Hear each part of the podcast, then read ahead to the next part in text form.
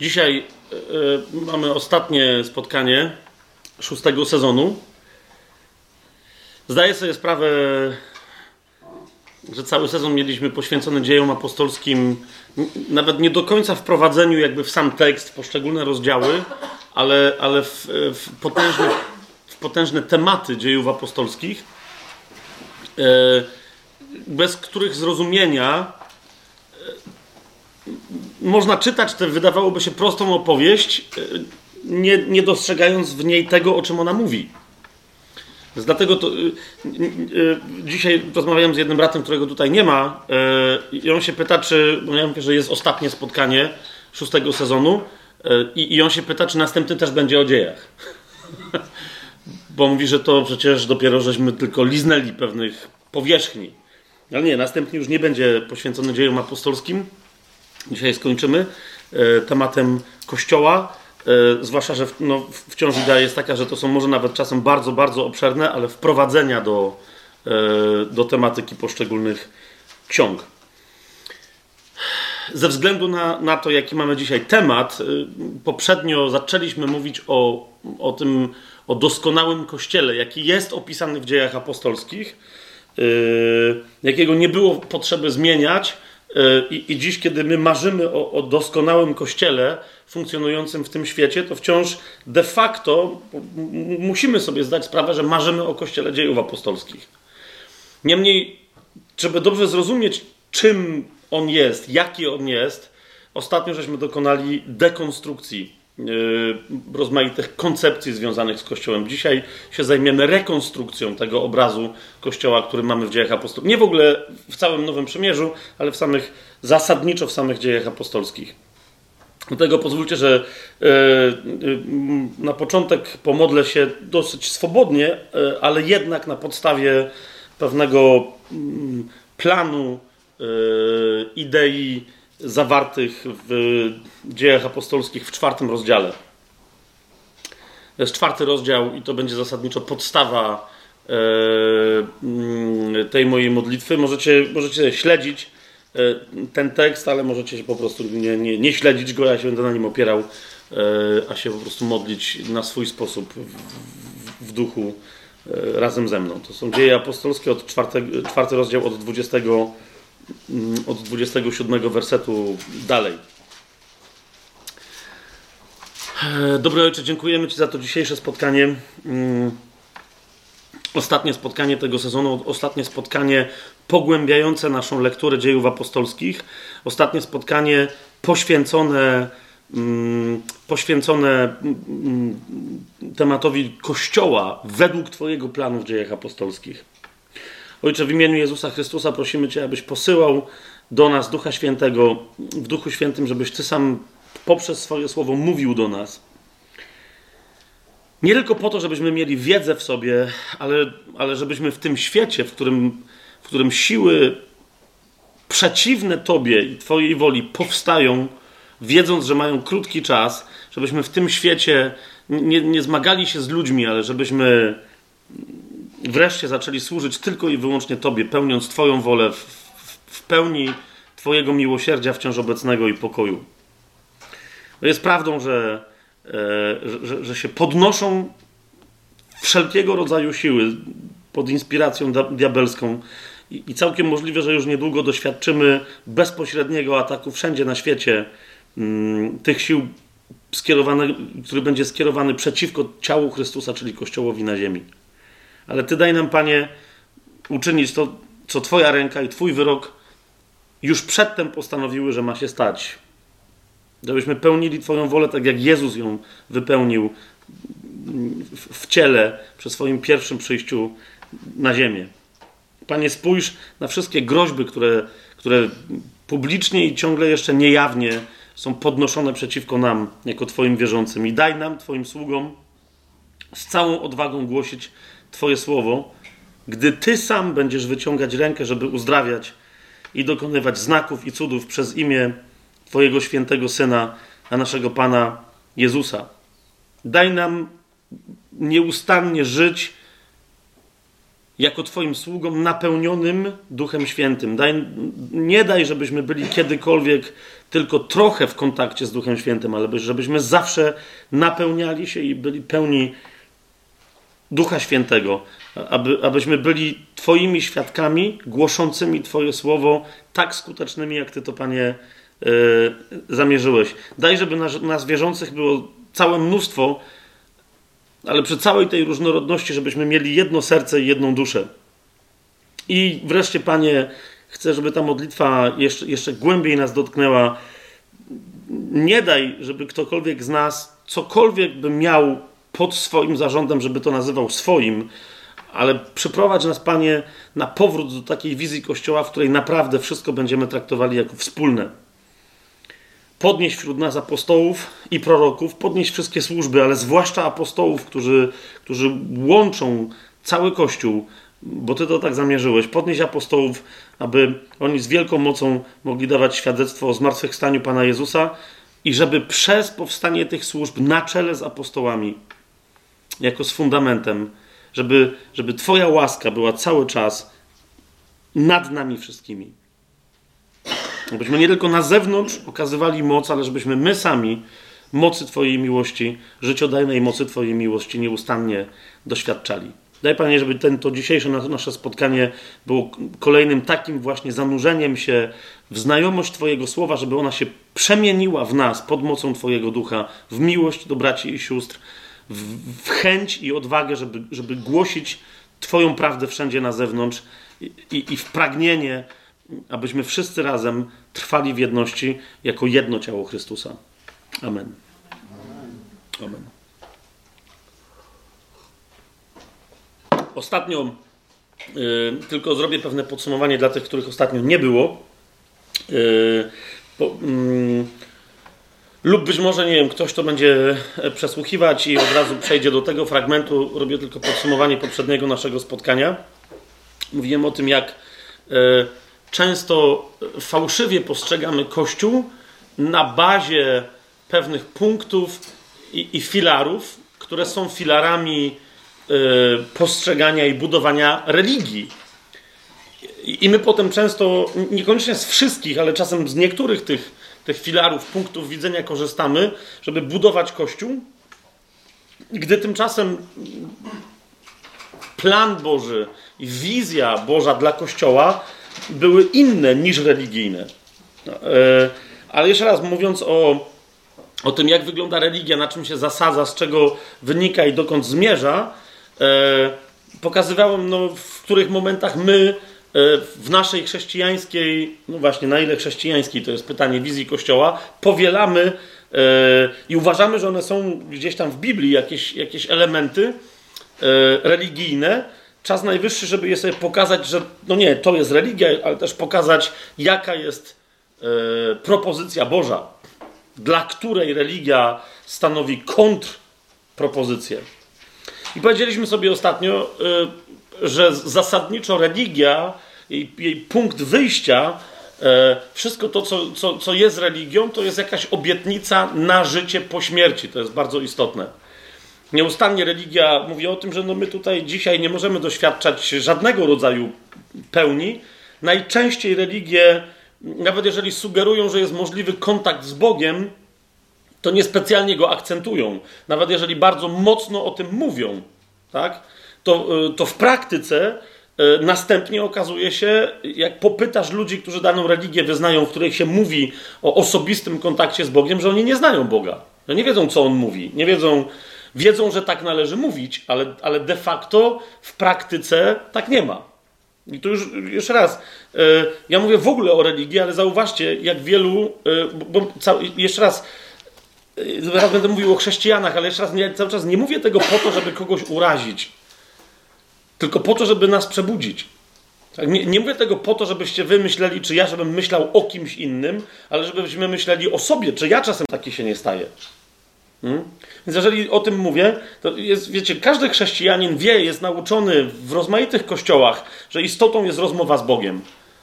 Ale, ale z wieloma, jak się uczciwie rozmawia, to, to mówią, że no wiedzą, że tak jest, ale tak naprawdę oni mówią do Boga, ale nie bardzo wiedzą, czy Bóg mówi do nich. Jest wielu takich chrześcijan. Wiedzą, że być chrześcijaninem znaczy być owcą Pana Jezusa, która zna Jego głos i idzie za tym głosem, ale później w praktyce de facto oddają się religii, ponieważ nie wiedzą, jak mają rozpoznać Boży głos. Wiedzą, że tak ma być, ale no właśnie, wszyscy siedzą cicho. Więc począwszy od tego punktu, musimy naprawdę się bardzo mocno konfrontować i nie mówić, że no, wszystko się zgadza z Biblią, tylko jeżeli, jeżeli gdziekolwiek dostrzegamy w sobie religię, właśnie z, po to ten opis dawałem, to, to mamy poprzez Słowo Boże w praktyce codziennego naszego życia e, szukać przebudzenia, ożywienia, realnego kontaktu ze zmartwychwstałym, ponieważ my mamy, mamy być jako chrześcijanie świadkami dla świata na zewnątrz. Mamy być świadkami zmartwychwstałego, a e, e, dla Kościoła wewnątrz mamy być przykładami tego, co znaczy być uczniem. Co znaczy być uczniem Chrystusa. No I teraz rozumiecie, więc wobec siebie nawzajem ci wśród nas powinni być najważniejsi, u których najjaśniej widać to, że tak dobrze znają się z Jezusem, że naprawdę na każdym kroku chodzą za nim dokądkolwiek pójdzie. To, to, to jest to. Na zewnątrz być świadkami kogo, a nie czego. No nie mamy głosić na zewnątrz kościoła, jakiejś idei. My mamy być świadkami zmartwychwstałego. Kogo? Tak? A wobec siebie mamy być przykładem bycia uczniami zmartwychwstałego. Jasne? Więc natomiast religie zawsze odwołują ludzi do tego, co po śmierci, dając nadzieję, yy, w sensie sugerując, że tutaj w tym życiu trzeba coś zrobić, żeby móc jakoś yy, we w miarę dobrej pozycji znaleźć się dopiero po śmierci. Chrześcijaństwo e, ma zupełnie inną koncepcję, o tym ostatnio mówiliśmy, ale na razie tylko referuję pokrótce, jakie są religijne idee. One wszystkie są tak czy inaczej w różnych nurtach narzucane chrześcijaństwu lub chrześcijaństwo nimi żyje, więc musimy je zdekonstruować. Teraz, wobec tego, że dopiero po śmierci coś się ma z człowiekiem yy, zdarzyć, religia, każda religia dzieli rzeczywistość na sakrum i na profanum. Czyli mówi, że istnieje jak, jakaś święta przestrzeń, czas, rzeczywistość, e, święte działania, a e, i one muszą być inne od tego, jaki jest świat, bo świat jest profanum. I to się, to się nie zmieni. A więc to muszą być dziwne rzeczy. Tak? To po prostu to muszą być rzeczy, które na pierwszy rzut oka już będą wyglądały na nietypowe. E, no i teraz jest tylko kwestia, żeby naznaczyć, które są, które są święte. E, I teraz uczestnictwo w tym, co święte, uczestnictwo w sakrum ma dać człowiekowi e, jakąś nagrodę po śmierci. Okay? Więc tam zadaliśmy sobie pięć pytań: kto, co, gdzie, kiedy i jak funkcjonuje w ramach religii, kto e, właśnie funkcjonuje jako, jako centrum osobowe sakrum religijnego, to jest zawsze profesjonalny duchowny. Tak? To oczywiście nigdy nie jest jeden profesjonalny duchowny, to jest, to jest zwykle jakaś kasta kapłańska, no bo profesjonalny duchowny to jest takiego czy innego rodzaju kapłan, który stanowi zawodowca od spraw bożych. On jest zawsze pośrednikiem między Bogiem i ludźmi itd. Tak itd. Tak w każdej religii. Tak? W każdej religii. Ci ludzie to jest, to jest centrum, ci ludzie, mając być łącznikami między, między całą resztą zwyczajnego ludu, świeckich osób, a Bogiem, ci ludzie zasadniczo, mając być łącznikami, najczęściej stanowią jednocześnie mur między ludźmi zwyczajnymi a, a Bogiem. Tak? E, właśnie dlatego, że mówią, no kto nie ma naszej wiedzy, nie ma dostępu do Boga, e, a my się z nią chętnie, tą wiedzą, z wami, my się, my się tą wiedzą chętnie nie dzielimy. Teraz to jest pytanie, kto, co? E, otóż ci profesjonalni kapłani, duchowni, pośrednicy między Bogiem a ludźmi, ci profesjonalni duchowni zajmują się profesjonalnymi czynnościami religijnymi. Tak? I, i, i teraz no, między innymi one są podstawą tego, żeby pokazywać ludziom, wy nie potraficie tego zrobić. Bo bardzo często te czynności są bardzo skomplikowane, lub też jest jeszcze druga opcja, a często te dwie opcje opcje się w ogóle mieszają, tak? Druga opcja mówi, niekoniecznie to są skomplikowane czynności, ale żeby móc wykonywać te czynności, musisz przejść e, określony system inicjacji i otrzymać moc tajemniczą, otrzymać specjalne namaszczenie. Tak? Nawet no, kto, kto z Was zna yy, na przykład rzeczywistość Kościoła rzymskokatolickiego, yy, to, to wie, jak to wygląda. Tak, tak zwana sukcesja apostolska, namaszczanie olejami, kładzenie rąk na, na kandydata na diakona, księdza, biskupa i, tak dalej, i tak dalej. Ale w każdej religii odwołuje się do tego po prostu jako do pewnego polski, jako pewnej polskiej rzeczywistości. I teraz ci specjalni ludzie wykonują, kto profesjonalni duchowni wykonują co? Profesjonalne czynności e, religijne, sprawują obrzędy, e, e, często wdzierając się, zwróćcie uwagę, w rzeczywistości, które są naturalne i odbierając te naturalne rzeczywistości ludziom. Ja bardzo często dostaję pytanie, kiedy ludzie się nawracają i, albo wiecie, już oddali życie Jezusowi, są, są nawrót, ale teraz pytają teraz co, jak mamy żyć? I bardzo częste pytanie, sami sobie przypomnijcie, czy, czy go nie zadawaliście, to jest to jak teraz się ożenić albo za mąż wyjść i jak ktoś umrze, to jaki pogrzeb zrobić? Kto ma to robić? Zauważcie, że, że e, Biblia mówi, że małżeństwo jest, jest naturalną rzeczą wśród ludzi. Okay? Z tym się zwiążą konkretne, ale to jest naturalna rzecz. Tak, tak, tak sam i, i, cielesną rzeczą. Tak? Dlatego jak umrze yy, żona czy mąż, to, to się kończy małżeństwo. Tak? Podobnie śmierć to jest naturalna rzecz i jest cielesna rzecz. Pan Jezus mówi: zostawcie umarłym grzebanie ich umarłych. Tym, się nie ma zajmować Kościół. Po prostu ludzie, czy były, czy jest gdzieś jakaś religia, czy nie ma, e, z, z rozmaitych względów, chociażby nie higienicznych, ale innych jakichś, jakiejś um, przyzwoitości, po prostu grzebią zmarłych. Tak?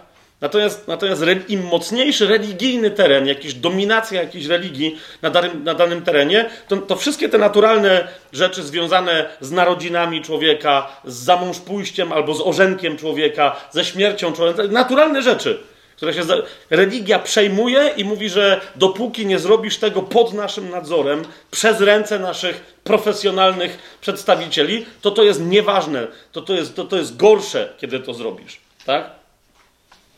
Eee, w Biblii nie ma żadnych przepisów, jak, e, jak zawierać ślub, zauważcie. Pan Jezus bierze udział w kanie w weselu, ale nie w zaślubinach. E, nigdzie w Biblii nie ma opisu, jak przeprowadzać w profesjonalny sposób specjalistyczny chrześcijański pogrzeb. Po prostu. To nie ma, to nie ma żadnego znaczenia. Jak ktoś nie żył w Boży sposób, to jak go pochowają, to już ma naprawdę, e, to już, to już naprawdę nie ma większego, większego znaczenia. Ale to jest to, czynności religijne, im mocniejsza religia, tym bardziej się wdziera, e, tym bardziej się wdziera wszędzie. Tym bardziej się wdziera wszędzie. Trzy. Kto co robi, to już wiemy. Profesjonalni duchowni, profesjonalne czynności religijne sprawują, rozmaite. Trzy. Gdzie? Profesjonalnym religijnym miejscu, czyli w takiego czy innego rodzaju świątyni. I teraz, jeszcze raz, świątynie mogą być, wiecie, wymodzone, pełne złota, jakichś odjazdów, figur, obrazów, kadzideł, świec, czegoś tam, ale mogą zupełnie wyglądać bardzo prosto, niemniej nadal, po czym poznasz, że jesteś w religijnej świątyni, po tym, że tam ludzie zachowują się inaczej niż normalnie, i tobie, nawet jeżeli nie jesteś normalnym uczestnikiem tej religii, też każą tam się zachowywać inaczej niż się zachowujesz normalnie tak? Masz przyjąć określone pozy, masz przyjąć e, czasem określony strój, określony sposób e, zachowania. Dlaczego? Ponieważ nawet jeżeli nic tam tego nie sugeruje, to, to mówią w tym momencie, przez to, że my tu sprawujemy jakieś nabożeństwo czy, czy, czy, czy coś w tym stylu, ty znalazłeś się w przestrzeni sakrum. I jeszcze raz, im bardziej y, nabożeństwo chrześcijańskie, spotkanie chrześcijańskie, modlitwa chrześcijańska ma taki charakter, tym bardziej to spotkanie jest religijne raczej niż chrześcijańskie. Tak? Ludzie często się dziwią, jak, e, e, jak, ja, jak mnie pytają. Ja teraz mówię nawet o, o wiesz, wiecie, biblijnie wierzących chrześcijanach, tak? Ktoś mnie ostatnio zapytał, że skoro z żoną i jeszcze tam z paroma osobami, z Weroniką, z Tymkiem, jeszcze z paroma osobami jeździmy dość dużo, to kiedy ostatnio byliśmy w kościele? Wiecie, moje pytanie brzmi, że ja ostatnio wlazłem do kościoła jak, jakieś półtorej tygodnia temu i nie wyszedłem do tej pory. Dlaczego? Bo, bo Słowo Boże mówi, gdzie dwie albo trzy osoby się gromadzą, w, Pan Jezus mówi, w moje imię, tam ja jestem pośród nich. Tak? Jeżeli się z modlitwą z żoną kładziemy spać, z modlitwą na ustach, z modlitwą wstajemy, to wiecie, śpiew w kościele, tak? Jeżeli dalej cały czas przy śniadaniu rozmawiamy, pada Słowo Boże, jedziemy gdzieś samochodem w trójkę, w czwórkę, modlimy się, rozmawiamy o Panu Jezusie. Rozumiecie? To jest ja, ja rozumiem, że, że ktoś z boku mówi, no ale nie ma niczego specjalnego. No ale dla nas czymś specjalnym jest, jest takie zgromadzenie się w imieniu Jezusa, że Jezus jest pośród nas. To jest Kościół. A, a nie robienie jakichś cudownych, specjalnych, y, za, zabezpieczanie specjalnego miejsca, do którego je, dopóki nie wejdziesz, to nie jesteś w kościele. Zupełnie, zupełnie pomieszanie z poplątaniem. Więc gdzie musi być świątynia jakaś specjalistyczna w religii? Kiedy? No oczywiście każda religia musi też mieć dzień święty. Tak? O tym będziemy zaraz więcej, więcej mówić, że dla chrześcijan, e, dopóki Pan Jezus nie wróci i nie wyjaśni, kiedy jest szabat i co się kiedy dzieje i kiedy są jakieś święta ewentualnie, do, dopóki Pan Jezus nie wróci, my mamy cały czas, e, no właśnie, co mamy, to się, to się okaże. Ale ludzie, którzy są religijni, muszą się spierać o to, kiedy jest Dzień Święty. Czy to jest sobota, czy to jest niedziela, czy to jest piątek, czy to jest wtorek, czy co to. I plus jeszcze jakieś inne rzeczy. Czy, czy, czy, czy, czy każdy nów czy, czy każde przesilenie, czy jeszcze coś tam trzeba obchodzić, czy Boże Narodzenie y, jest 25 grudnia, czy, wiecie, i tak dalej, i tak dalej, i tak dalej. Zupełnie. Mm, y, dzień święty ma. Y, I jednocześnie zauważcie, jeżeli się przyjmuje w religii jakiś rodzaj świętowania Dnia Świętego, Często wszystko to jest przepełnione hipokryzją, o tym jeszcze za chwilę będę mówił, ale jak się przyjmuje jakiś rodzaj świętowania tego Dnia Świętego, to, to ludzie tak bardzo się boją przekroczenia tego sakrum, że nawet jak obok nich ktoś żyje, kto nie wyznaje tej religii, to oni się boją, że to, że ktoś nie obchodzi ich świętego czasu, ściągnie na nich przekleństwo. Wiecie, na polskiej wsi wciąż to jeszcze się zdarza, Dopiero co niedawno rozmawialiśmy z jednym bratem, czy znaczy nie bratem, to, był nie, to akurat nie był brat, ale ktoś nam dał świadectwo interesujące, mm, e, że na wsi u swojej mamy tam pomaga jej e, rąbać drewno, ale najpierw, żeby je zrąbać, idzie do lasku, żeby je ściąć. Ma piłę motorową. I mama go prosi, e, że, że jak, jak, jak, ma zro, jak ma, że tą piłę, wiecie, będzie słychać u sąsiadów, tak? To, to żeby to ścinał w sobotę. Jak już będzie rąbał to drewno w niedzielę, no to już nikt nie będzie wiedział, bo on w komóreczce tam se... Ale żeby nie było słychać tej piły w niedzielę. No, to o to chodzi. Dlaczego? No bo tam pół wsi się zdenerwuje, że co jest? W niedzielę robota? Właśnie to jest to. Tak? To, to jest to. Oczywiście są jeszcze inne jakieś tam formy, ja tylko tu mówię, yy, yy, tu mówię o tym. Ludzie się boją, którzy obchodzą religię, że jeżeli ktoś ich święty czas naruszy, e, no to automatycznie, oczywiście sami nie dostrzegając, że, wiecie, ja pamiętam, że jeszcze jako e, ksiądz rzymskokatolicki, e, no, bywało raz, drugi, trzeci, że wprost zambony powiedziałem, potem mnie proboszcz upomniał, no bo mówię, że nie wiem do końca jak to jest z tym niepracowaniem w niedzielę, bo, bo niby, bo, bo niby, mówię do ludzi, tak, niby macie nie pracować, no, a ksiądz żaden tyle nie pracuje, co w niedzielę po pierwsze, a po drugie, to było jeszcze przed czasami, kiedy, wiecie, handel w niedzielę zaczął być znoszony w Polsce daleko, daleko wcześniej. Nie wiem, jak to jest z, tym, z tą walką o, o, o niehandlowanie w niedzielę, bo zasadniczo większość sklepików przykościelnych pracuje tylko w niedzielę w kościołach rzymskokatolickich, tak? Po, po prostu. Bo ludzie są, najwięcej ludzi w kościele jest w niedzielę, no to wtedy się sprzedaje gazety i tak dalej, i tak dalej, i tak dalej. I jeszcze raz, nie, teraz nie chodzi mi o to, żeby się tam czegoś czepiać, tylko, no, no widzicie, i wtedy, ale oczywiście religijny umysł mówi, że no nie, ale nie wolno pracować, nie wolno handlować w niedzielę, ale sklepik przykościelny musi. Dlaczego? No bo jest w ramach tego systemu religijnego. To to nie jest złe. Tak? To po prostu to nie jest złe. Yy, I wreszcie jak? O tym więcej mówiliśmy. E, otóż ci profesjonalni, duchowni, wykonujący profesjonalne czynności e, religijne w świątyniach i w związku ze świętymi miejscami, bo oczywiście tych świętych miejsc, wiecie, jest, jest więcej, tak? E, są profesjonalne centra, czyli świątynie, ale, ale wiecie, ludzie lubią też mieć swoje świątynki, tak? No w Polsce co i różne, na jakimś skrzyżowaniu, gdzieś tam spotkasz jakąś kapliczkę. Niektóre czasem te kapliczki dzisiaj już wyglądają w ogóle jak takie mini kościoły, ale czasem jest tak, że im bardziej religijny człowiek, to nawet w swoim domu ma miejsce, które też stanowi mini kapliczkę, tak?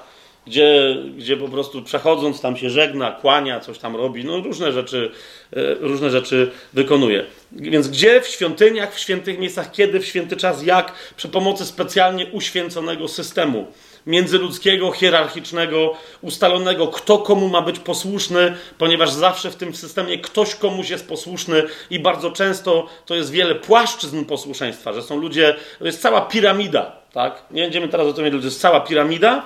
I oczywiście bardzo istotne jest, że ta piramida musi się jakoś utrzymywać, a więc jednym z podstawowych elementów systemu religijnego jest system zbierania pieniędzy.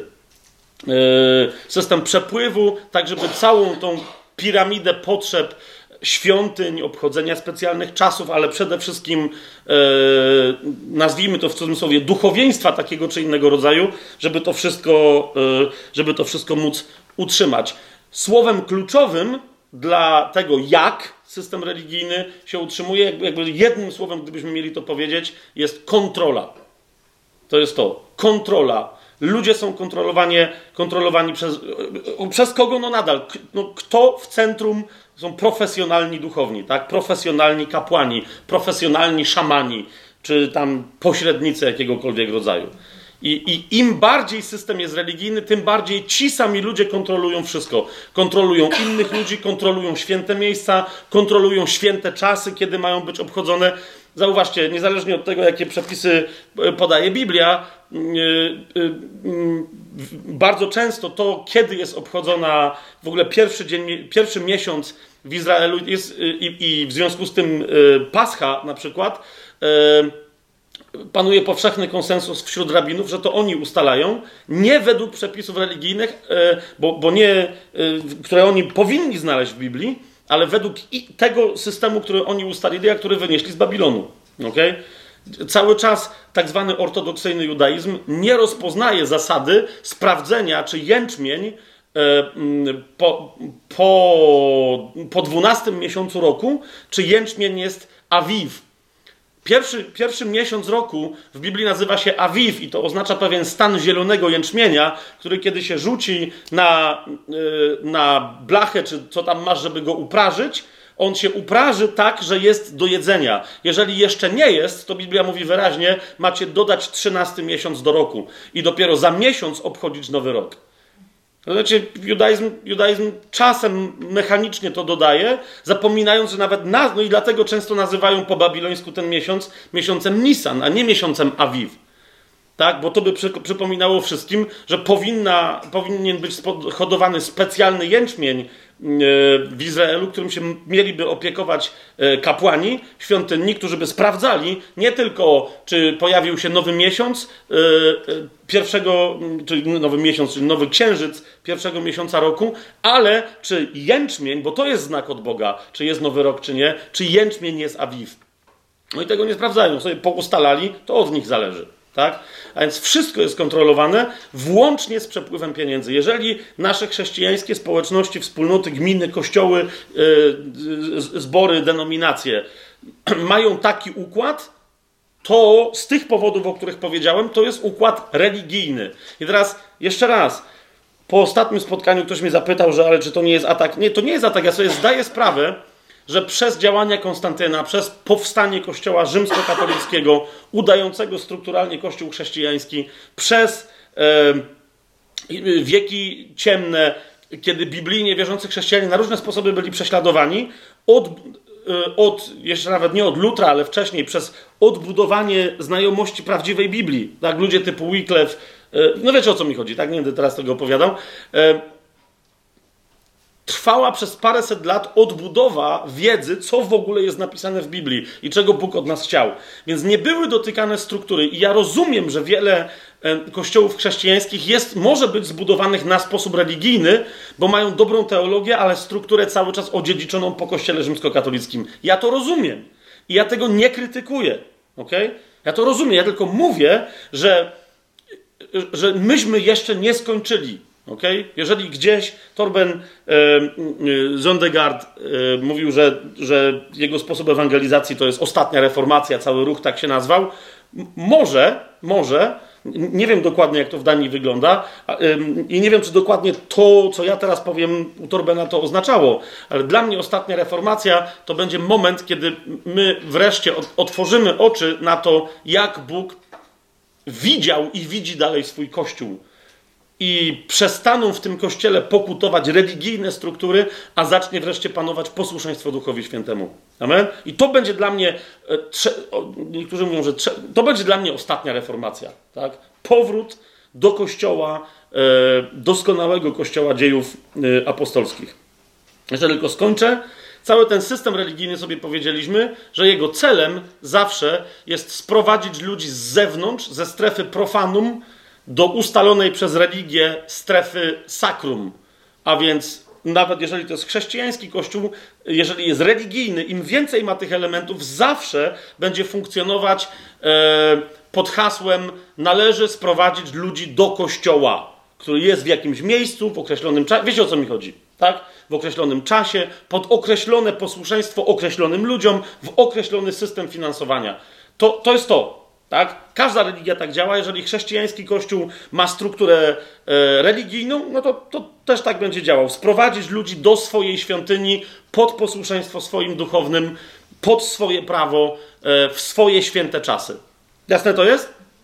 I teraz najważniejsza rzecz, o której ostatnio żeśmy mówili, że to powoduje, religia powoduje, że ludzie zaczynają się czuć bezpiecznie, kiedy rozpoznają w innych ludziach wyznawców ty, tego samego systemu, tak? Czyli widzą ich w ten sam święty czas, w tym samym miejscu, robiących te same święte obrzędy, pod posłuszeństwem tym samym duchowym ludziom. Wiecie o co mi chodzi?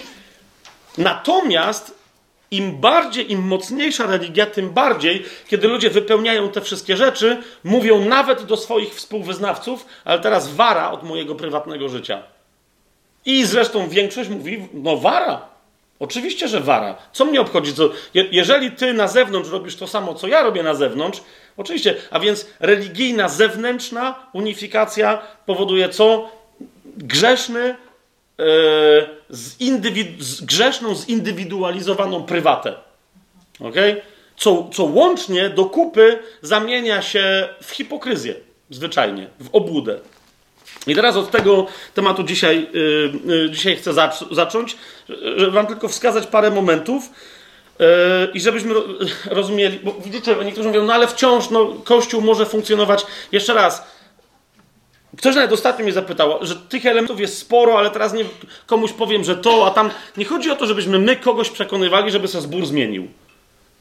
Żeby, wiecie, żeby ktoś, nie wiem, zaczął krytykować pastora. To jest w ogóle to, to nie ma żadnego sensu. Chodzi o to, żeby zacząć od siebie. A więc w tym wszystkim, co ja teraz mówię, wiecie, nie ma co, żebyśmy szukali źdźbła w oku brata, a sami chodzili z dyszlem w oku. Tak? No to to jest bez sensu. Zupełnie bez sensu. E, więc pierwszą rzeczą, którą najpierw u siebie mamy zobaczyć, a potem dopiero ewentualnie komuś pokazywać, to, bo, bo zawsze gdzie jest religia? Wiecie, niektórzy ukrywają, że nie, ale u nas nie ma tego, nie ma tego, nie ma tego. Jak zaczynasz rozmawiać, to jest tak dobrze wszystko pokamuflowane, że wygląda jakby tego nie było. Ale, ale zawsze owocem religii jest, jest, jest, jest obłuda.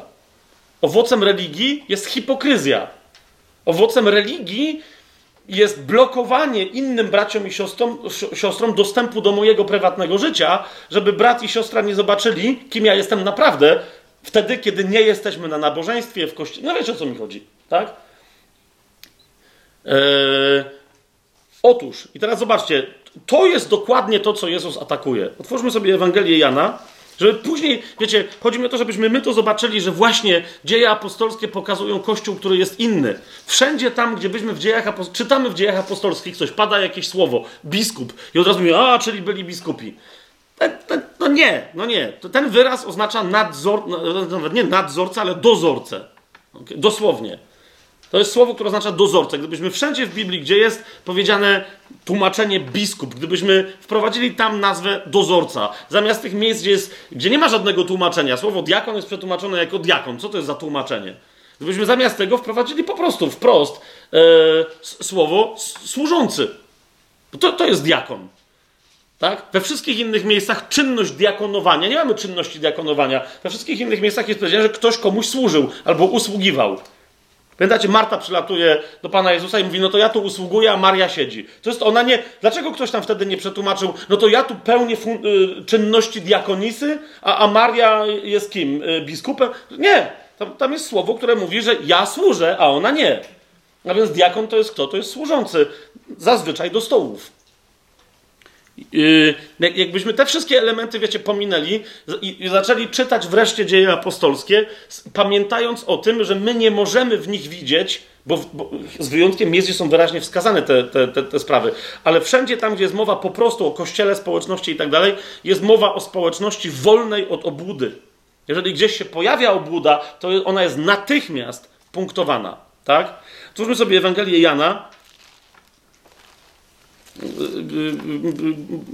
jeszcze raz, dzieje apostolskie, Kościół dziejów apostolskich to jest Kościół wymarzony przez Pana Jezusa. Zwymarzony Kościół. Więc rozumiecie, on musi być inny niż jakakolwiek koncepcja faryzejska. Po prostu musi być inny. Zobaczcie Ewangelię Jana, 8 rozdział, trzeci werset i dalej. Jest, jest, jest tam ta, ta, ta, to, to sławne wydarzenie, kiedy to czytam, Jana 8:3 i dalej, przyprowadzili do Jezusa uczeni w piśmie i faryzeusze kobietę przyłapaną na cudzołóstwie, a postawiwszy ją pośrodku, powiedzieli do niego: Nauczycielu, tę kobietę przyłapano na uczynku cudzołóstwa. W prawie Mojżesz nakazał nam takie kamienować, a ty co mówisz? Wiecie, to jest to. Jest, to, jest to. Są święci ludzie, mają swoją świętą dyscyplinę, chcą po prostu zdyscyplinować Jezusa, wziąć go pod swoją kontrolę. Teraz jak on powie, no to ją zabijcie, to go oddadzą Rzymianom, że podburza ludzi do zabijania, a tylko prawo rzymskie, a tylko ci, którzy reprezentują prawo rzymskie mogą to robić. Jak powie, nie zabijajcie jej, to powiedzą, a czyli się sprzeciwia prawu mojżeszowemu. To jest to, to jest to, rozumiecie? To jest właśnie, to jest, to jest, jeden z elementów religii. Żeby cię, żeby cię wpędzić w kozirugi, powiedzieć, widzisz, My mamy władzę, ty nie masz w ramach tego systemu, więc zamknij się. A Jezus tymczasem ci mu mówił, że mają coś napisane w prawie. Zobaczcie, jest wyraźnie powiedziane, szósty werset, mówili to wystawiając go na próbę, aby mogli go oskarżyć. Jezus zaś schyliwszy się pisał palcem po ziemi. Pamiętacie, w czasie tego sezonu rozważaliśmy, e, kto jest palcem Bożym. Tak? Nie będę teraz tego tematu rozważał, ale jak pamiętamy, kto jest palcem Bożym, to, to, to Jezus im wyraźnie mówi, kto tu jest szefem. Tak? Kto wypisał prawo. Tak? Nie Mojżesz, tylko Mojżesz dostał to prawo i o co w tym prawie chodziło, kto tu ma wiedzieć. Tak? Ten, kto jest prawodawcą. A więc Jezus schyliwszy się pisał palcem po ziemi, a gdy nie przestawali go pytać, to jest kolejna rzecz. Wybaczcie mi teraz y, słowo, którym się posłużę. Niektórzy się, nie wiem, gorszą słowami, więc, ale muszę się nie posłużyć, bo nie mam lepszego. Ludzie religijni zazwyczaj, y, y, jak, jak, jak próbują przepchnąć swoje religijne wątki, stają się nie inaczej, jak tylko upierdliwi. To, to jest to, po prostu dokładnie y, i brzęczą i ach. Więc, gdy nie przestawali go pytać, podniósł się i powiedział do nich, kto z was jest bez grzechu, niech pierwszy rzuci w nią kamieniem. Gdzie to jest to? Jezus staje i stoicie w grupie? Robicie mi tu manifestacje? Transparenty przynieśliście? Mojżesz, Mojżesz! Wszyscy tym samym głosem gadacie? A ja wam mówię, że jeżeli macie jakikolwiek związek z prawem Bożym, to powinniście, każdy z was prywatnie, w zaciszu swojego życia być niewinni a, a, a nie stawać w grupie i, i twierdzić, że zasłania was, osłania was, oczyszcza was wierność zewnętrzna wobec prawa. Więc kto z was jest bez grzechu? Teraz widzicie, obecność Boża, Duch Święty tu jest, obecność Ducha Świętego jest tak mocna, zwłaszcza to, że to pisanie Pana Jezusa musi, jest, jest związane z groźbą, tak?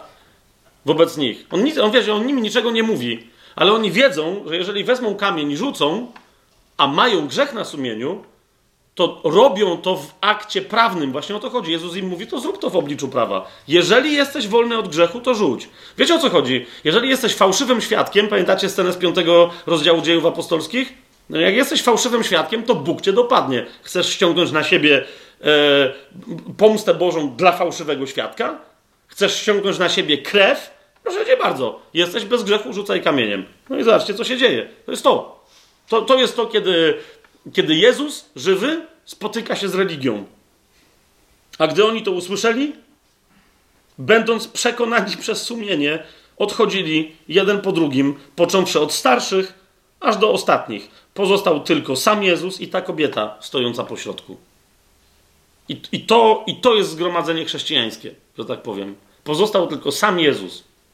I grzesznik. No w tym wypadku grzesznica. Wiecie o co mi chodzi?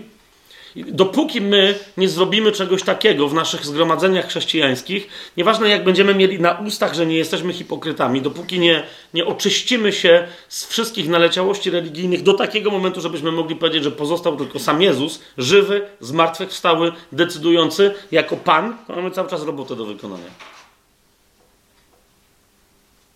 Otwórzmy sobie Ewangelię Mateusza. Nie będę więcej tego wątku rozwijał, tylko wam pokazuję, że, bo niektórzy mówią, że Jezus nie był przeciwny religii, przecież on był Żydem wyznającym judaizm. Był Żydem wyznającym judaizm jako proroctwo, a nie jako religię. O tym żeśmy tak, Kamil, ostatnio yy, rozmawiali zaraz po poprzednim odcinku, że przecież judaizm reprezentuje wszystkie te rzeczy, które ja podałem jako religię.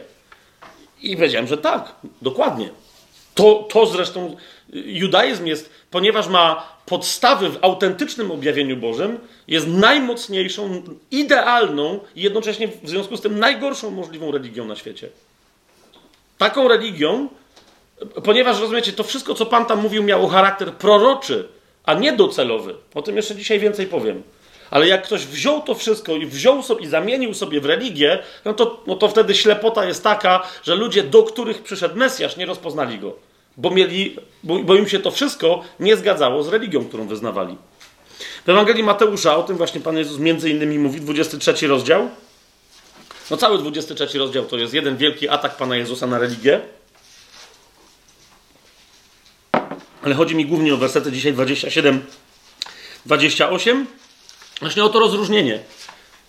Co, co z ludzi robi religia? Tak? Że oni na zewnątrz są zunifikowani, a prywatnie Mateusz 23, 27, 28. Biada wam, uczeni w piśmie i faryzeusze, obłudnicy, mówi Pan Jezus. No, on to w kółko powtarza. Obłudnicy, obłudnicy. Wielokrotnie w tym rozdziale mówi obłudnicy.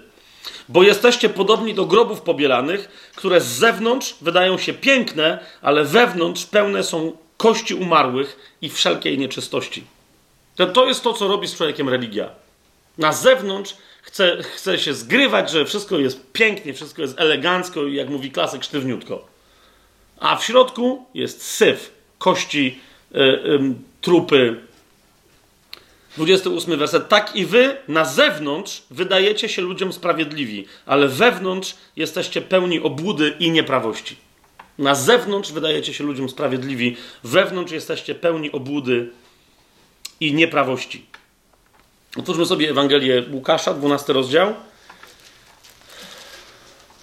Bo oczywiście tego jest więcej, ale gdyby ktoś chciał się zainspirować, to tylko wam wrzucam parę istotnych wątków. 12 rozdział Ewangelii Łukasza, pierwszy werset.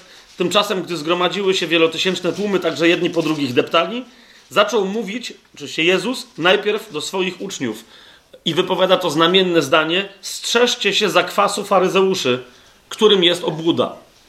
Wiecie, w wielu miejscach, pamiętacie, u Mateusza, u Marka i tak dalej się pojawia ten, ten, ten wątek, że Jezus mówi: strzeżcie się zakwasu faryzeuszy, uczonych w piśmie, sadyceuszy. A, a tu mamy zdanie, które po prostu, bo potem Jezus to wyjaśnia, ale tu jest powiedziane wprost: strzeżcie się zakwasu faryzeuszy, którym jest obłuda. Obłuda zawsze wiąże się z pewnym zjawiskiem, i to jeszcze drugą rzecz Wam chcę pokazać, mianowicie e, ze zjawiskiem samousprawiedliwienia. Jest kolejna rzecz, jeżeli, bo niektórzy mówią, ale tu nie ma u mnie obłudy. Niemniej, jeżeli w ramach Twojego chrześcijaństwa, czy mojego chrześcijaństwa, jest w moim chrześcijaństwie coś poza Bogiem samym, co wywołuje we mnie poczucie bezpieczeństwa, czy bycia na właściwej ścieżce i tak dalej, rozumiecie, co jest poza Bogiem ewidentnie, coś, co nie On robi we mnie i dla mnie, ale coś, co ja robię dla Niego. Jeżeli to coś daje mi poczucie bycia sprawiedliwym, to jest, to jest kolejny aspekt, który wyraźnie pokazuje, że jestem w religii. Po prostu. To, z, z, widzicie, tam Jezus mówił o tym, że, że wewnątrz jesteście pełni nieprawości, a na zewnątrz tylko chcecie grać, że jesteście sprawiedliwi. Jezus mówi, zobaczcie w Ewangelii Łukasza, 18 rozdział, że, że to jest poważny problem, z którym my wszyscy musimy się zmierzyć i skonfrontować. To jest 8, 18 rozdział od dziewiątego e, wersetu. Widzicie, poza tym, że Jezus piętnuje obłudę, to, bo niektórzy, wiecie, mówią, ale ja nie jestem obłudny. I wtedy Jezus, zwróćcie uwagę, 18 rozdział 9 werset, powiedział też do tych, którzy ufali sobie, że są sprawiedliwi, a innych mieli za nic. Widzicie to? Według mnie to jest kolejna z prostych definicji religii. Lub też religijnych ludzi. Którzy ludzie ewidentnie są religijni? To są ludzie, którzy ufają sobie, że są sprawiedliwi na bazie tego, co robią w swoim życiu. Tak? Wy, wy, wy, są w jakimś systemie religijnym, wypełniają go, są mu posłuszni i uważają, że, że to powoduje, że są sprawiedliwi w oczach Bożych. Ale zazwyczaj nie dostrzegają, że w związku z tym innych, którzy nie, nie są w tym systemie religijnym, mają za nic. Ok? Wszystkich innych, nawet jak sami są w sekcie, wszystkich innych nazywają, że są sekciarzami, jeżeli są gorliwi dla Boga, ale nie, nie reprezentują ich systemu. I wtedy ci mówią, ty jesteś w sekcie. Jesteś w sekcie. Zwłaszcza kiedy ktoś ciebie pyta, to, to, to, kiedy wy macie święty dzień? Mówisz, nie mamy. To a gdzie macie jakiś kościół, gdzie macie nabożeństwo, gdzie macie, kto jest twoim księdzem prowadzącym, jakimś kapłanem, tam nie wiem, nad, nadzorcą duchowym? I ty mówisz, nie, Jezus, Jezus, Jezus, Jezus. Za każdym razem Duch Święty, Duch Święty, Duch Święty. Wspólnota, wspólnota, wspólnota. Jestem odpowiedzialny przed wszystkimi w kościele. Hmm? W takim y, stopniu, w jakim, w jakim mogę być odpowiedzialny, ale nie ma nikogo, kto nami rządzi. No to rozumiecie, dla umysłu religijnego to jest tak dziwne, że nawet jak jest najbardziej sekciarski, tobie powie, to jesteś w sekcie. E, więc Jezus, zauważcie, co powiedział do, do takich ludzi. Powiedział do tych, którzy ufali sobie, że są sprawiedliwi, a innych mieli za nic. Taką przypowieść. Jezus mówi, dwóch ludzi weszło do świątyni, żeby się modlić. Jeden faryzeusz, a drugi celnik. Faryzeusz stanął i tak się w sobie modlił. Dziękuję Ci Boże. Zauważ, jest dziękczynienie. Dziękczynienie z grecka euch, dziękczynić eucharystein. A więc mamy człowieka, który właśnie odprawia swoją Eucharystię. Dziękuję Ci Boże, powiada, że nie jestem jak inni ludzie, zdziercy, niesprawiedliwi, cudzołożnicy, albo jak ten celnik. Poszczę dwa razy w tygodniu. Zauważcie, dziękuję Bogu, że nie jest jak inni. On jest w centrum, a nie Bóg. I potem wyjaśnia Bogu, dlaczego jest taki super, że jeszcze łaskawie dziękuję Bogu. Poszczę dwa razy w tygodniu, daję dziesięcinę ze wszystkiego, co mam. A celnik, stojąc z daleka, nie chciał nawet oczu podnieść ku niebu, ale bił się w piersi, mówiąc: Boże, bądź miłosierny mnie grzesznemu. Odpowiedź Jezusa jest jasna. Mówię wam, że raczej ten odszedł do swojego domu usprawiedliwiony, a nie tamten. Jeszcze, jeszcze raz zauważcie, który nie odszedł do domu usprawiedliwiony, ten, który się modlił, dziękuję Ci Boże, że nie jestem jak inni ludzie, zdziercy, niesprawiedliwi. Jego Bóg uznał za niesprawiedliwego, a tego, który powiedział, Panie, jestem grzesznikiem, Bóg powiedział, no, to właśnie o to chodzi. Powiedziałeś prawdę i w ramach prawdy zaczynasz być usprawiedliwiony przeze mnie. Nic, co ty robisz, nie możecie usprawiedliwić w moich oczach. Otwórzmy sobie list do Rzymian, e,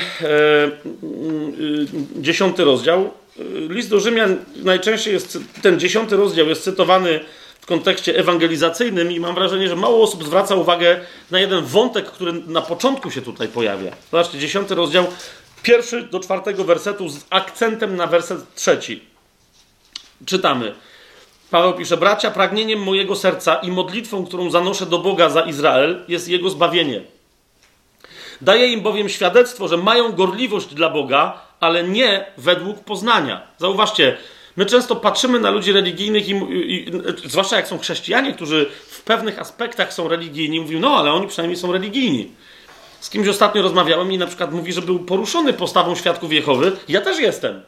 No wielu chrześcijan się, nie, wiecie, nie chce ruszyć, nie chce, a, a jednak trzeba mieć pewien rodzaj samozaparcia, żeby stać z tymi, wiecie, stendami w, w mrozie, w upale, w słocie, deszczu, w jakiś, yy, po prostu, tak? I, i, I, Paweł podobnie mówi o, yy, o religijności yy, Żydów, nie? Mówi, daje im bowiem świadectwo, że mają gorliwość dla Boga, ale nie według poznania. A jest nie według tego, co Bóg im chciał objawić. I teraz jaką? Zauważcie trzeci werset, co mówi. Nie znając bowiem sprawiedliwości Boga, a chcąc ustanowić własną sprawiedliwość, nie poddali się sprawiedliwości Boga. To jest to. to Doskonała religia robi to najdoskonalej, tak? czyli judaizm. Ale wszędzie, gdziekolwiek ludzie nie chcą się odnieść wyłącznie do sprawiedliwości Boga, zaczynają sobie tworzyć religię, w ramach której mówią, to co teraz robię mnie usprawiedliwia. No przecież byłem w niedzielę na nabożeństwie, to co jeszcze chcesz? Modlę się codziennie, czytam Biblię, to co jeszcze chcesz? A moje pytanie brzmi, a skąd wiesz, że Bóg tego chce? Nagle jest takie, zaraz, to, to, tam codziennie się pytać, co On chce, no zasadniczo od tego się właśnie zaczyna. No wiecie, ja mam się codziennie pytać, no hello, przecież za chwilę jest napisane, zauważcie 10 rozdział, 10 werset, 9 i 10 werset, jeżeli ustami wyznasz Jezusa Panem. No to jeżeli Jezus jest Panem, rozumiesz, niewolnik wstaje rano, czy sługa wstaje rano i co robi? Pyta się Pana to, co dzisiaj robimy. A nie mówi, tu co ja mam ciebie codziennie teraz pytać, jak jestem twoim sługą? No raczej. No raczej. A więc tutaj widzicie, idzie o to, tak? Że, że czasem my nie widzimy gdzieś obłudy, ale ewidentnie, jeszcze raz mówię, przyjrzyj się sobie, no nie? Wiesz, są, to jest tak, że y, y, ktoś mówi, nie, nie, ja nie mam nadal takich rzeczy. To zobacz na przykład, co się dzieje, czy stajesz śmiało na przykład do modlitwy o uzdrowienie, czy, czy śmiało stajesz, żeby komuś usłużyć, jesteś, jesteś tak samo gotowy czy gotowa e, do, do posługi Bożej jakiegokolwiek rodzaju, jeżeli zdarzyło ci się e, na przykład lenistwo przez poprzednie dwa czy trzy dni, zdarzyło ci się nie przeczytać Pisma Świętego, jak to masz w zwyczaju, nie pomodlić się tak długo, jak to masz w zwyczaju. Wiecie o co mi chodzi? Bo jeżeli tak jest, bo nie, wiecie, ja, ja sam, jeszcze raz mówię, nie mówię teraz o innych, mówię sam o sobie. W pewnym musiałem, yy, wiecie, zauważyłem, że zaczynam się modlić przed, przed pewnymi usługami więcej niż przed innymi. I jakbym, wiecie, to ja ilością swojej modlitwy miał zapewnić yy, jakieś powodzenie głoszeniu, które ma nadejść. Rozumiecie, o co mi chodzi? I teraz no to w takim razie opieram się na mocy Bożej, czy też zakładam, że istnieje jakiś przelicznik u Boga, im dłużej ja się modlę, tym więcej osób się nawróci, jak będziemy głosić. Przecież to jest bez sensu. To, to już jest religijne samousprawiedliwienie. Niektórzy ludzie dokładnie w ten modlą się na swój sposób, wymyślili sobie sposób, modlą się przez miesiąc, proszą, prosząc Boga o coś, a potem mówią, ale Bóg, mi, Bóg mnie nie wysłuchał. I są, wiecie, są rozczarowani, ale jak to? Tak? No to jest dokładnie tak samo jak rozczarowanie kogoś, kto idzie na kolanach w pielgrzymce do Częstochowy, tam zapali 68 świeczek i jeszcze po drodze odprawi jakieś tam specjalne, nie wiem, różańce, obrzędy, litanie, po czym jest niewysłuchany. I słusznie wtedy, wiecie, ma, jest oburzony. Niektórzy nie są oburzeni, bo nie można być oburzony, bo zaś łeb dostaniesz, tak? Ale, ale są rozczarowani na zasadzie, to ja nie wiem. To, to co jeszcze miałem temu Bogu dać? Gdy tymczasem nikt nie powiedział, że Bóg w ogóle czegokolwiek w tym rodzaju na handełes oczekiwał. Wiecie o co mi chodzi? Otwórzmy sobie list do Filipian. Yy, trzeci rozdział. Dziewiąty werset. Paweł mówi, że, że nic się nie liczy, tylko znajomość Jezusa. Jeszcze dzisiaj też do tego wątku wrócimy. Ale zauważcie, w jakim kontekście on to mówi. Tak? On wcześniej mówi, że, że wszystko utraciłem i uznaję to za gnój, byle tylko zyskać Chrystusa i znaleźć się w Nim, zauważcie, nie mając własnej sprawiedliwości, tej, która jest sprawa. Mówię, w ogóle mnie to nie interesuje. Nie chcę mieć w. A w innym miejscu Paweł mówi, że gdybym się miał chlubić z ciała, to ja, ja należałem do takiej frakcji religijnej, najlepszej religii na świecie i w ramach tej religii naj, najbardziej... E, najbardziej religijnej frakcji, czyli do faryzeuszy. Jak, jakbym się miał chlubić więc religijnością z ciała, to ja tu jestem najlepszy na świecie. A on tu mówi, że, że, że nie chce mieć nic, ani kropki z własnej sprawiedliwości opartej na prawie. Nawet jeżeli, jeżeli z jakimiś, jakimiś elementami prawa jest zgodny, on mówi, ja chcę wszystko robić tylko w oparciu o sprawiedliwość Jezusa, a nie o swoją. Amen? Teraz właśnie ktoś mnie zapytał, no dobra, no ale co jest z tymi wszystkimi, jeszcze raz przypomnę list do hebrajczyków, co jest z tymi wszystkimi, e, z, to, z, tym całym judaizmem, no że przecież jakby no, ci ludzie no, mieli świątynię, mieli kapłanów, mieli jak to? Jeszcze raz, podstawowa misja te, tego wszystkiego, co Bóg Izraelowi dał, on powiedział, zachowujcie to, aż się sprawy wyjaśnią. A nie, to nie jest coś, co ja wam daję docelowo, co ma istnieć na wieki. To, to wszystko ma was przygotować na przyjście Mesjasza. A więc to, to wszystko ma wam przypominać, ma was pobudzać wasze myślenie i kiedy przyjdzie Mesja, żeby wam pomóc go rozpoznać. A oni zrobili z tego coś, co było ich celem, w związku z tym to coś paradoksalnie zaślepiło ich na Mesjasza. Zobaczcie list do hebrajczyków, jak mówi o, e, to nie jest jedyne takie miejsce, ale no, jeden z wielu wątków, jak mówi o tym, po co istniała, mm, istniały przepisy prawa mojżeszowego. Nie po to, żeby stworzyć religię judaistyczną. List do Hebrajczyków, 9 rozdział, wersety 8 do 10 chociażby, mówią, Duch Święty, tam wobec pewne, pewnych rzeczy, które są wcześniej powiedziane, nie mamy czasu, żeby to wszystko czytać. My mamy napisane, Duch Święty pokazuje, że jeszcze nie została objawiona droga do miejsca najświętszego, dopóki jeszcze stał pierwszy przybytek, czyli świątynia. Był on obrazem, zauważcie, na tamten czas, a składano w nim dary i ofiary, które nie mogły uczynić doskonałym w sumieniu tego, który pełnił służbę Bożą która polegała tylko na pokarmach, napojach i różnych obmyciach i przepisach cielesnych nałożonych do kiedy? Aż do czasu naprawy. Czas naprawy przychodzi kiedy? Kiedy się objawia Mesjasz. To jest jasne. Po prostu list do mówi jasno. To są pewne obrazy, ale to nie był cel. Bóg wam go tego nie dał jako spełnionego, doskonałego e, systemu tu na ziemi. Nie, nie, nie ma czegoś takiego. Ma, mamy jasność? Mamy jasność? Ale teraz jeszcze raz, chcę wam coś pokazać, bo wiecie, ja często mówię o tym, bo, bo, bo w dużej mierze jest to prawdą, że dzisiejsze chrześcijaństwo jest skażone religijnością pogańską, religijnością zunifikowanej religii rzymskiej, która, która wchłonęła pewne aspekty chrześcijańskie, pewne, pewną terminologię biblijną i stworzyła pseudochrześcijaństwo, które się nazywa Kościołem rzymskokatolickim. Yy, Chodzi mi o Konstantyna i to, co się później stało. Tak? Znaczy, pewni ludzie zostali wciągnięci, ponazywani kapłanami. Właśnie cały system religijny rzymski, widząc, jaka jest siła e, w chrześcijaństwie, wziął pewne aspekty, najczęściej kulturowe, chrześcijańskie, niedojrzałe społeczności przejął i nazwał o tym więcej mówię w tych wszystkich y, nauczaniach, które są stricte poświęcone Kościołowi rzymskokatolickiemu. Wiecie o tym, nawet nie pamiętam teraz. Prawda kontra Kościół rzymskokatolicki, czy jakoś tak się to, to nazywa. I w pewnym momencie y, y, edyktem trzech cesarzy naraz, zjednoczonego triumviratu y, rzymskiego, zostało ustalone, że tylko ta ekipa, którą oni nazwali chrześcijanami, może się nazywać chrześcijanami. I, i stąd to jest, to jest kościół, który oni nazwali, że, że, że, że, jest katolikos, czyli że jest powszechny, że, ale że ktokolwiek, gdziekolwiek ma jakąś inną koncepcję, to, to w ogóle nie jest chrześcijaninem. Tak? No, w, no w ten sposób y, chrześcijanami zostali nazwani w dużej mierze w ogóle nie chrześcijanie. Tak? Tylko ludzie, którzy się religijnie podłączali pod jakieś tam y, aspekty. A to, co najczęściej jest nazywane jakimiś tam herezjami wczesnochrześcijańskimi, jak się im dobrze przyjrzycie, to są rozmaite społeczności, które akcentowały w starciu z tym publicznym rzymskim kościołem, akcentowały nieprawdę jego nauczania. I, I, potem y, się mówi o tych różnych, wiecie, Ludzie na przykład, mówi się, że Tertulian należał do sekty, która szczególnie akcentowała namaszczenie Ducha Świętego. Czyli należał do czegoś, co było starożytną denominacją jakąś zielonoświątkową. dzisiejszą, tak? Byli inni, którzy byli naz są nazwani bodaj przez Eusebiusza, że są kwartodecymanami, ale to brzmi, ojej, to musi być jakaś straszna sekta. A ta sekta tylko mówiła, że, że co to za jakiś chrześcijański kościół, który sobie ustala, kiedy chce wspomnienie y, śmierci i zmartwychwstania Pana Jezusa. Oni mówili, że przecież wyraźnie jest napisane w Biblii, że Pascha jest 14 dnia miesiąca Awiw, czy miesiąca Nisan, nie już niech będzie.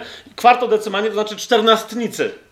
Bo oni mówili, że 14 trzeba obchodzić ten dzień, no i tyle, ale ponieważ nie chcieli słuchać, w związku z tym chcemy słuchać Pisma Świętego, oczywiście mieli wiele innych nauczań, ale ponieważ powiedzieli, nie, będziemy my będziemy obchodzić kiedy chcemy, nie wtedy, kiedy wam na nakazujecie. Więc system powiedział, trzeba ich wyrzucić poza system, nie szanują naszego autorytetu. Trzeba ich nazwać sektą, a żeby nikt nie wiedział, trzeba ich nazwać straszną nazwą, kwartodecymanie. Bum, niech będzie.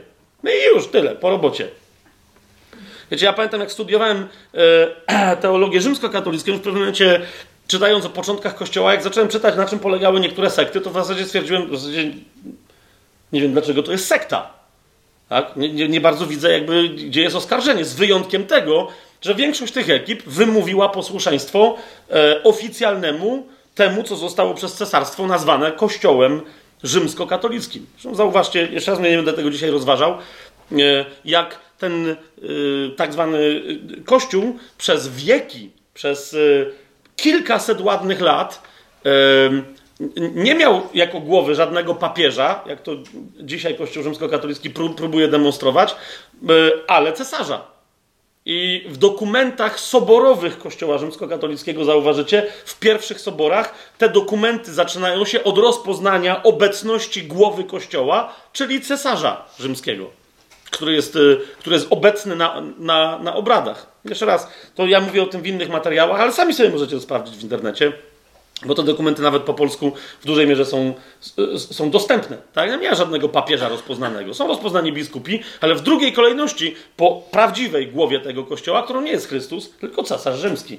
Że w pewnym momencie papież sobie przejął tę władzę, a potem stwierdził, ok, teraz jak to wyjaśnić, więc się nazwał wikariuszem Chrystusa na ziemi. Z tego, co mi wiadomo, Jezus nie jest proboszczem, żeby potrzebował wikarego na ziemi. To, wie, wiecie, o co mi chodzi? Co to za idea? Jest Kościół, który jest jego ciałem, a on jest głową. Kropka. Ale teraz o co mi chodzi? Ponieważ ja się często z, z tych powodów, o których teraz mówię, odwołuję, mówiąc o religii, do Kościoła rzymskokatolickiego, E, myślę, że łatwo jest nam, e, jakby, wiecie, e, może nam umknąć pewien fakt, że chrześcijaństwo od początku miało problem z religią. O to mi chodzi, że rozumiecie, nasz, nasz dzisiejszy problem z religią, myślę, że korzenie ma nie w tym, że w pewnym Konstantyn Wielki i następni cesarze rzymscy coś próbowali wykombinować, ale właśnie dzieje apostolskie opisują, jak chrześcijaństwo biblijne, które, które się pod mocą ducha objawiało jako kompletnie niereligijne, było cały czas sabotowane przez nawróconych Żydów, w sensie, którzy przyjęli prawdę o Jezusie jako Mesjaszu, ale potem bali się odejść, e, wejść kompletnie pod prawdę o łasce i cały czas chcieli ściągać e, wszystkich e, pod religijne prawo. Czyli rozumiecie, zostali zbawieni, ale nie chcieli przemienić swojego umysłu, nie chcieli wejść w kompletną wolność. Potem Paweł w wielu miejscach to, to, to rozważa. Ja dzisiaj tego tematu nie będę specjalnie jakoś rozważał, bo chociażby w liście do Galacjan, wiecie o co będzie, tam będzie więcej, e, to, no to jest list poświęcony właśnie temu, że przychodzą judaizujący chrześcijanie i próbują e, nawróconych pogan wyciągnąć spod łaski pod prawo. Okay? Ale chcę wam zwrócić uwagę na pewien wątek, E, żeby, żebyście, żebyście zobaczyli, że to nie jest tak, że ja mówię, no okej, okay, w dziejach apostolskich to widać, tylko że jeżeli dzieje apostolskie oprócz chwały rodzącego się nowożytnego, nowotestamentowego kościoła, e, oprócz tej historii jednocześnie pokazują regularny wątek, który jest ewidentnie dla nas na dzisiaj ostrzeżeniem. Pamiętajcie, nawet ten doskonały Kościół dziejów apostolskich miał pewien problem i tym problemem była religia. Ok, otwórzmy sobie dzieje apostolskie. Yy, pokażę wam tylko pewną taką strukturę w, w dziejach rozwijającego się głosu, czyli jak Żydzi z zewnątrz atakowali e, chrześcijan jako sektę i o co yy, ich oskarżali, i jednocześnie jak yy, te głosy też pojawiały się wewnątrz. Okay? To oczywiście od początku to widać dziejów apostolskich, ale, ale yy, najpierw 13 rozdział sobie otwórzmy dziejów apostolskich. Tylko po prostu zwrócę wam uwagę na pewne zdania i miejcie świadomość, że to się po prostu... Może dobrze byłoby po raz 64 przeczytać dzieje apostolskie tylko pod tym kątem. Po co? Że, żeby, się, żeby się uczulić na to, jak działa Duch Święty, a jak zawsze działa Duch religii, który nie jest święty, ale, ale jest demoniczny. Ok? 13 rozdział dziejów apostolskich, 44-45 werset. A w następny szabat niemal całe miasto zebrało się aby słuchać Słowa Bożego. Kiedy Żydzi zobaczyli tłumy, pełni zawiści, sprzeciwili się, sprzeciwiali się słowom Pawła, występując przeciwko nim i bluźniąc. To jest to. Człowiek religijny w momencie, kiedy, e, kiedy, się styka z oryginalnym Słowem Bożym prowadzącym ludzi do wolności i jeszcze widzi, że, że ludzie chętnie ku tej wolności zmierzają e, w odróżnieniu od kompletnej niechęci, żeby uczęszczać na religijne manifestacje, wówczas człowiek religijny jest gotów nawet bluźnić Bogu tylko po to, żeby obronić swoją pozycję systemową. To jest 45 y, werset. Zobaczcie, w 50 y, wersecie i drugie działanie. A Żydzi podburzali pobożne i poważane kobiety oraz znaczących oby, obywateli miasta, wzniecili prześladowanie Pawła i Barnaby i wypędzili ich ze swoich granic. Jeżeli się publicznie nie da przeciwstawić Słowu Bożemu, to należy podburzać ludzi, którzy są wpływowi i usuwać chrześcijan z, e, z możliwości wywierania wpływu na, na e, dany region. Dzieje apostolskie, znaczy 14 rozdział, 19 werset. Tymczasem z Antiochii i Ikonium trwa ewangelizacja, tak? Wiecie, Paweł z Barnabą ruszyli, ale wyszli skąd? Z Antiochii. Zauważcie, wrogowie idą zawsze za chrześcijanami. Teraz pytanie, ilu wrogów za nami dzisiaj lata? Ilu wrogów za tobą lata? Przeniesiesz się w inne miejsce i głosisz gdzie indziej? Ilu, ilu za tobą idzie i ci przeszkadza? Zobaczcie, co tutaj się dzieje. 19 werset 14 rozdziału. Tymczasem z Antiochii i Ikonium nadeszli Żydzi, którzy namówiwszy lud, ukamienowali Pawła i wywlekli go za miasto, myśląc, że umarł.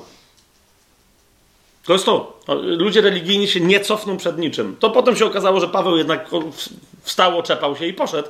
E, ale oni cały, jeden z wątków, który się przewija przez całe dzieje apostolskie, przez całe dzieje apostolskie, od początku jak Paweł się nawrócił, to jest, żeby zabić Pawła. To jest, ja mówię, jeżeli byście jeszcze jeden specyficzny wątek sensacyjny w dziejach apostolskich mieli, to zobaczcie, jak się Paweł nawraca. Od początku, w tym samym rozdziale, gdzie Paweł się nawraca, jest, jest, jest, pojawia się myśl, żeby zabić Pawła, i Paweł aż do końca dziejów apostolskich cały czas ma być zabity. Tam są ekipy, spiski. Ludzie śluby składają, że nie wezmą nic do ust, nic nie zjedzą, ani się nie napiją, dopóki nie zabiją Pawła. Okay? I z drugiej strony, zauważcie, bo to jest bardzo istotna dla nas informacja, nieważne jak, jaka religia będzie występować przeciwko tobie, dopóki jesteś w środku pełnienia woli Bożej i nie idziesz na kompromis. O to mi idzie. Nie idziesz na kompromis. Nie ma takiej możliwości, żeby ci włos z głowy spadł, dopóki Pan nie będzie cię chciał wziąć. Tak? Nawet jeżeli, jeżeli dopuści jakiś rodzaj cierpienia, tak jak na Pawła, że, że został ukamienowany tak, że stracił przytomność i to dosyć poważnie, skoro oni myśleli, wiecie, zawodowcy od kamienowania, że go naprawdę zabili, a no, no to właśnie, to Pan go podniósł, tak? A więc my możemy przejść przez rozmaite próby, ale, ale pamiętaj, nie daj się zastraszyć.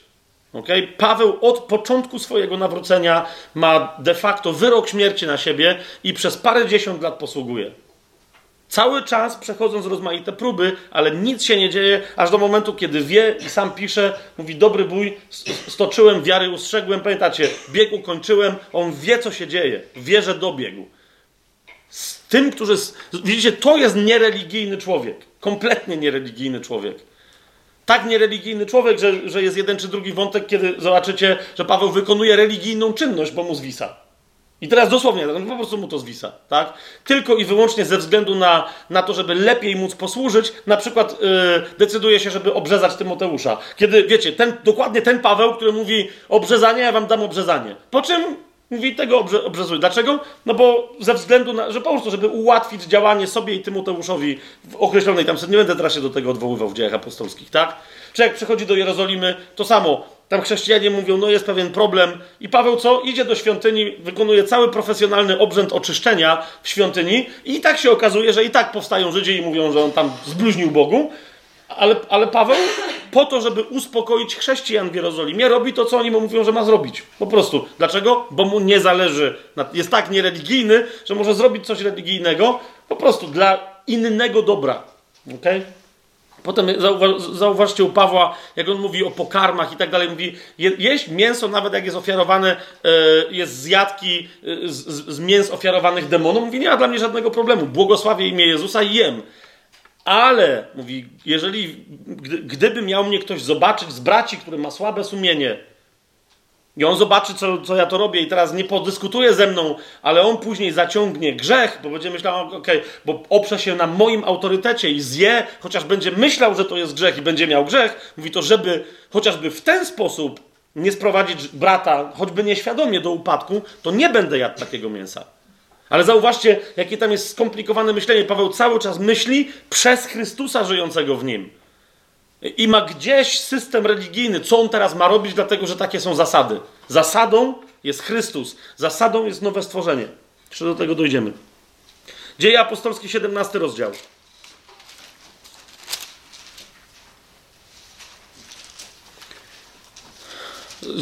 Jedna z cech charakterystycznych ludzi, ludzi religijnych. Oni postrzegają swoją religię jako pewne przedsięwzięcie, które ma osiągnąć sukces. Jak widzą gdzieś sukces jakiejś innej, czegoś, co widzą jako konkurencyjna religia, zawsze są zazdrośni. I teraz to jest. Nie mówię tego po to, żebyście myśleli sobie, o, znam takich ludzi. Nie, tylko popatrz na siebie. Kiedy jesteś zazdrosny czy zazdrosna o to, że ktoś, nie wiem, nie przychodzi na twoje, na, na, modlitwę do ciebie, tylko gdzie indziej. Że ktoś nie przychodzi... Ostatnio rozmawiałem z jednym bratem i on tak po, popatrzył na mnie i mówi, wiesz co, parę, parę razy miałem przyjść na...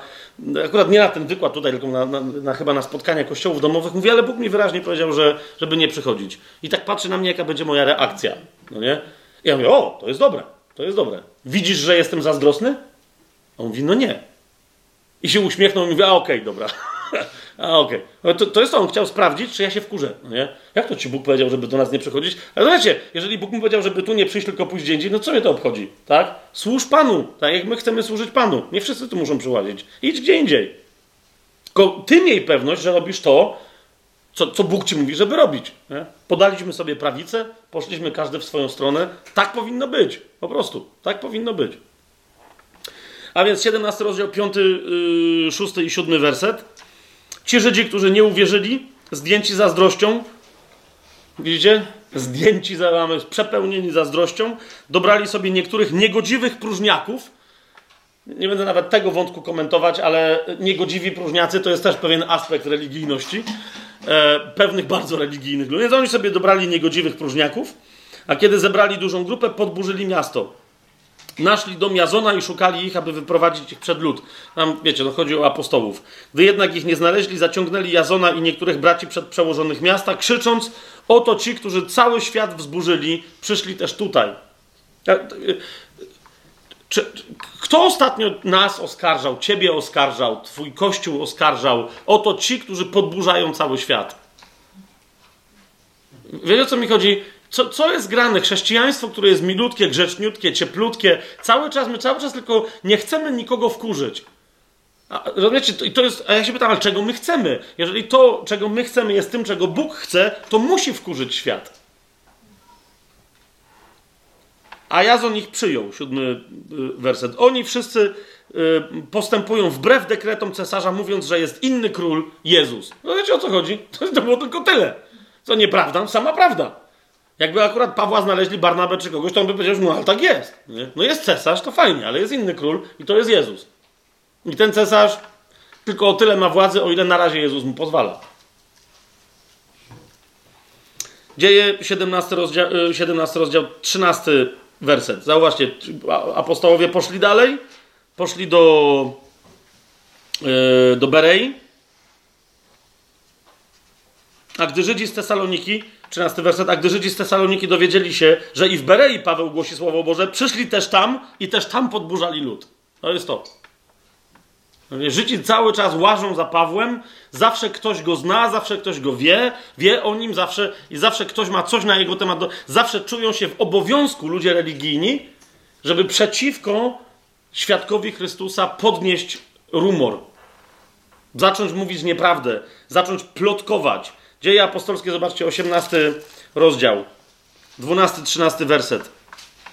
A gdy Galio był prokonsulem Wahai, Żydzi jednomyślnie powstali przeciw Pawłowi i przyprowadzili go przed sąd.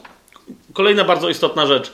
Ludzie religijni, bo ktoś mi ostatnio powiedział, że ludzie religijni też, nie chrześcijanie, też bywają jednomyślni.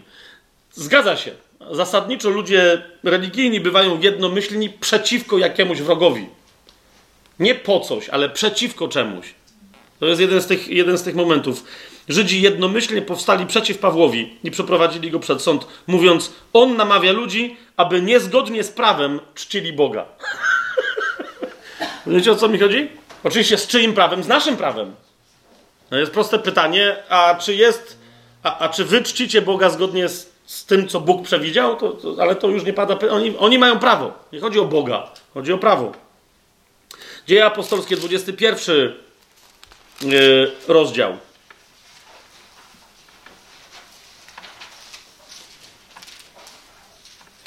Paweł przychodzi do Jerozolimy i, i, mówi tamtejszym chrześcijanom, samym Żydom nawróconym, jakie fantastyczne rzeczy się dzieją. To jest 21 rozdział, 19 werset i dalej. I zobaczcie, jaka jest ich reakcja.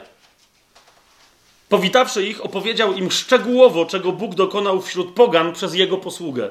Są, wiecie, fantastyczne rzeczy. No, czytamy rozdział po rozdziale do 21 rozdziału dziejów apostolskich i wiemy, co się tam działo.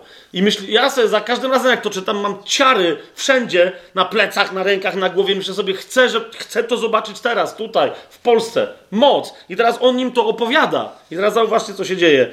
Gdy to usłyszeli, chwalili Pana i powiedzieli, widzisz, bracie, ile tysięcy Żydów uwierzyło, a wszyscy gorliwie trzymają się prawa. O właśnie tu się pojawia pewien wątek.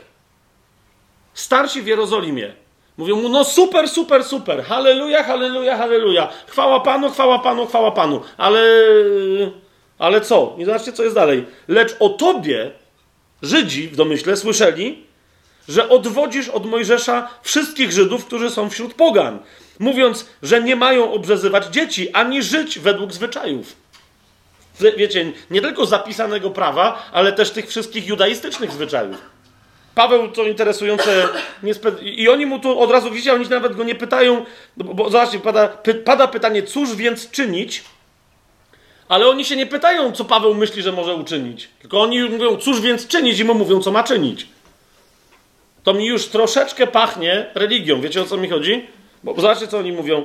Z pewnością zejdzie się lud, bo usłyszą, że przybyłeś. Zrób zatem to, co ci mówimy. I, I zauważcie, Paweł to robi dla ich dobra. Ale my wiemy skądinąd, bo mamy, bo mamy potem całe listy Pawła, no że Paweł nie zmienił swojego nauczania. Tylko mówił, nie, nie, jak przychodzą ci, co wam mówią, że się macie obrzezać, to niechby w pierwej najpierw oni sami się wykastrowali. Jest taki jeden fragment w piśmie. Siostra Alicja zrobiła oczy, mówi, na, naprawdę tak. Zwykle ten fragment jest tłumaczony, ci, którzy od was domagają się obrzezania, niechby sami się okaleczyli, ale tam chodzi dokładnie o to specyficzne, nie żeby się pocięli jakoś tam, nie wiem, na czole, tylko tak, że niech się sami czegoś innego pozbawią, zanim was czegoś pozbawią. To, to tam Paweł jest nieprzejednany w tej kwestii, jest nieprzejednany. Ale tu widzicie, z czym się spotyka i teraz tego mu nie mówią Żydzi, spod prawa, to mu mówią Żydzi, którzy są wyznawcami Jezusa, tak jak i on, tak jak i my. Wiecie o co mi idzie? Można ulec wpływom zewnętrznym religii i zacząć, zacząć samemu iść na kompromis z religią. No jak to się kończy, no to, to my tutaj wiemy, bo Paweł wpada niezależnie od tego, właśnie niezależnie od tego, że robi to, co oni mu mówią, i tak się pojawiają oszczercy, którzy potem będą przez następnych parę rozdziałów twierdzić przed różnymi rzymskimi sądami, że Paweł jakieś bluźnierstwo wykonywał e, w świątyni. Po prostu ludzi religijnych nie można zaspokoić, jeżeli mają cię za wroga, żadnymi e, działaniami, więc nie ma co iść na kompromis z religią. W sobie, w swoim życiu. Ja, jasne jest to, o czym mówię? Ok, 21 rozdział 28 werset, zobaczcie tych, tych Żydów. Paweł tam robi naprawdę, on robi to co, to, co Paweł, zobaczcie, 26 werset, wziął ze sobą tych mężczyzn, którzy, których mu tam starsi polecili, e, zgłosił wypełnienie dni oczyszczenia i tak dalej. I zobaczcie, i tak ktoś go rozpoznał, Żydzi z Azji go rozpoznali, podburzyli tłum, rzucili się na niego, wołając, zauważcie 28 werset, mężowie Izraelici, pomóżcie! To jest dobre, nie? Rzuca się na ciebie 40 chłopów i jeszcze wołają pomocy! Pomocy! Jeden nas bije. Mężowie Izraelici, pomóżcie! To jest człowiek, który wszędzie wszystkich naucza przeciw ludowi i prawu. I temu miejscu. A nadto jeszcze i Greków wprowadził do świątyni i splugawił to święte miejsce. Oczywiście żadnych Greków Paweł nie wprowadził. O czym widzimy z historii, i on po tym sam zaświadcza, że żadnych Greków nie. Po co by miał w ogóle, wiecie, jakimś Grekom mieszać w głowie? Yy, nie, niczego takiego nie zrobił, ale właśnie to jest to. Jak się religijni ludzie rozpędzają, zawsze przesadzają w swoich oskarżeniach i zawsze w pewnym momencie zaczynają kłamać, kiedy oskarżają.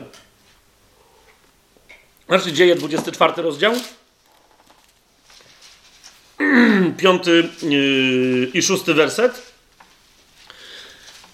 Być może niektórzy z Was coś takiego usłyszeli na swój temat. Ja już usłyszałem.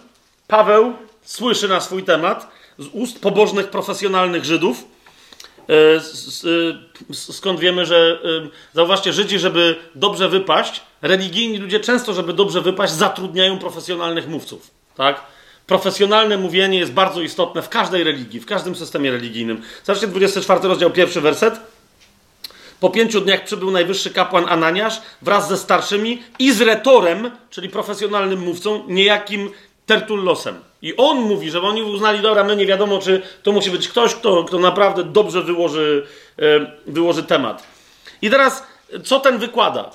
No, że Żydzi się zebrali i coś stwierdzili, a co? Piąty werset. Stwierdziliśmy na temat Pawła, że ten człowiek jest jak zaraza. ja się już tego dowiedziałem, tak, że w różnych kontekstach, że to, może to jest, to jesteś jak zaraza. No okej. Okay. Dlaczego? Wzbudza niepokoje wśród wszystkich Żydów na całym świecie i jest dowódcą sekty Nazarejczyków. To, to, jest to. Już, że, się, że jestem dowódcą sekty, już się też dowiedziałem, ale niektórzy tu na tej sali też się już tego dowiedzieli, że, więc, że są dowódcami różnych ugrupowań sekciarskich i, tak dalej. Więc rozumiecie, e, bycie oskarżonym o to, że się jest sektą i to dzieje apostolskie mówią, ej, normalnie. To co, to, co mówiłem ostatnio, dzieje apostolskie nam mówią o wszystkim, czego potrzebujemy dzisiaj w kościele. Nie tylko o pozytywnych rzeczach, ale też ostrzegają nas przed historiami y, trudny, trudnymi. A więc jest dowódcą sekty Nazarejczyków i szósty werset usiłował też zbezcześcić świątynię, schwytaliśmy go więc i chcieliśmy osądzić według naszego prawa. A jak zawsze y, religijni ludzie. Przeskoczmy do jedenastego wersetu i dalej. Paweł w obronie swojej mówi, możesz sprawdzić do tego, który, y, do namiestnika, którego słucha, możesz sprawdzić, że nie upłynęło więcej niż 12 dni, odkąd przybyłem do Jerozolimy, aby wielbić Boga i nie znaleźli mnie w świątyni rozprawiającego z kimkolwiek, ani podburzającego lud, czy to w synagogach, czy w mieście, ani też nie mogą dowieść tego, o co mnie oskarżają. Wyznaję jednak przed Tobą, że według drogi, którą oni uważają za herezję, tak, mówi Paweł, służę Bogu moich ojców, wierząc wszystkiemu, co jest napisane w prawie i u proroków, mając nadzieję w Bogu, że będzie zmartwychwstanie, którego i oni oczekują, zarówno sprawiedliwych, jak i niesprawiedliwych. Zauważcie, Paweł nie broni się, on tylko stwierdza fakty wobec tych, tych wszystkich oskarżeń i sam to sprawdź.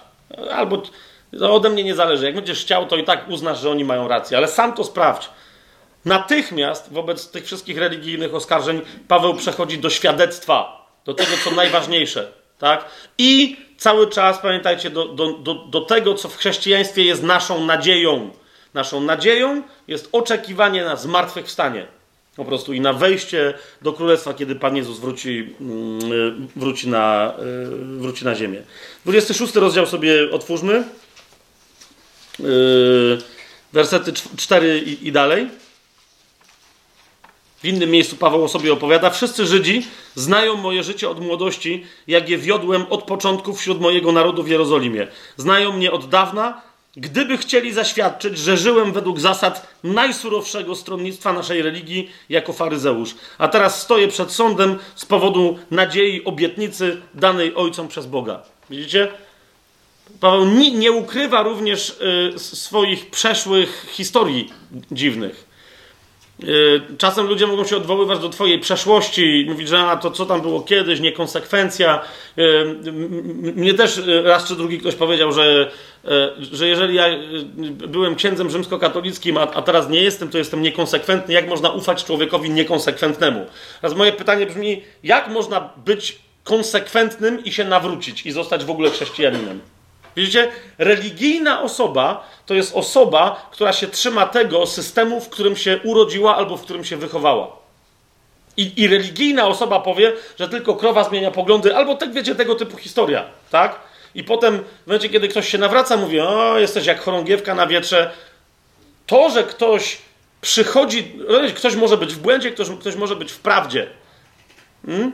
Ale teraz nie myślcie o innych, tylko teraz myślcie o sobie, kiedy, wiecie, ty jako chrześcijanin dzisiaj możesz mieć jak, jakiś rodzaj objawienia, Bóg ci może je pogłębić, za chwilę możesz, możesz pójść głębiej w jakąś praktykę. Dzisiaj możesz być nieposzczącym chrześcijaninem, jutro nagle okaże się, że Bóg cię wezwie do, do poważnego postu. Ale pamiętaj, że niekoniecznie wszyscy mają to samo objawienie co ty, tą samą drogę co ty, tą samą dyscyplinę. Nie zamieniaj się ty wobec innych w tak samo religijnego człowieka, jak religijni ludzie wobec ciebie są niesprawiedliwi.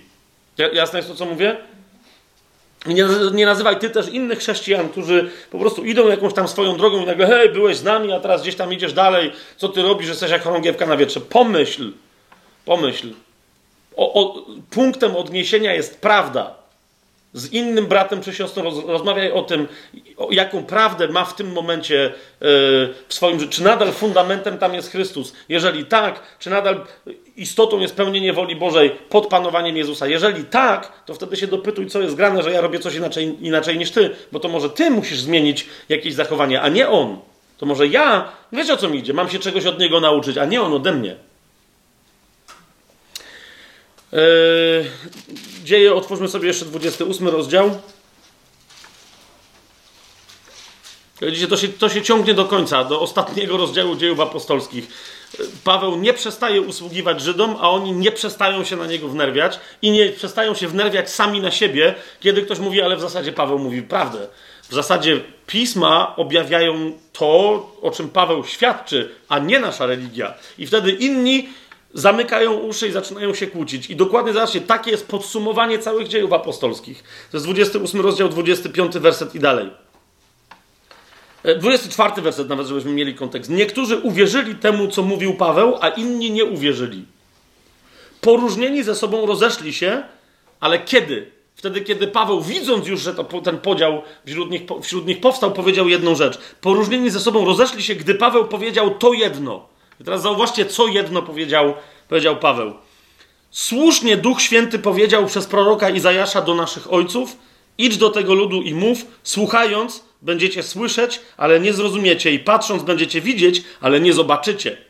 Utyło bowiem serce tego ludu, stępiały ich uszu i zamknęli swoje oczy, żeby oczami nie widzieli, ani uszami nie słyszeli, a sercem nie zrozumieli i nie nawrócili się, i żebym ich nie uzdrowił.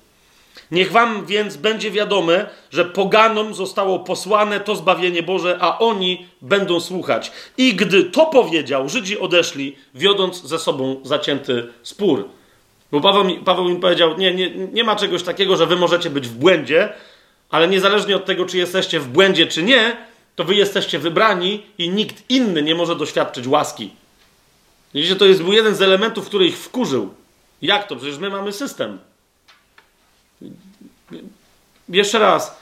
My, żeby nie być religijnymi, potrzebujemy rozglądać się wokół w kościele i ciesząc się z miejsca, w którym jesteś, jeżeli ono jest dobre, uczciwe, serdeczne po chrześcijańsku, duchowe, jednocześnie, jeżeli gdzieś zobaczysz, rozumiesz, miłość Bożą i życie Boże się objawiające, coś, co bym nazwał, wiecie, prawdziwym przebudzeniem, to zobacz, dlaczego ono tam jest obfitsze niż, niż u ciebie. Zadaj sobie pytanie, co, dlaczego, o, o ile oni mniej są religijni jeszcze niż my, a, a jeszcze bardziej duchowi, Jezusowi niż my, to, to jest cały czas, rozumiecie, żeby nie patrzeć z zazdrością na inne miejsca w Kościele, a, ale z pragnieniem tego samego u nas, co jest w tych miejscach, które by, byśmy podziwiali.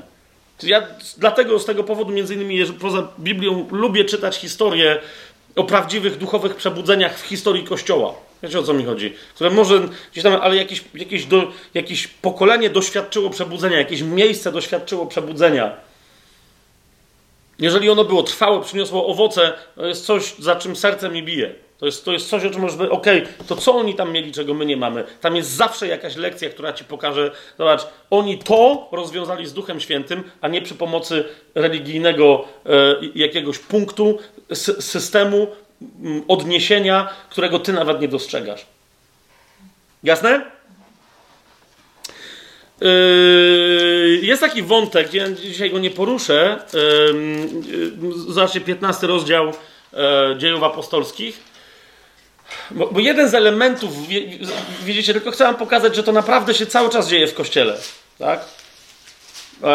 E, to jest, to jest między innymi właśnie wciąż przepychanie, czy mamy gdzieś jakiś dzień święty, a może mamy dietę jakąś y, takiego czy innego rodzaju po Żydach obchodzić. Może, może nie wolno jeść krwi, co z tą kaszanką. To są, wiecie, to cały czas, gdzie nie jesteśmy, wracają te wątki. I, i mówisz ludziom, no ale List do Kolosan, Paweł mówi przecież, że hej, niech was nikt nie sądzi z powodu tego, co jesz, co pisz, co pijesz, co, co, co robisz, jakie święta obchodzisz.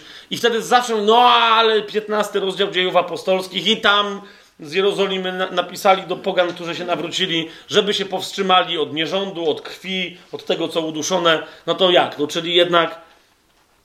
Otóż, kochani, cały ten wątek i później rzeczywiście Paweł z Barnabą posłusznie w początkowym okresie pierwszych nawracających się stricte pogan bez związku z Żydami, oni im przekazywali jeszcze ten, ten, ten, ten, ten, ten, ten list, to, to postanowienie z Jerozolimy. Ale zauważ, ja nie będę tego nawet rozważał, ale sami sobie przeczytajcie ten tekst, że ewidentnie 15 rozdział dziejów apostolskich pokazuje, że to był pewien moment przejściowy, ten, ten, ten list, żeby się powstrzymywali od krwi i tak dalej. Wobec czego? Zauważcie, jak się cała ta historia zaczyna. 15 rozdział, pierwszy werset. Niektórzy przybysze z Judei nauczali braci, także pochodzenia pogańskiego, jeżeli nie zostaniecie obrzezani według zwyczaju Mojżesza, nie możecie być zbawieni. Rozumiecie, co się działo? Tacy goście przychodzili i podważali zbawienie wynikające wyłącznie z krzyża Chrystusowego, z tego, że wykonało się. I mówili, ale jeszcze musicie być obrzezani. I teraz Paweł z Barnabą się temu bardzo mocno przeciwstawili. Znaczy drugi werset, kiedy doszło do niemałych sporów i zatargów między nimi, a między nimi a Pawłem i Barnabą postanowili, że Paweł i Barnaba oraz jeszcze kilku z nich pójdą w sprawie tego sporu do apostołów i starszych do Jerozolimy. I teraz o co mi idzie? W momencie, kiedy tam też się rozpętuje, wiecie, cała wrzawa, bo tam się kłócą i tam jest naprawdę, tam, tam, tam, jest, tam jest ostro. Zobaczcie, piąty werset. Mm, niektórzy ze stronnictwa faryzeuszy, którzy uwierzyli, powstali i powiedzieli, trzeba ich obrzezać i nakazać, żeby zachowywali prawo Mojżesza. I teraz o co mi chodzi? E, przeciwstawia się im jednoznacznie, kompletnie niewykształcony Mosiek, czyli Piotr, genialny Piotr, przeciwstawia się im absolutnie jednoznacznie. To jest klucz do zrozumienia tego, co się potem wydarzyło. To jest dziesiąty i jedenasty werset. On mówi tak, o dobra, nawet od ósmego wersetu przeczytajmy. No to jest, bo to jest to, co mówi Piotr. Bóg, który zna serca, wydał im świadectwo, dając im Ducha Świętego tak samo jak nam. To jest to, co później Paweł w liście do Galacjan mówi. Czy wyście Ducha Świętego dostali przez wypełnianie prawa? Mówi, no to po, po co macie wracać tam, gdzie nic wam to prawo nie dało? Ale tu Piotr mówi, tak? I nie uczynił żadnej różnicy między nami a nimi, czyli między Żydami a poganami, oczyszczając przez wiarę ich serca. Załóżcie, to mówi Piotr. Przez nic innego, tylko przez wiarę są usprawiedliwieni z wiary, z, przez łaskę Bożą przychodzącą do nich przez wiarę, a nie z prawa. I teraz patrzcie pytanie Piotra. Dlaczego więc teraz wystawiacie Boga na próbę, wkładając na kark uczniów jarzmo, którego ani nasi ojcowie, ani my nie mogliśmy udźwignąć? I jedenasty werset. Ale, pamiętacie, jak wielokrotnie o tym mówiłem, gdziekolwiek jest ale, to ale kasuje jakąkolwiek tezę, która znajduje się przed ale. No mówi, chcecie na nich nakładać jakieś jarzmo? Mówi, nie. Ale zawsze oznacza nie wobec tego, co było wcześniej powiedziane. Mówi, nie. Wierzymy, że przez łaskę Pana Jezusa Chrystusa będziemy zbawieni. Tak samo i oni. My będziemy zbawieni i oni. Wszyscy tak samo. Przez co? Przez łaskę, nie przez wypełnianie prawa. A więc, a więc, zauważcie, to, że później Jakub mówi, to jest coś, bo potem jest wyraźnie powiedziane, że to Duch Święty przemówił. To, to, ale to Duch Święty przemówił, ja się zgadzam. Ale na tym etapie, żeby nie doszło, zanim jeszcze Kościół właściwie się urodził, wiecie, taki funkcjonujący właściwie z poganami w środku, żeby nie doszło do podziału, bo ci faryzeusze, widzicie, już chcieli wprowadzić e, religię, której gdy, gdyby się jasno przeciwstawić, to oni by odpadli. I Duch Święty powiedział, ok, wyślijcie im coś, jakieś przepisy. Zwłaszcza, że no, no wiecie, jak oni mówią, żeby się powstrzymywali y, poganie od, od czczenia bożków i żeby się powstrzymywali od nierządu, to po prostu powiedzieli im oczywiste rzeczy później dla, dla chrześcijan, tak? Pod wpływem Ducha Świętego oni mieli znacznie wyższe standardy niż, niż i my dzisiaj mamy znacznie wyższe standardy niż to. No jaki dzisiaj chrześcijanin by rozważał, czy może pójść do domu publicznego i skorzystać z usług prostytutki? No wiecie o co mi chodzi? To przecież bez sensu, tak? Więc ewidentnie to było potraktowanie tych wszystkich pogan jako kompletnie niedorozwiniętych duchowo ludzi, nie bardzo rozróżniających, co jest etyczne, a co nie. Dostali tam cztery czy pięć norm, okej. Okay. Ale jeszcze raz, to jest pewien etap, historyczny etap, proces pewien rozwoju Kościoła, a nie ustanowienie jakiegoś prawa, które później obowiązuje. Bo zauważcie, że, że, że Paweł, którego świadectwo uzupełnia dzieje apostolskie bardzo mocno, tak? bo to jest ktoś, o kim dzieje apostolskie jako o człowieku w drugiej części mówią, a potem mamy jego listy. Zauważcie, że, że on nie tylko, że w żadnym z listów nie mówi, że trzeba jakichś, jakichś reguł dietetycznych przestrzegać, ale wręcz no, podaje świadectwo tego, jak upomniał samego Piotra, jak ten zaczął, pamiętacie, przyszli Żydzi i, i, i on przy Żydach zaczął udawać, że z powrotem, że, że on je tylko koszerne rzeczy. I on powiedział, ej, jak Żydów nie ma, to jesz z poganami normalnie, a teraz nagle cudujesz? Jasne jest to, co mówię?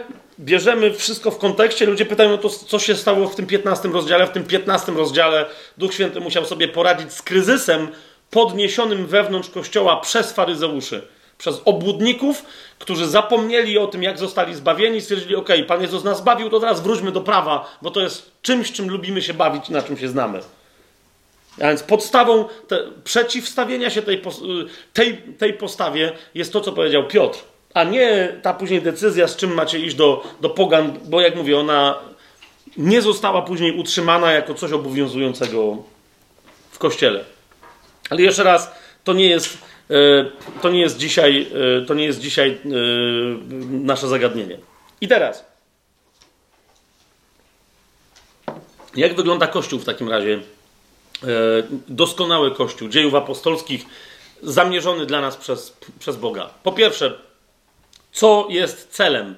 O tym żeśmy sobie ostatnio mówili, ale to przypomnę, bo to zawsze jest fantastycznie przypominać. Księga Objawienia, żadnych innych wątków nie będę tu poruszał. 19 rozdział. To jest, to jest nasz cel. 19 rozdział, 7 yy, i 8 werset. Cieszmy się i radujmy i oddajmy mu chwałę, bo nadeszło wesele baranka, a jego małżonka się przygotowała. Małżonka, czyli kto? Kościół. W tym wypadku już w niebo wzięty tak? który, który, który trafia na wesele baranka. Jego małżonka się przygotowała. I dano jej się ubrać w bisior, czysty i lśniący. I lśniący. Mówiłem, że to nie jest bisior, tylko len, bo ten bisior to sprawiedliwe czyny świętych. Okay? A więc to jest kościół, który jest, jest pochwycony, który idzie na, na wesele baranka, na, a wesele oznacza co? Zjednoczenie, tak? Męża i żony, ci, którzy byli sobie zaślubieni, teraz się jednoczą i stają się jednością. Ok? I, I, dalej w 21 rozdziale tak o naszej przyszłości. To jest cel, tak? To jest cel, ale on, rozumiecie, jego spełnienie w kompletnej radości, niezależnie od tego, że jest przed nami, już tu się ma realizować. No już tutaj mamy, nie czekamy na pośmierci. No już tutaj mamy w sobie, każdy z nas ma zamieszkującego w sobie Boga. Chrystusa, Ojca, Ducha Świętego działającego i my między sobą jesteśmy zjednoczeni w jedno ciało, tak? my się nie staniemy tą małżonką Chrystusa jako, jako społeczność po śmierci, ale my już tu na ziemi jesteśmy ciałem Chrystusa. Jasne to jest? Więc to nas czeka. Wspólnota ze sobą nawzajem, która się wypełni i co najważniejsze, w tej wspólnocie naszej my będziemy jedną społecznością z Bogiem. Zobaczcie 21 rozdział, drugi i trzeci werset.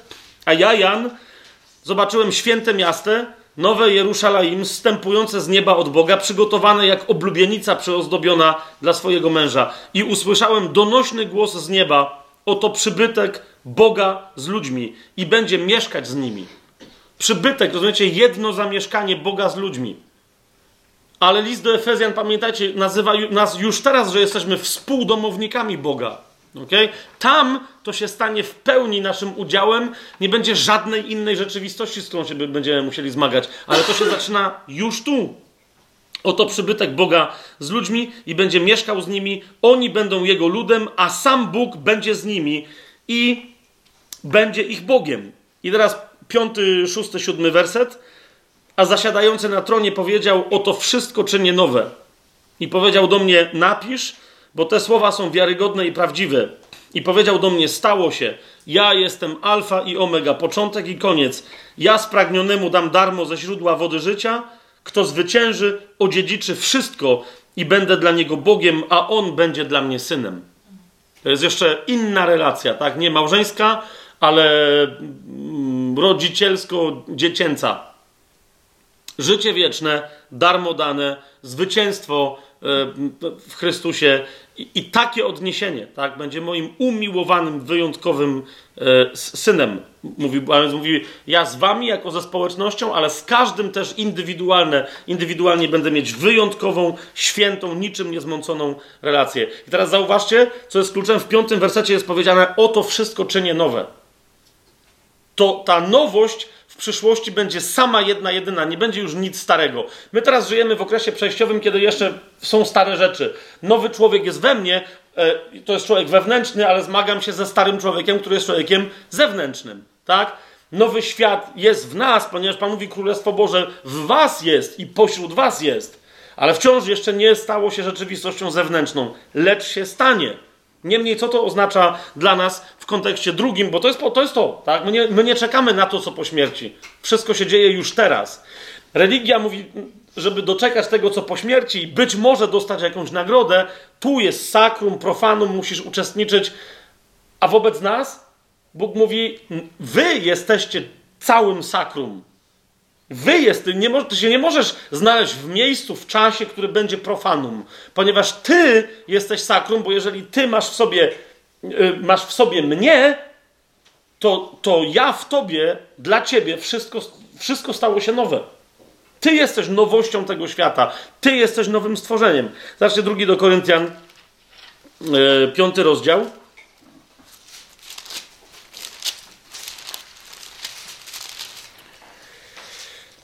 wersety 17 i 18.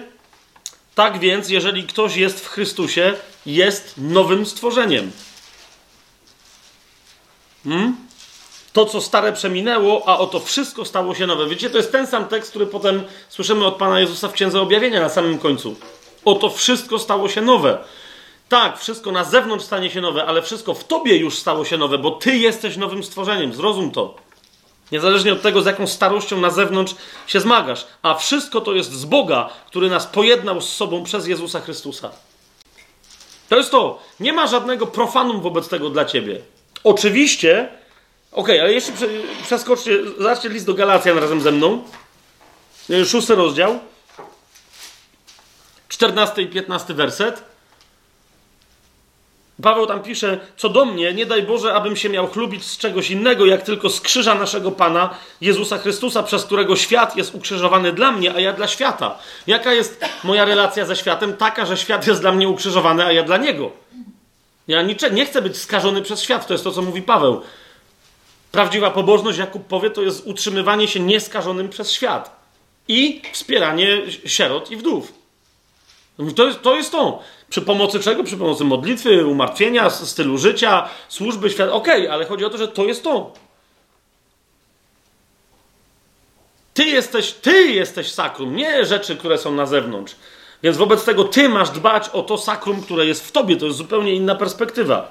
I, I, potwierdza to Paweł w 15 wersecie tego szóstego rozdziału. Mówi w Chrystusie Jezusie bowiem ani obrzezanie nic nie znaczy, ani nieobrzezanie, ale nowe stworzenie. A na tych wszystkich, którzy będą postępować według tej zasady, pokój i miłosierdzie i na Izraela Bożego. Widzicie? Nowe stworzenie jest nie tylko faktem tyczącym się tego, kim my jesteśmy, ale jest też zasadą życia. To jest jedyna zasada sakrum. Ty jesteś nowym stworzeniem. Nic innego się nie liczy. Według tego e, masz żyć. List do e, Ewangelii Jana sobie e, otwórzmy. Bardzo ważny komentarz Pana Jezusa na ten temat, Ewangelia Jana, 15 rozdział. Ewangelia Jana, 15 rozdział, 18 werset. Jezus dlatego mówi, E, bo wy sobie w tym świecie nie możecie stworzyć żadnego sakrum w czasie tego świata, w przestrzeni tego świata i tak dalej. Musicie zrozumieć jedno. W tym świecie wy, sama wasza obecność jest tak święta, że świat wobec was będzie mieć tylko jedną reakcję. Więc nie, nie róbcie żadnego sztucznego religijnego systemu, bo on was nie uchroni przed reakcją świata. Kiedy chrześcijanie próbują udobruchać świat, mówiąc: Zobaczcie, my mamy po prostu taką samą, trochę dziwną, ale taką w zasadzie religię jak wy. Świat nas i tak będzie nienawidzić. I o tym mówi Jezus. Z 15 rozdział, 18 werset i dalej. Jeżeli świat was nienawidzi, wiedzcie, że znienawidził mnie wcześniej niż was. Gdybyście byli ze świata, świat miłowałby to, co jest jego, ponieważ jednak nie jesteście ze świata, ale ja was wybrałem ze świata, dlatego świat was nienawidzi. Przypomnijcie sobie słowo, które wam powiedziałem. Sługa nie jest większy od swojego pana. Jeżeli mnie prześladowali, to i was będą prześladować. Jeżeli moje słowa zachowywali, to i, wasze, to i wasze będą zachowywać. W takiej samej mierze, jak świat reagował wobec mnie, tak wy się macie spodziewać, że świat będzie reagować wobec was. Amen? To jest, to jest, nie ma żadnej innej koncepcji sacrum profanum e, w chrześcijaństwie. Zobaczmy jeszcze 17 rozdział e, tej Ewangelii Jana od 15 wersetu. No właśnie, Jezus wiedząc, że my jesteśmy na tym świecie i jaki jest ten świat, że będzie nas nienawidził i mówiąc uczniom, za chwilę już nie do uczniów mówi, ale do Ojca. Zobaczcie, co mówi. Nie proszę, abyś zabrał ich ze świata. Bo, dlaczego? Bo są inni, którzy na tym świecie jeszcze mają być zbawieni i my im mamy usługiwać. dlatego Jezus mówi: Nie proszę, abyś zabrał ich ze świata, ale abyś zachował ich od złego. Znaczy, my nie ma takich miejsc, czasów.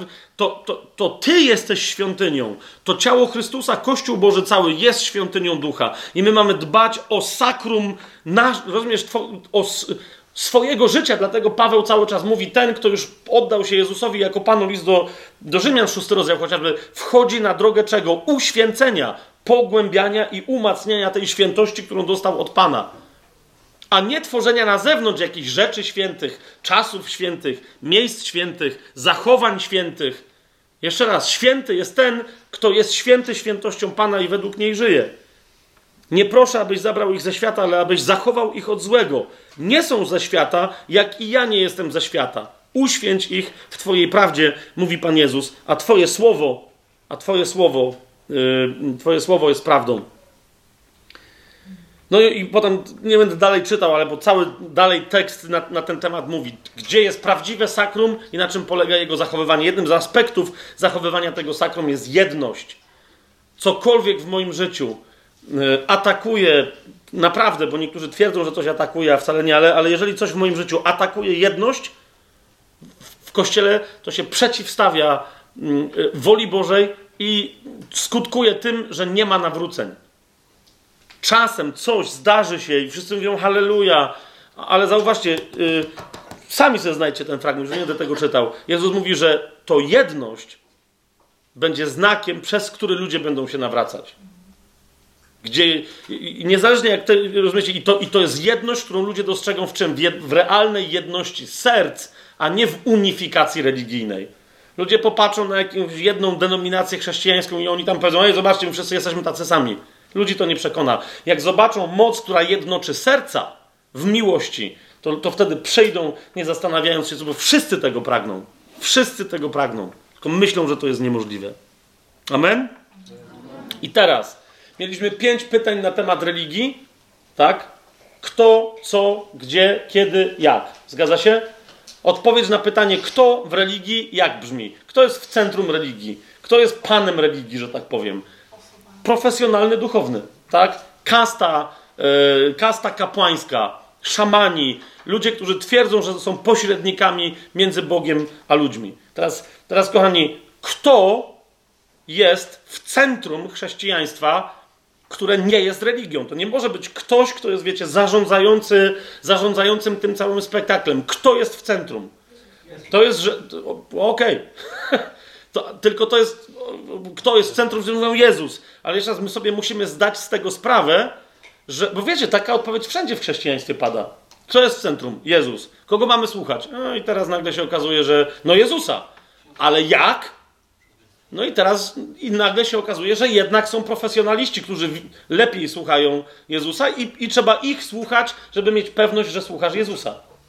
Otóż e, w centrum chrześcijaństwa, tego ruchu, tego, czym my jesteśmy, czyli ciała, jest Bóg, który przemawia przez rozmaite służby w swoim kościele, Bywa, że przez odpowiedzialnych ludzi, ale co jest, że tak powiem, kontrolowane i odbierane przez całe ciało.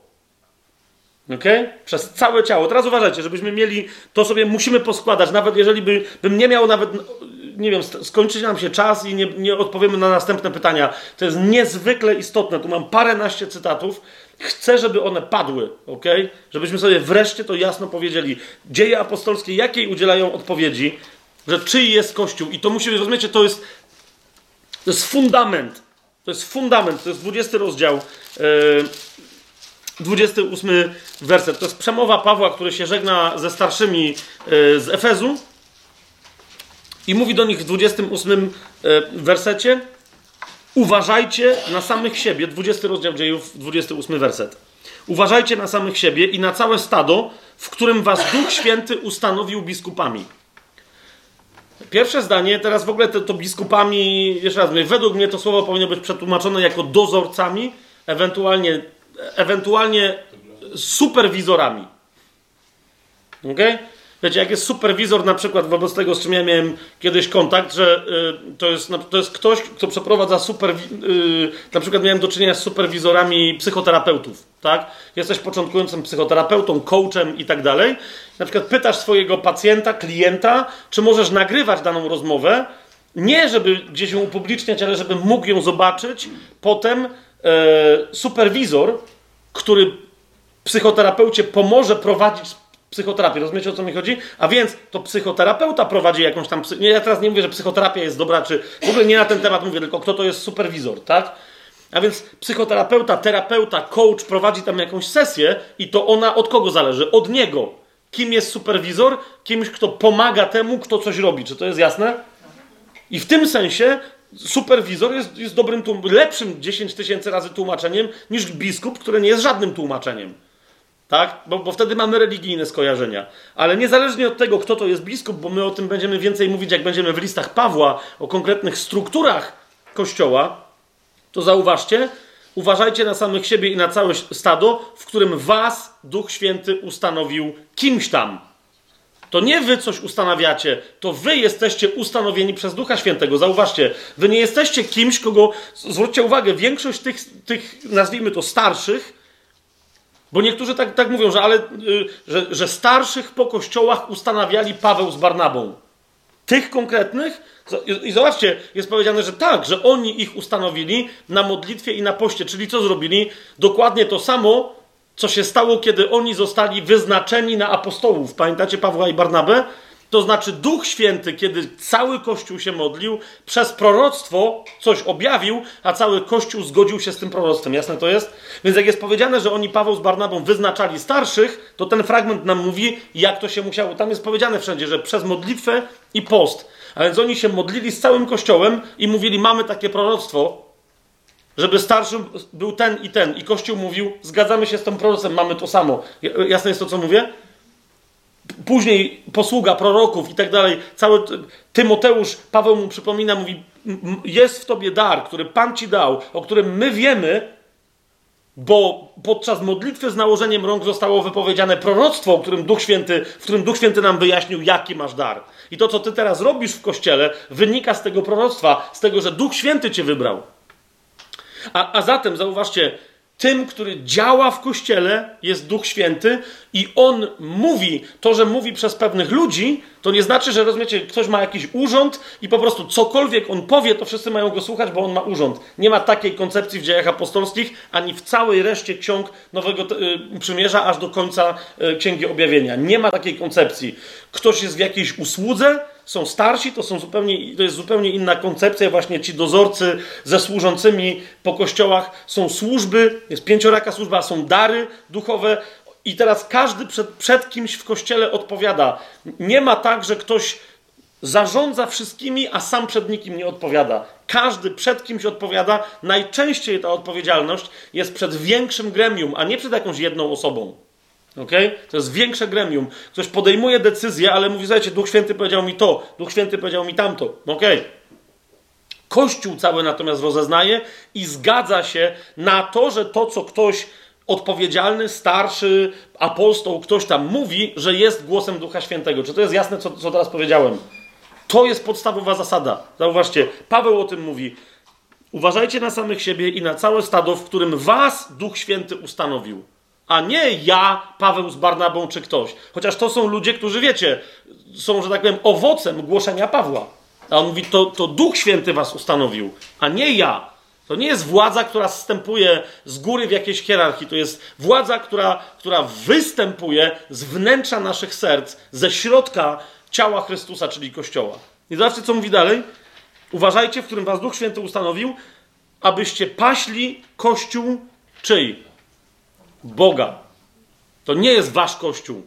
I dlatego on mówi: uważajcie, i, i, i wręcz zwraca im na to uwagę. Mówi: Wy macie odpowiedzialność, Wy jesteście zarządcami może nawet pewnych rzeczy w tym kościele, ale macie odpowiedzialność przed tym, kto tu jest właścicielem, a właścicielem jest Bóg. I teraz dlaczego ja tak mówię? Bo zauważcie, Paweł dokładnie na to im zwraca uwagę. Mówi, to nie jest tylko nazwa, że to jest Kościół Boga. Bóg jest właścicielem, ponieważ Bóg sobie kupił to coś, co my nazywamy Kościołem. Jak? Zobaczcie, abyście paśli Kościół Boga, który On nabył własną krwią. Hmm? On nabył własną krwią. To jest społeczność ludzi nabytych krwią Chrystusa, odkupionych, pozyskanych krwią Chrystusa jednocześnie nie tylko pojedynczo, ale jako cała społeczność, wszyscy my jesteśmy jako rzeczywistość ciała Chrystusa wydobyci z niebytu poprzez krew Chrystusa. Jak więc Bóg sobie ciało Chrystusa, że tak powiem, odkupił i jest Jego, tak ono nigdy nie zaczęło być czyjeś. Tak? Ono nigdy nie zaczęło być nasze, Twoje, moje. Każda nasza decyzja w Kościele musi być nieustannie rozpoznawana. Panie, Ty, Ty, Ty, który nie tylko jesteś Panem świata, nieba, ziemi, ale który jesteś Panem Kościoła, jesteś Panem tego zboru, tej społeczności, tej mojej relacji. Czego Ty chcesz? Jak sprawdzamy, czego Bóg chce? Wypowiadając na głos proroctwo, przekonanie i tak dalej i poddając pod osąd całej reszcie Kościoła. Jeszcze raz, ja, dzisiaj nie mamy czasu, żeby w dziejach apostolskich wszystkie te elementy pokazywać, ale na przykład pod tym kątem przeczytajcie dzieje apostolskie. To jest niesamowite. Znaczy, jak na przykład, w, w, w, który to jest rozdział? Tam, gdzie Piotr, pamiętacie, przy prześladowaniu rozpoczętym przez Heroda ginie Jakub, a Piotr jest wtrącony do więzienia. Pamiętacie, jak on przychodzi? Do, ginie Jakub, który jest bratem Jana, więc jeden z apostołów tych dwunastu, tak? Wtedy, nie, nie będę dziś o tym mówił, tylko przy okazji Jakuba sobie więcej o tym powiemy, zostaje e, jednym z przywódców kościoła w Jerozolimie, zostaje, wszystko wskazuje na to, że brat Pana Jezusa który za czasów, za życia Jezusa w ogóle w niego nie wierzył. Bo, bo Ewangelia Jana nam mówi, że, że jego bracia w niego nie wierzyli. I on jest nagle, rozumiecie, taki gość wchodzi w kręgi starszych kościoła. Piotr, Piotr, którym wiecie, wszyscy mówią Piotr, to, no, nawet jak ktoś nie wierzy w papieży, to, to ale, mówię, ale jednak Piotr to jakby był taki gość. Piotr przychodzi i mówi: przekażcie Jakubowi i starszym, i tak dalej, i potem znika. I idzie gdzie indziej, żeby nie sprowadzić na nich prześladowania, bo, bo się obawia, że, że mogą go w tym miejscu szukać. Tak? On nie jest żadnym szefem, zauważcie, w, Jerozolimie. Piotr nie jest żadnym szefem. Tylko on mówi, kto jest. Tak? Zauważcie, wielki Paweł. Wielki Paweł, i to nie ma co do tego wątpliwości, on za życia nie chce tak być uważany, ale jest wielkim Pawłem. Przybywa do Rzymu gdzie, wiecie, no do Rzymu wcześniej pisał listy, tak? Tam jest kościół lokalny, są kościoły domowe, ma na tym polega, zwięź kościołów, to jest zwięź kościołów domowych, to jest kościół lokalny w danym mieście, tak? I zauważcie, Paweł nie przejmuje żadnej władzy w Rzymie. My, my, dzisiaj z tym swoim wyobrażeniem hierarchiczności w kościele byśmy powiedzieli, no jakby do nas, do, jakby do Krakowa przyszedł Paweł, no to mój Boże, to na pewno by zjednoczył wszystkich pastorów, wszystkie zbory, wszystkie kościoły domowe i te lubiące się, i te pokłócone. No wiecie, a, a Paweł przyszedł do Rzymu i w ogóle nawet nie miał takiej koncepcji. Był więźniem, ale miał wolność pewną, wynajął sobie mieszkanie i pomagał temu kościołowi, głosząc jak mógł, gdzie? U siebie w mieszkaniu. Ale nie, znaczy nie został starszym w Rzymie, nie zaczął tam czegoś zarządzać i tak dalej. Po prostu, tak? Ci starsi, którzy tam byli, byli wystarczająco dobrzy według Pawła. Zresztą jest rzeczą interesującą, popatrzcie na przykład jak Paweł z Barnabą wracają do Antiochii czy oni, chociaż wszyscy wiedzą, że to są wielcy apostołowie i, i Bóg przez nich wielkie rzeczy uczynił, jak wrócili do Antiochii, to są tam jakimiś bosami? Nie. Nagle się okazuje, że proroków i nauczycieli, jak wcześniej jest sześciu w 13 rozdziale dziejów apostolskich wymienionych, tak jak oni już wracają po tej swojej misji pierwszej do Antiochii, tych proroków i, nauczycieli starszych, nauczających na różne sposoby jest znacznie więcej. I tam jest powiedziane, że oni się przyłączają do ich służby, ale jakby nie są, wiecie, żadną siłą wiodącą. Tak? Po prostu kto ma być siłą wiodącą w danym momencie, to Bóg to mówi. Jest, jest rzeczą zadziwiającą, że na przykład w pewnym momencie, y, zostawiam wam ten smaczek, żebyście sami to znaleźli, jest powiedziane o tym, o dwóch, y, no jeden z nich zwłaszcza jest bardzo znany, o dwóch bardzo utalentowanych, przez Boga mocno obdarowanych Bożych mężach, którzy z własnej woli towarzyszą Pawłowi w jego podróży, uważajcie, jest wyraźnie powiedziane, że oni służą jemu. W pewnym oni od niego odchodzą, Paweł nie począł, ale jest wyraźnie powiedziane, że oni jemu służą. W ramach pewnej służby w kościele, akcji, misji, jaką się wykonuje, jedna, jeden z elementów naszej pokory jest to, że rozpoznajemy kogoś, kto jest lidem danego zadania. Rozumiecie o co mi chodzi? Nie, nie ma żadnego urzędu, ale jest, jest lidem, czyli w sensie jest przywód, jest, jest, jest, jest, jest na przedzie danego zadania konkretnego. I wręcz wskazaną rzeczą jest, żeby temu komuś usługiwać tak, jak tylko on tego potrzebuje. Po, po prostu, tak?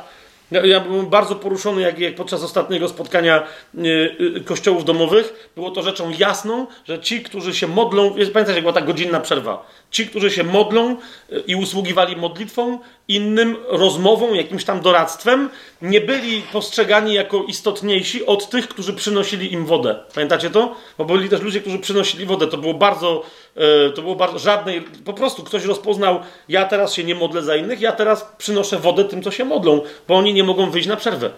O to mi chodzi. Następnym razem może być odwrotnie. Ci, co się modlili, czy co głosili, mogą przynosić wodę tym, co wcześniej przynosili wodę, a teraz, nie wiem, ewangelizują, mówią świadectwo i tak dalej. Jasne? To, to jest to. Nie dostaje się takiej pozycji, w ramach której e, ktoś ma ci służyć w kościele na stałe, ale jednocześnie my to musimy rozpoznać, że czasem podczas jakiejś akcji, sytuacji może być tak, że ktoś jeden bardzo mocno wydatkuje swoją energię, jest na przedzie, e, jest, wiecie, nazwałbym to frontmanem i inni wtedy mu służą, nie ma w tym niczego złego. Chodzi tylko o to, żeby to się nie zamieniło w stałą sytuację, w ramach której komuś to się należy. Jasne jest to?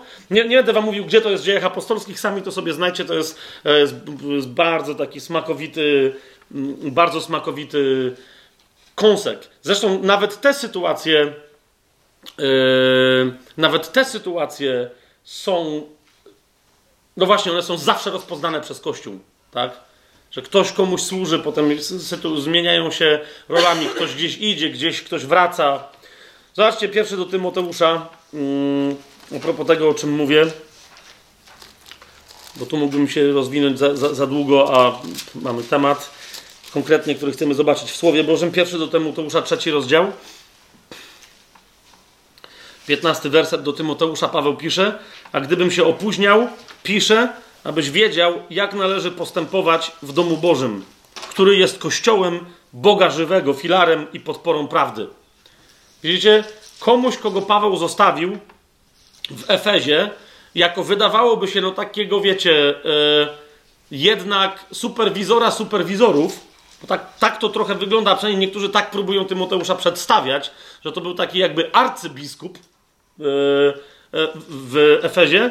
Paweł mu mówi, że, że mu pisze, jak należy postępować, gdzie? W domu, który należy do Boga a, a, nie do Tymoteusza. To nie, to nie jest jego poletko doświadczalne, to nie jest jego laboratorium, gdzie może eksperymenty robić y, z, z rządzenia, tylko po prostu on tam jest, to jest dom Boży.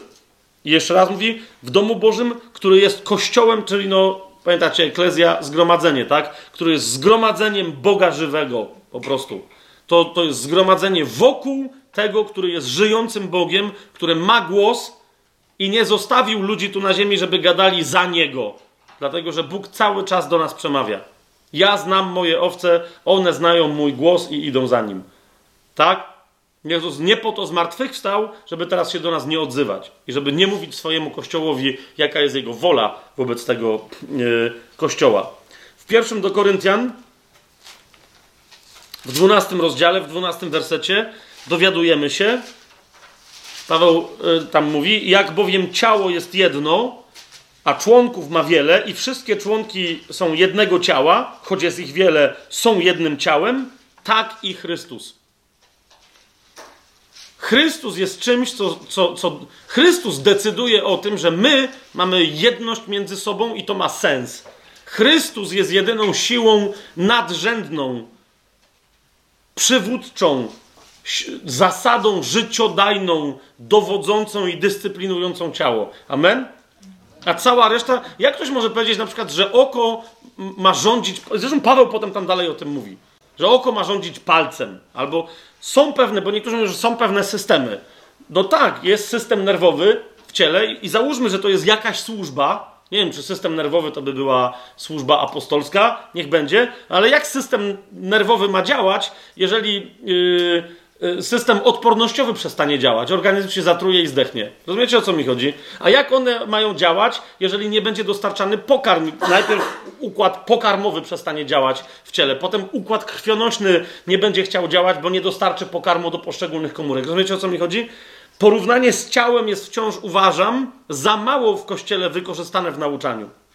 Rozmawialiśmy ostatnio z fantastyczną siostrą e, w Lublinie, która jest studentką e, medycyny. Ona mówi, że, że w zasadzie, gdyby w kościele chciała nauczać, to, to chciałaby nauczać o tym, że, że Kościół jest ciałem i to wszystko, czego się na medycynie dowiaduje, przekładać jako pewien rodzaj metafory na to, jak to ma działać e, w Kościele. O, o, o Ewę mi chodzi. Ewa, jeżeli słuchasz teraz tego, to, to pozdrawiam, a jeżeli słucha tata, który jest jej pastorem, to w takim razie taty mówię, że, tacie mówię, że przekazał Ewie, że, że ma... Słucham? Nie tylko jej pastorem. No nie jest tylko jej pastorem, on jest jej tatą, ale o mój Boże. No i zaczęło się religijne dowodzenie. W każdym razie pozdrawiam siostrę Ewę i pozdrawiam, pozdrawiam tatę brata Przemka. Ehm, Otwórzmy sobie list do Efezjan. Jeżeli gdzieś chcielibyście y, więcej ten temat zgłębić, ja tylko wam go zaznaczę, to według mnie jednym z takich. Bo wszyscy mówią, że ciało jest nauczane w pierwszym do Koryntian. Eee, ale według mnie jest nauczane komplementarnie w liście do Efezjan. Poza pewnymi wątkami, zasadniczo szkieletem listu do Efezjan jest nauczanie o, o Kościele jako o ciele, jako o jedności, jako o domu Bożym. Zobaczcie pierwszy rozdział listu do Efezjan, 22 i 23 werset. Tam jest mowa o tym, co Bóg zrobił i między innymi jest powiedziane i wszystko poddał pod Jego stopy, czyli pod czyje stopy? Chrystusa. I wszystko poddał pod Jego stopy, a Jego samego dał jako głowę ponad wszystkim. Czemu dał? Komu dał jako głowę? Kościołowi który jest jego ciałem i pełnią tego, który wszystko we wszystkich napełnia. Wiecie, samo to jedno zdanie w tych dwóch wersetach zawarte to jest sensacyjna rzecz. Zobaczcie, co jest powiedziane. Nie, bo wszyscy mówimy, no tak, no jest głową, a Kościół jest ciałem, ale zobaczcie, co jest powiedziane o ciele, że Kościół jest jego ciałem i pełnią tego, który wszystko we wszystkich napełnia tu na ziemi. Ale cały Kościół, a nie jakieś rzekome w nim urzędy, jacyś jego reprezentanci, jacyś jego, wiecie, e, zarządcy. Więc yy, widzicie, list do Efezjan wiele tajemnic zdradzając, tu jedną z nich istotną jest, yy, jest oczywiście Kościół. Sami sobie znajdźcie dokładnie ten wątek i tę myśl, która się rozwija na temat Kościoła wszędzie w całym tym liście, ale zwracam wam uwagę dalej, drugi rozdział, 19 werset i dalej gdzie jest powiedziane, a więc nie jesteście już więcej obcymi i przybyszami, ale współobywatelami ze świętymi i jesteście domownikami Boga. Już tutaj, jako Kościół na ziemi. Zbudowani na fundamencie apostołów i proroków, do tego jeszcze dzisiaj wrócimy, ale to pamiętajcie, zbudowani na fundamencie apostołów i proroków, gdzie kamieniem węgielnym jest sam Jezus Chrystus, na którym cała budowla razem zespolona rośnie w świętą świątynię w Panu, na którym i wy razem się budujecie, aby być mieszkaniem Boga przez ducha. Zauważcie, nie tylko każdy i każda z nas, ale my razem jako społeczność mamy być mieszkaniem Boga przez ducha. Jest teraz pytanie, czy społeczność, którą ja nazywam moim kościołem, moim kościołem domowym, moim zborem, moim, czy, czy to jest apartament e, wart, żeby Bóg w nim zamieszkał? To, to jest pytanie, które Kościół sobie powinien stawiać. Nie, wiecie, może ca, ale tam, gdzie on realnie jest kościołem, zbór, społeczność jakaś, kościół domowy. Czy mój kościół to jest apartament, w którym Bogu jest dobrze? Bo, bo, bo kościół tu na ziemi jest tak zamierzony, jako, jako, jako także mieszkanie dla Boga przez ducha.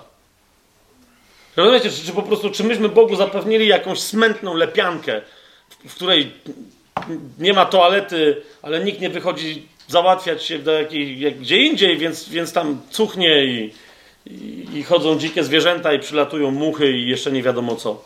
Na, naprawdę. To, rozumiecie, tego typu zda- niektórzy, często jest tak, że my czytamy takie zdania, one są takim, wiecie, taką poezją i o, jak pięknie jest napis. To jest konkret na temat Kościoła. Z każdego wersetu biblijnego można sobie zadać pytanie. To pytanie tutaj, z 22 wersetu, to jest jakim my jesteśmy yy, mieszkaniem dla Boga. I czy w związku z tym to, że jesteśmy jakimś mieszkaniem, jest dziełem ducha, czy, czy jakimś naszym dziadowskim pomysłem. Teraz list do Efezjan, czwarty rozdział, 15-16 werset. Tam jest powiedziane, że to, że my jesteśmy ustanowieni jako Kościół w jedności, nie znaczy, że nie mamy zadań jako Kościół.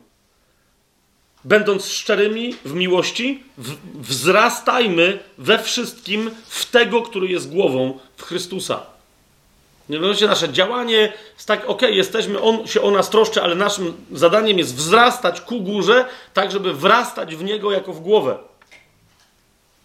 Z Niego całe ciało harmonijnie złożone i zespolone we wszystkich stawach, dzięki działaniu każdego członka stosownie do jego miary, przyczynia sobie wzrostu dla budowania samego siebie w miłości. Kolejne potężne zdanie na temat tego, jakie siły działają w ciele Chrystusa. My o tym będziemy więcej mówić przy okazji pierwszego do Koryntian, przy okazji listu do Efezjan, ale jeszcze raz, jak ktoś potrzebuje to nie jest tylko jedna metafora w jednym miejscu. Zauważcie, to jest konkretny obraz, którym Paweł non-stop się posługuje i ta e, siostra studentka medycyny, którą tu, e, której zdanie tu przywołałem, ma rację, kiedy, kiedy mówi, że za mało nauczy. Zauważcie, to jest mowa o stawach, to jest mowa o członkach konkretnych, wzajemnym ich oddziaływaniu. Za mało, za mało pokazujemy, jak Kościół jest organizmem i dlatego za dużo myślimy o nim jako o organizacji. Po prostu. Za mało myślimy o nim i widzimy w nim ciała, a za dużo struktur, które są strukturami budowlanymi raczej niż żyjącymi. W Bogu ta, bo ktoś powie, no ale świątynia, ale budowla, ale ta budowla jest żywa. To jest budowla żyjąca, która rośnie i się rozwija, no, okay? która ma serce, które, które w niej bije. I w końcu zobaczcie list do Efezjan, jeszcze kolejny wątek.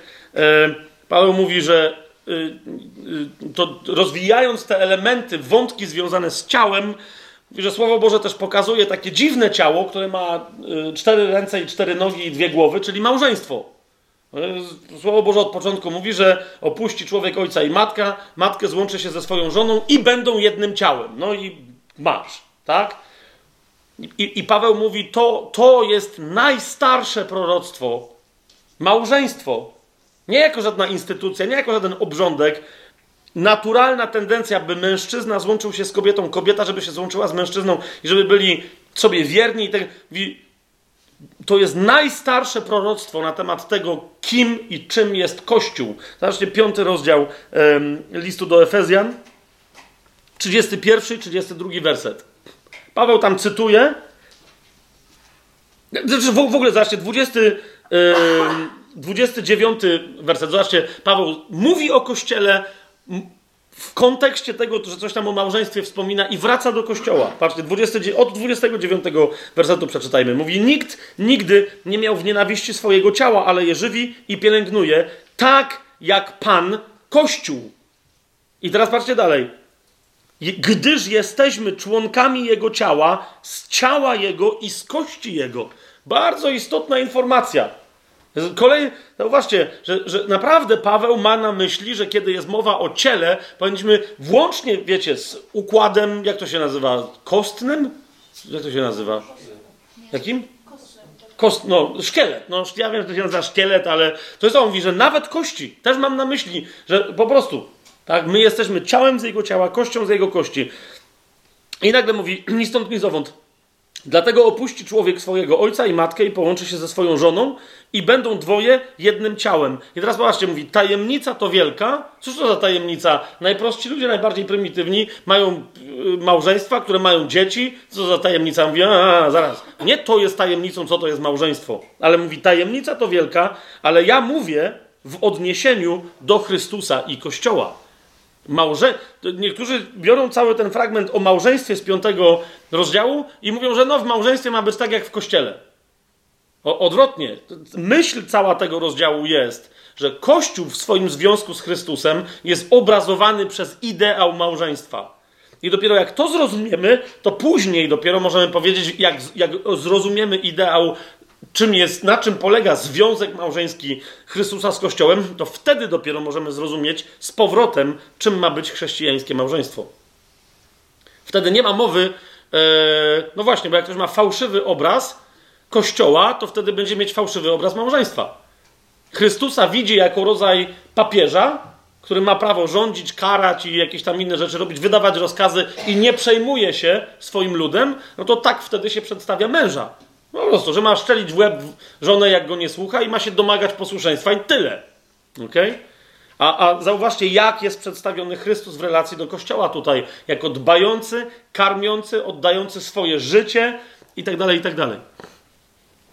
Taki ma być mąż. Ale jeszcze raz, nie mówimy teraz o małżeństwie, tylko mówimy o tym, że Paweł tu mówi, że, że małżeństwo jest, jest tajemnicą, jest, jest, jest, jest, jest obrazem tego, jak ma wyglądać związek Kościoła z Chrystusem.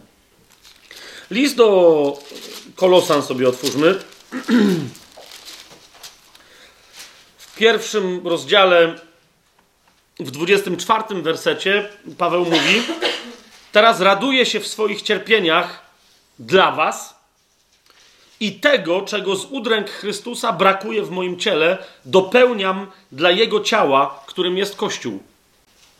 Widzicie, jeżeli mamy właściwe rozumienie tego, czym jest Kościół i, jaką miłością Chrystus darzy Kościół, wtedy jednym z aspektów wzmacniających nas wtedy, kiedy doznajemy cierpienia, na przykład przez prześladowanie, jest właśnie ta świadomość. Kim, kim, nie czym dla Chrystusa jest Jego ciało, kim jest Jego Kościół. Jest Jego oblubienicą. I, i, i, to, I wtedy nagle ktoś, kto jest elementem walki o ten kościół i dla tego kościoła, co, co robi? Zaczyna się cieszyć i poczytuje to sobie za zaszczyt, że może cierpieć dla imienia Chrystusa yy, i dla tego kościoła, uczestnicząc w tym, w czym najpierw Jezus uczestniczył, nabywając sobie Kościół, a więc w tych cierpieniach, które poniósł na krzyżu. Jeszcze raz nie będę teraz w to wchodził, bo tam w to wejdziemy, jak będziemy w liście do Kolosan, ale jeszcze raz, jeżeli kogoś to zainspiruje, zobaczcie tutaj. Jeszcze raz, jak, jak, jak otwierająca, jak głęboko e, dotykająca jest tajemnica ciała Chrystusa. Niektórzy mówią, że, że to takie wątki są tylko u Pawła. E, spójrzcie u Piotra w takim razie. W pierwszym Piotra, w drugim rozdziale, czytamy w czwartym i piątym wersecie o tym, że mamy się zbliżyć do Niego, czyli do Chrystusa, do kamienia żywego, odrzuconego wprawdzie przez ludzi, ale przez Boga wybranego i drogocennego. I wy sami, zauważcie, to jest to, co powiedziałem o tej żyjącej budowli, i wy sami, jak żywe kamienie, jesteście budowani w duchowy dom, stanowiąc święte kapłaństwo, aby składać duchowe ofiary przyjemne Bogu przez Jezusa Chrystusa. To jest kolejna rzecz. Nie będę dzisiaj o tym mówił, ale ciało zakłada nie tylko, że wyjątkowi ludzie, jak Paweł, ale że my wszyscy jesteśmy wyjątkowi i że my wszyscy mamy składać duchowe ofiary yy, Bogu. Co to są za ofiary, to teraz nie będę tego rozwijał, ale to zwróćcie uwagę, bycie kapłanem, a wszyscy jest, my stanowimy powszechne kapłaństwo. To znaczy, że stanowimy powszechne kapłaństwo, że wszyscy w kościele są kapłanami. A propos, wiecie, kto, kto w kościele, kto, w kościele nie ma żadnej kasty kapłańskiej. W kościele najważniejszy jest Bóg, a jak działa przez swoich kapłanów, czyli przez wszystkich. ok? Na różne sposoby, ale przez wszystkich. Czy to jest jasne? Kto w kościele, ale jest w kościele kapłaństwo, jest, ale powszechne, to znaczy niewyjątkowe, nie tworzące wyjątkowej kasty. Jeżeli gdzieś ktoś mówi, to jest wyjątkowy urząd, to jest, tu jest wyjątkowa władza w chrześcijaństwie, jeszcze raz mówię, rozumiem, że to są pozostałości tego, co z chrześcijaństwem się działo w historii, ale to nie jest Boży ideał. Zobaczcie, dziewiąty i dziesiąty werset.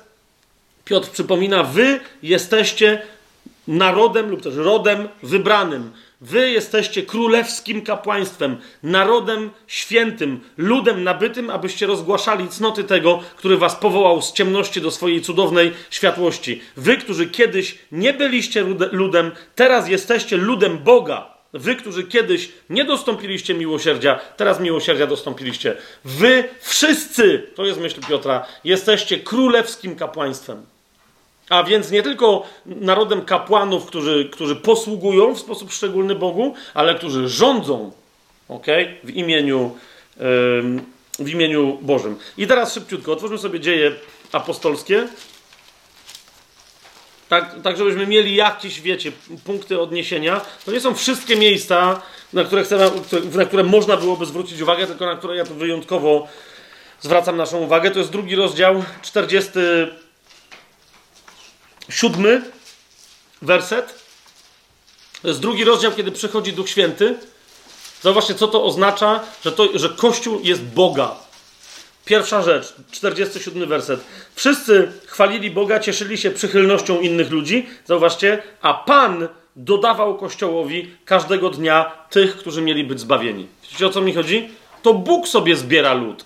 To Bóg ludzi odkupia, to Bóg prowadzi dzieło ewangelizacji, a nie my. On sobie gromadzi Kościół. On jest yy, protagonistą, bym powiedział, w całej tej historii. Zobaczcie, dzieje apostolskie, czwarty rozdział. Dzisiaj częściowo yy, tam z tego rozdziału się modliliśmy. Dziewiętnasty yy, werset. Wobec właśnie religijnych ludzi, którzy mówią, macie nas słuchać, zauważcie, oni odpowiadają nie tylko wobec was, ale w ogóle Piotr z Janem odpowiedzieli: rozsądźcie, czy to sprawiedliwe w oczach Boga bardziej was słuchać niż Boga. To jest pierwszy raz, kiedy oni mówią ludziom religijnym. Ale później ta, ta zasada się jeszcze bardziej uszczegółowi na zasadzie, że, że należy bardziej słuchać Boga aniżeli ludzi. Nie tylko ludzi spoza kościoła, ale także wewnątrz kościoła. Dopóki Kościół nie ma rozeznania, że ktoś mówi słowa Boże i ich nie przyjmuje jako słowa Bożego, to on nie ma żadnych prerogatyw, żeby tak czy siak przepchnąć swoją wolę. Po prostu. Yy, czwarty rozdział, 29 mm, werset, właśnie dzisiaj się modliliśmy. Spójrzcie, jak, jak Kościół prosi. 29 werset. A teraz, Panie, spójrz na ich groźby. To są groźby ludzi z zewnątrz Spójrz na ich groźby i daj Twoim sługom z całą odwagą głosić Twoje słowo. Kiedy? Tutaj powinno paść pytanie, które nam otworzy zrozumienie tego wersetu. Daj nam głosić z odwagą Twoje słowo. Kiedy? Kiedy Ty wyciągniesz swoją rękę, aby uzdrawiać i dokonywać znaków i cudów przez imię Twojego świętego Syna Jezusa. Wiecie, niektórzy mają odwrotne rozumienie w tym wersecie, że kiedy my zaczniemy głosić, to Bóg na pewno wyciągnie rękę nad tym. Rozumiecie o co chodzi? A oni mówią, Panie, kiedy Ty wyciągniesz rękę, a my to zobaczymy, wtedy daj nam głosić Twoje słowo z całą odwagą. To oni rozpoznają Boga jako tego, który rozpoczyna akcję. Widzicie to? Daj nam głosić całe Twoje słowo z całą odwagą, gdy Ty wyciągniesz swoją rękę. Nie wtedy, kiedy my zdecydujemy. My jesteśmy wpatrzeni w Ciebie. I teraz zobaczcie, Yy, zobaczcie, co się tam dalej dzieje. A gdy oni się modlili, zatrzęsło się miejsce, na którym byli zebrani, i wszyscy zostali napełnieni Duchem Świętym. I z odwagą głosili Słowo Boże. Dlaczego? Ponieważ to Duch Święty ich do tego pobudzał. Okay? To nie oni sobie wymyślili. Nie stworzyli systemu ewangelizacji, nowego modelu. Teraz mamy plan. Duch Święty jest naszym planem. Naprawdę. I to nie chodzi o to, żebyśmy w głupi sposób improwizowali, ale najwyższy czas, żeby Kościół zamiast tworzyć programy ewangelizacyjne, strukturalne, koncepcje, jak gdzie dotrzeć, zamiast tego, żeby się wsłuchał na kolanach w głos Ducha Świętego, aż będzie jasno słyszał, jaki plan ma Duch Święty. Nigdy nie będziemy mieli lepszego. Dzieje apostolskie, piąty rozdział. Zobaczcie, to, to jest ta sławna historia z Ananiaszem i Safirą. Ale znów, oni przychodzą, sprzedali jakieś tam e, posiadłości, oddają Kościołowi pieniądze z tego, ale część sobie zostawiają. To właśnie, czy Piotr ma do nich pretensje, że oszukali Kościół? Nie, bo Kościół tu nie jest żadną siłą nadrzędną. Zobaczcie trzeci werset. Piotr powiedział Ananiaszu, dlaczego szatan tak napełnił twoje serce, abyś okłamał kogo? Ducha Świętego i odłożył sobie część pieniędzy za ziemię. Mówi, nie, nie, nie okłamałeś żadnych tu biskupów, starszych, ludu, kościoła, okłamałeś tylko i wyłącznie Ducha Świętego. I zobaczcie dziewiąty werset. Potem przychodzi żona Ananiasza i znowu Piotr powiedział do niej, dlaczego się ze sobą zmówiliście, aby wystawić na próbę Ducha Pańskiego? Widzicie to? Dlaczego się ze sobą zmówiliście, aby wystawić na próbę Ducha Pańskiego? To jest siła nadrzędna, to jest przywódca w Kościele. Jeden, jedyny, który rzeczywiście jest ponad Kościołem, który ma wolę o jaką kość, o, o, o poznanie, której Kościół powinien e, nieustannie zabiegać. W tym samym piątym rozdziale, zobaczcie, 29 e, werset i dalej. Jeśli to jest to, co powiedziałem, znowu jest spotkanie z Sanhedrynem i Piotr im wprost mówi. Wtedy Piotr i apostołowie odpowiedzieli, bardziej trzeba słuchać Boga niż ludzi. Wiecie, to jest zasada fundamentalna. Bardziej trzeba słuchać Boga niż ludzi. Bóg naszych ojców wskrzesił Jezusa, którego wy zabiliście zawiesiwszy na drzewie. Tego Bóg wywyższył swoją prawicą, aby był władcą i zbawicielem, aby ludowi Izraela dać pokutę i przebaczenie grzechów. Kto jest władcą, nie tylko zbawicielem? Jezus. On jest realnym zarządzającym i on, on wyjaśnia, dlaczego mamy słuchać Boga, a nie ludzi. Ponieważ Jezus ma władzę i on ją realnie sprawuje. Jak my mamy pójść do ludzi i mówić, że Jezus jest Panem, jeżeli my sami sprawujemy władzę, pozwalamy ludziom między sobą sprawować ich władzę, a nie sprawdzamy, czy oni sprawują władzę, rozumiecie, Jezusową. Jezus nie daje ludzi, którzy mają władzę. Jezus daje poznanie swojej woli. I tak sprawuje swoją władzę w kościele. Przez tych, którym daje to poznanie, ale Kościół to poznanie rozpoznaje. Po prostu. I nikogo na stałe, nigdy na, na, na długie bo czasem, jeszcze raz mówię, misja, zadanie i tak dalej, ale nie ma czegoś takiego w tym rozumieniu takim, wiecie, zwłaszcza dożywotnim, jak jakiś urząd wieloletni. I, I jakby coś, co niektórzy nazywają charyzmatem urzędu. Wie, wie, wiecie, co, o, o co mi idzie? Że ponieważ ktoś ma jakiś urząd, to przez sam fakt, że jest na tym urzędzie, musi mieć obdarowanie. Wcale nie musi. Wcale nie musi. Dzisiaj niektórzy, z przykrością stwierdzam, nie tylko w kościele rzymskokatolickim, bo to mnie tam już dzisiaj średnio, średnio interesuje, ale w kościołach ewangelicznych się dowiadują, e, że, że mieli poznanie pewnej dwuznaczności, niejednoznaczności tego, e, no właśnie, pewnych przywódców w, kości w kościołach ewangelicznych w Polsce i nie wiedzieli, co jest grane, ale bali, no mówili, ja zaraz, no, ale jak on jest w takiej pozycji, pastora, biskupa, kogoś, to przecież musi być super. I co się okazało? Teraz dopiero wychodzą e, papiery, w których się okazuje, że taki to był pasterz, że sprzedawał swoich ludzi, także w ramach ewidentnie, rozumiecie, grożących utratą życia misji, e, że sprzedawał swoich ludzi służbie bezpieczeństwa i komunistycznym organom ścigania.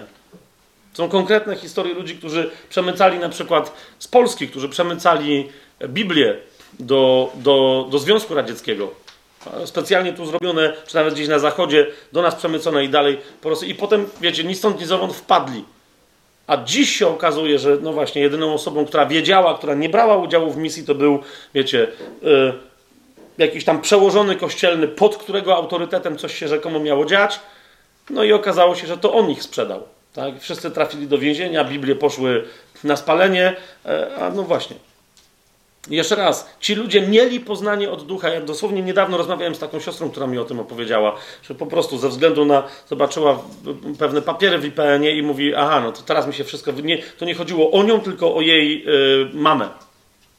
I ona mówi, no to teraz mi się wszystko dopiero zaczyna wyjaśniać, ale mówi, ale, ale ja zawsze wiedziałam, że jest coś nie tak z tym gościem. Rozmawiałam z rodzicami i oni wszyscy mówili, coś jest nie tak, oni mieli poznanie w duchu, ale mówili, no ale przecież, przecież jak on jest na tym stanowisku, to, to, to Bóg namaszcza to stanowisko. No, no nie.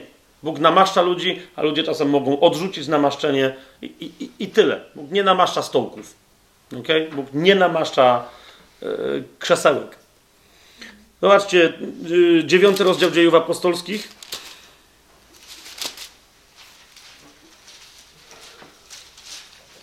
Trzydziesty pierwszy werset. To jest bardzo, bardzo, bardzo istotne zdanie, powiedziałbym wręcz pod pewnymi względami centralne w dziejach apostolskich.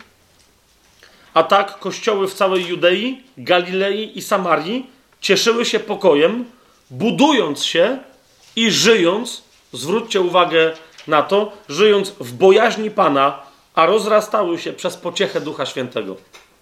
Dwa fundamentalne aspekty przepływu życia w kościele: bojaźń a więc posłuszeństwo, bo to jest to wobec Pana, którym jest Jezus, i pociecha, która płynie z obecności w nas Ducha Świętego.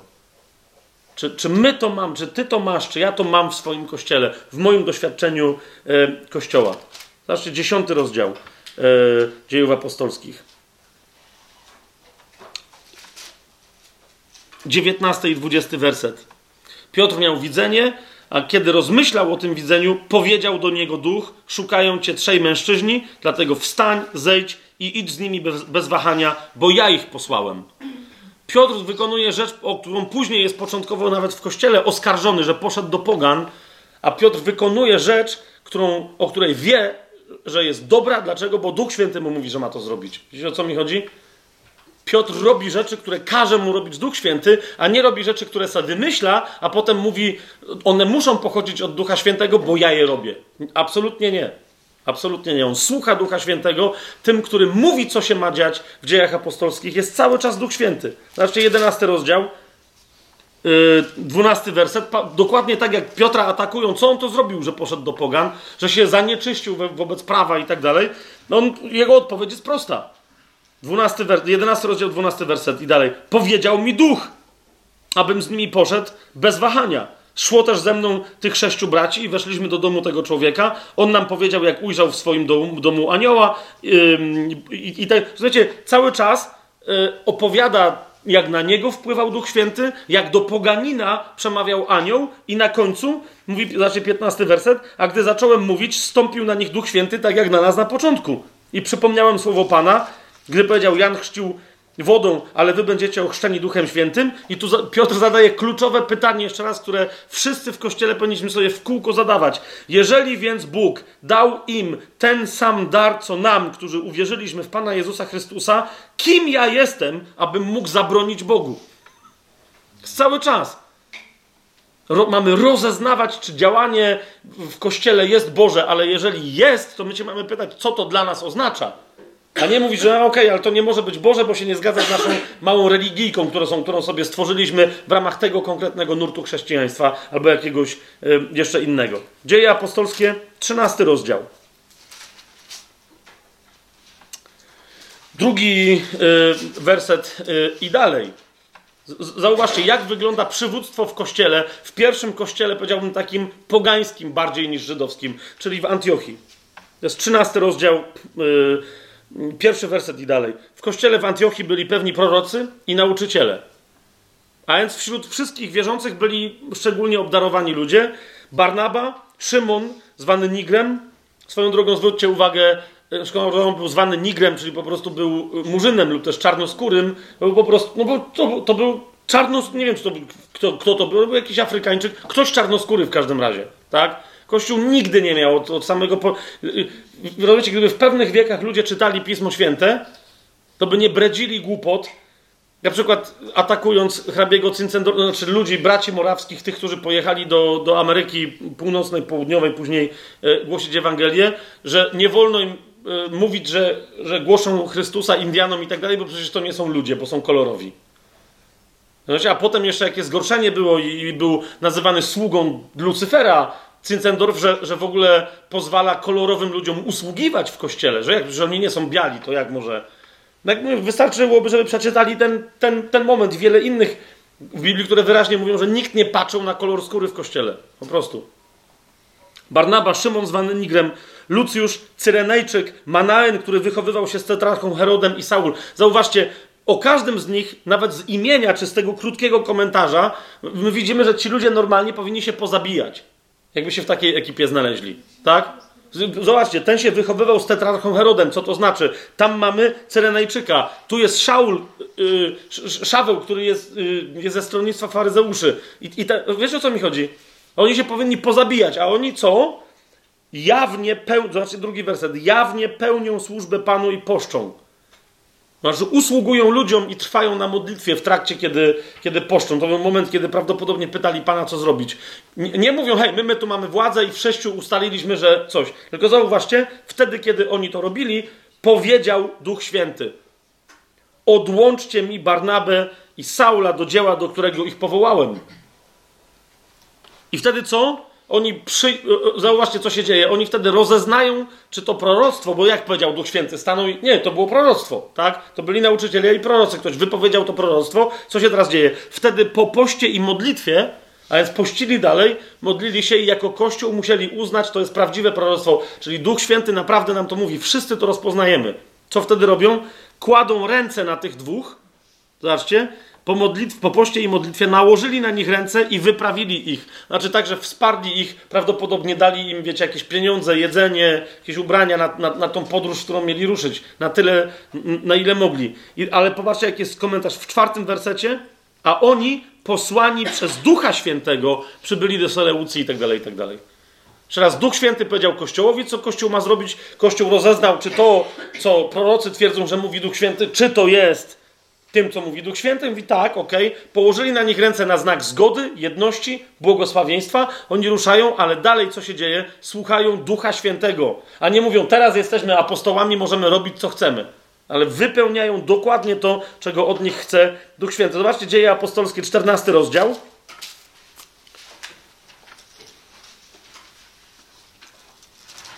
Jak wracają e, do Antiochii, Paweł z Barnabą, byli w Pergę, zeszli do Atalii, teraz mamy werset 26 i dalej. Stamtąd popłynęli do Antiochii, gdzie przedtem zostali poruczeni łasce Boga do dzieła, które wykonali. A gdy tam przyszli i zebrali kościół, opowiedzieli, co opowiedzieli? Co Bóg przez nich uczynił i jak otworzył poganom drzwi wiary.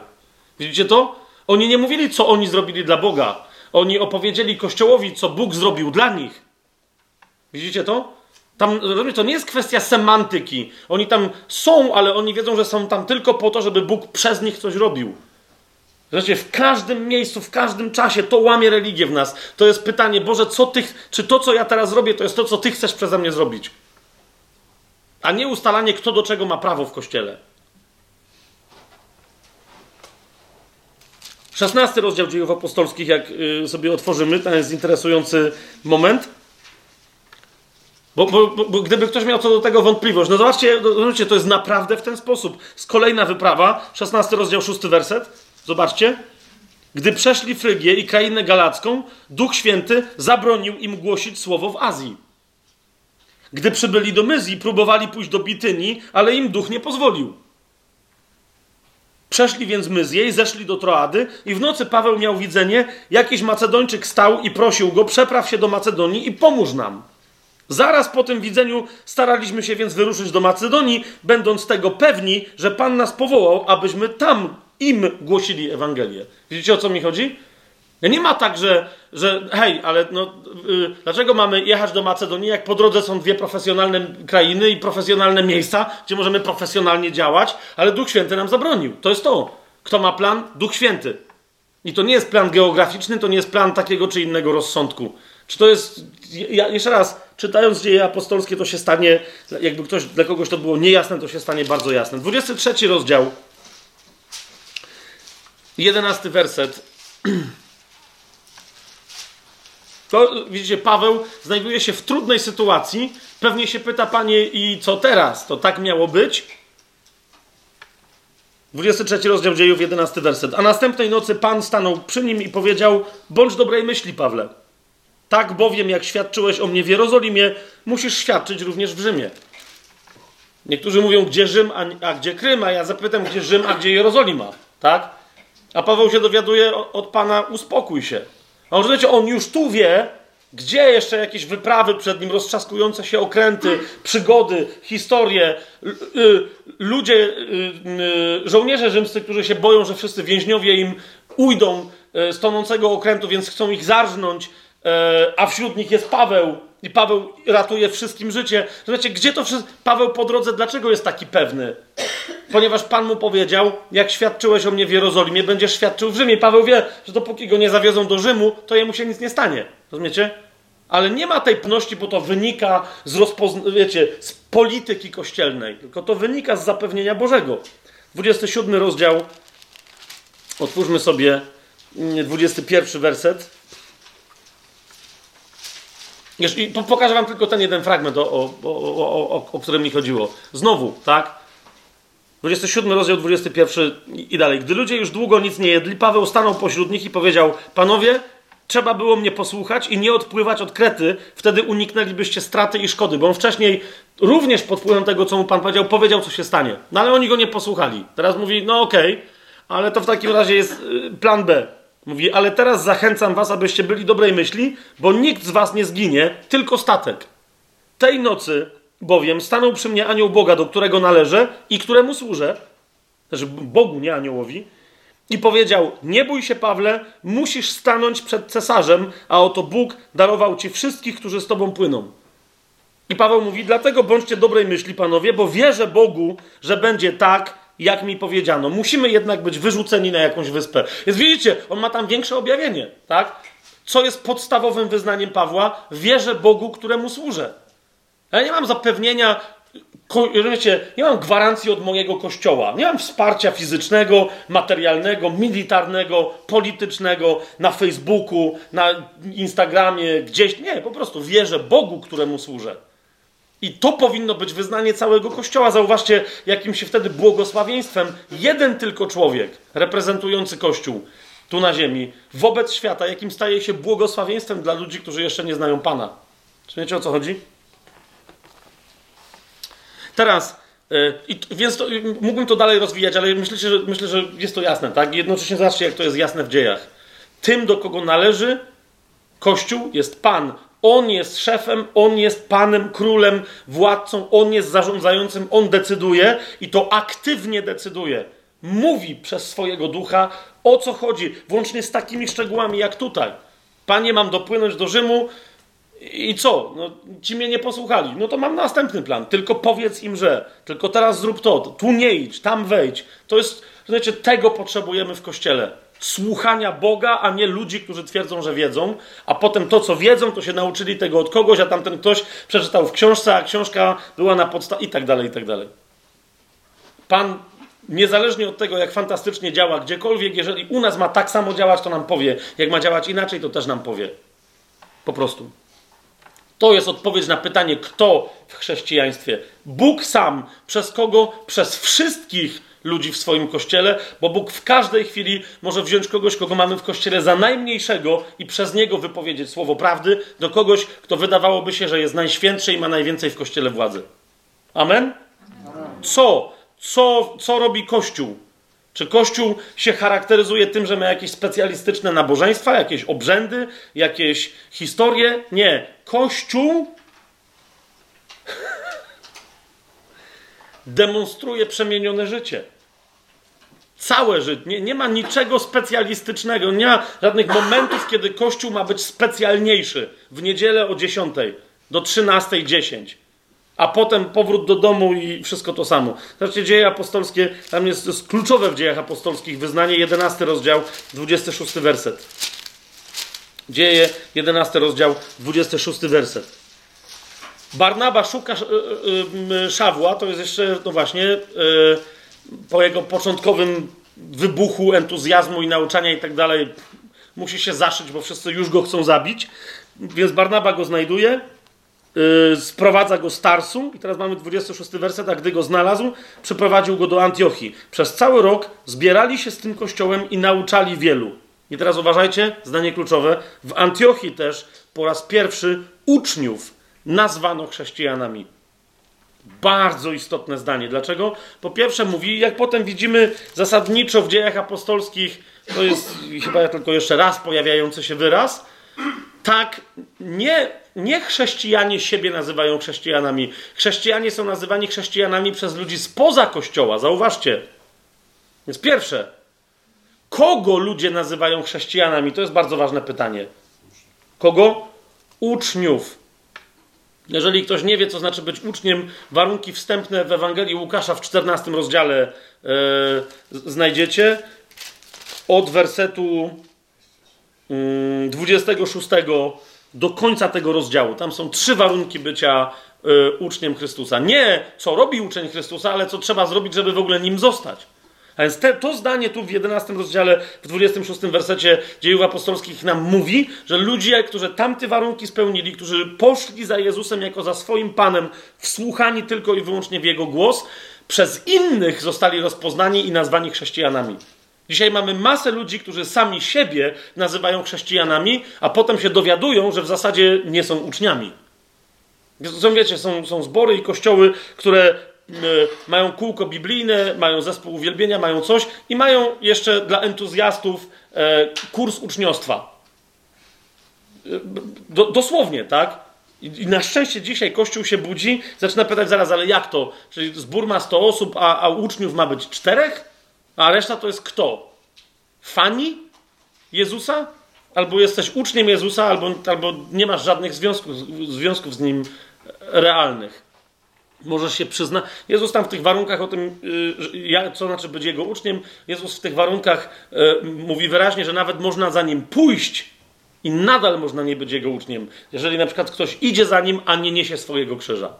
I te, ale jeszcze raz, sami sobie możecie sprawdzić tamte... Yy, tamte, y, tamte warunki. List do, w dziejach apostolskich mam tu parę wypisanych wersetów, ale um, powiem to inaczej. Prześledźcie sobie wszystkie. Jednym, jedynym aspektem, bo ktoś mówi, ale wieczerza pańska, pamiątka wieczerzy. E, wieczerza, jak po, o, o, niej będziemy więcej mówić przy okazji pierwszego do Koryntian. E, ale Paweł mówi, w zasadzie każde spotkanie, przy którym jest chleb, albo przy którym się możemy napić wina, jest dobrą okazją, żeby się połamać chlebem i zrobić to, co Pan Jezus mówił, żeby robić na Jego pamiątkę. Nie rób, rozpoznajcie Kościół, który czyni pamiątkę, ale nie róbcie z pamiątki nabożeństwa. Po prostu. Nawet w tej sytuacji, o której, którą dopiero przed chwilą czytałem, zauważcie, że Paweł pamiątkę sam dla siebie robi. Bierze chleb, łamie, błogosławi. Inni widząc to, ośmieleni, zaczynają co robić? Zaczynają jeść chleb, ale Paweł sam dla siebie zrobił pamiątkę wieczerzy. Mówię, prześledźcie samo łamanie chleba w dziejach apostolskich, bo ono nie jest tylko na początku powiedziane, że ludzie spod, łamali chleb po domach i się modlili, tak? Ale to jest to. Łamanie chleba jest czymś, co, co, co my czynimy na pamiątkę Jezusa, rozpoznając Kościół przy tym łamaniu chleba, gdzie w codziennym przemienionym życiu. Całe nasze życie ma być przemienione. Nawet, nawet pamiątka wieczerzy, jak my się gromadzimy, to nie gromadzimy się po to, żeby obchodzić, żeby robić specjalny religijny obrzęd. My się gromadzimy, aby się ucieszyć jako Kościół, wzmocnić, dać świadectwo, jak całe nasze życie jest fantastycznie przepełnione mocą Ducha Świętego. Okay? Całe nasze życie. Może jedyny komentarz, jaki dam, to, to, to, to, to z listu do Efezjan. E, czwarty rozdział sobie otwórzmy.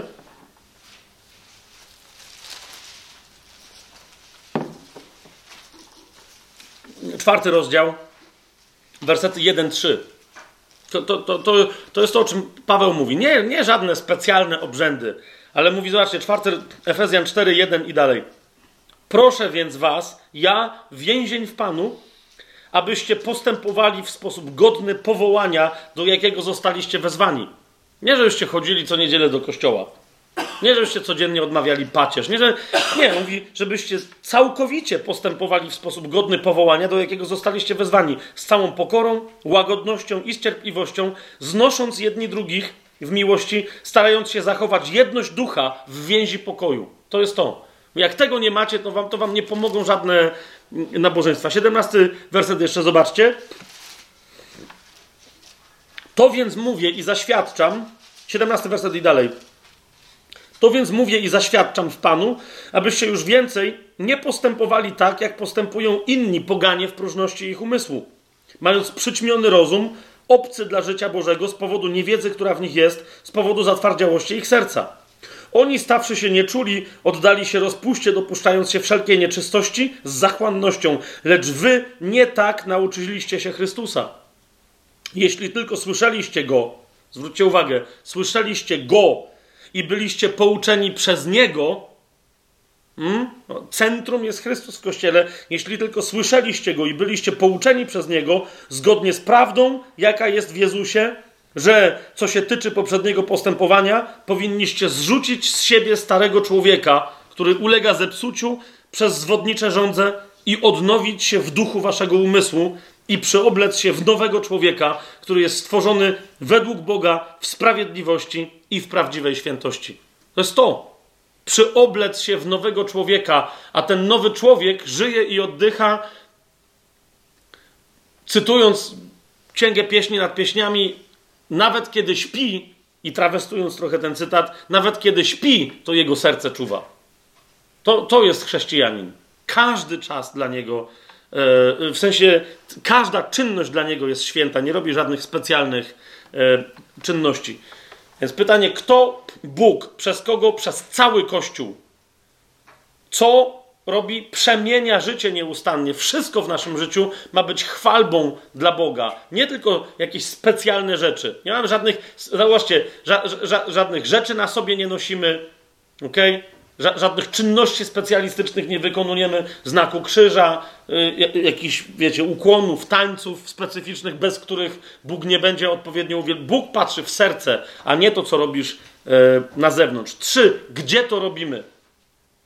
Przede wszystkim nie w świątyniach. Okay? W dziejach apostolskich, zobaczcie, e, zwracam niektórym z Was e, e, na to uwagę, którzy mocno pracują z e, katolikami rzymskimi na przykład. Zauważcie, zasadniczo Szczepan doszedł do momentu, w którym właśnie zaatakował świątynię i wtedy Został on zaatakowany i oddał życie. Pierwszy świadek w Jerozolimie, e, taki, który przelał krew dla Chrystusa. Siódmy rozdział um, dziejów apostolskich, 48 werset. Zaraz po tym, jak, jak Szczepan mówi, że Salomon Bogu zbudował dom, zauważcie, jak komentuje tę świątynię, że pewnie poszedłby dalej, gdyby nie został zaatakowany, że to był pewien obraz tego, co Bóg zamierzył dla Kościoła. Tak? No ale nie doszedł. Niemniej, co powiedział? Najwyższy jednak, to jest 48 werset i dalej, najwyższy jednak nie mieszka w świątyniach uczynionych ręką. Jak mówi prorok, niebo jest moim tronem, a ziemia pod nóżkiem moich stóp. Jakiż dom mi zbudujecie, mówi Pan, albo gdzie jest miejsce mojego odpoczynku? Czy tego wszystkiego nie uczyniła moja ręka? To mówi Bóg. No i później Szczepan jest zaatakowany wobec tego, co, e, co powiedział i oddaje życie dla Pana Jezusa. Ale zobaczcie w 17 rozdziale, już nie Żydom, ale poganom w Atenach, Paweł mówi dokładnie to samo, jeszcze bardziej szczegółowo. To wszystko to, co, czym się religia posługuje w ramach sakralizacji jakiegoś miejsca, a więc, że buduje jakiś kościół, w sensie w cudzym słowie, tak? Świątynię dla Boga, jakieś tam w środku ma sprzęty i tak dalej, i kapłanów, którzy tam. Paweł mówi, że to wszystko są bzdury zupełne. 17 rozdział, 24 werset i dalej. Paweł mówi tak.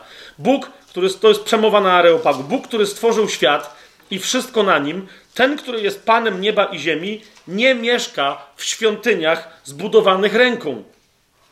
Ani nie jest czczony rękoma ludzkimi, tak jakby czegoś potrzebował, ponieważ sam daje wszystkim życie i oddech i wszystko.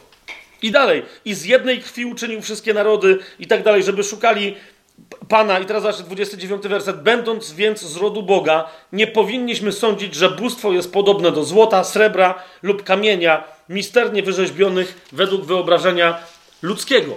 I potem zaczyna głosić, co zaczyna głosić zmartwychwstałego, no i to wprowadza nerwowe e, e, poruszenie wśród tamtych. Okay? Nie, nie ma żadnych specjalnych, świętych, wyjątkowych miejsc. Gdzie gromadzi się Kościół?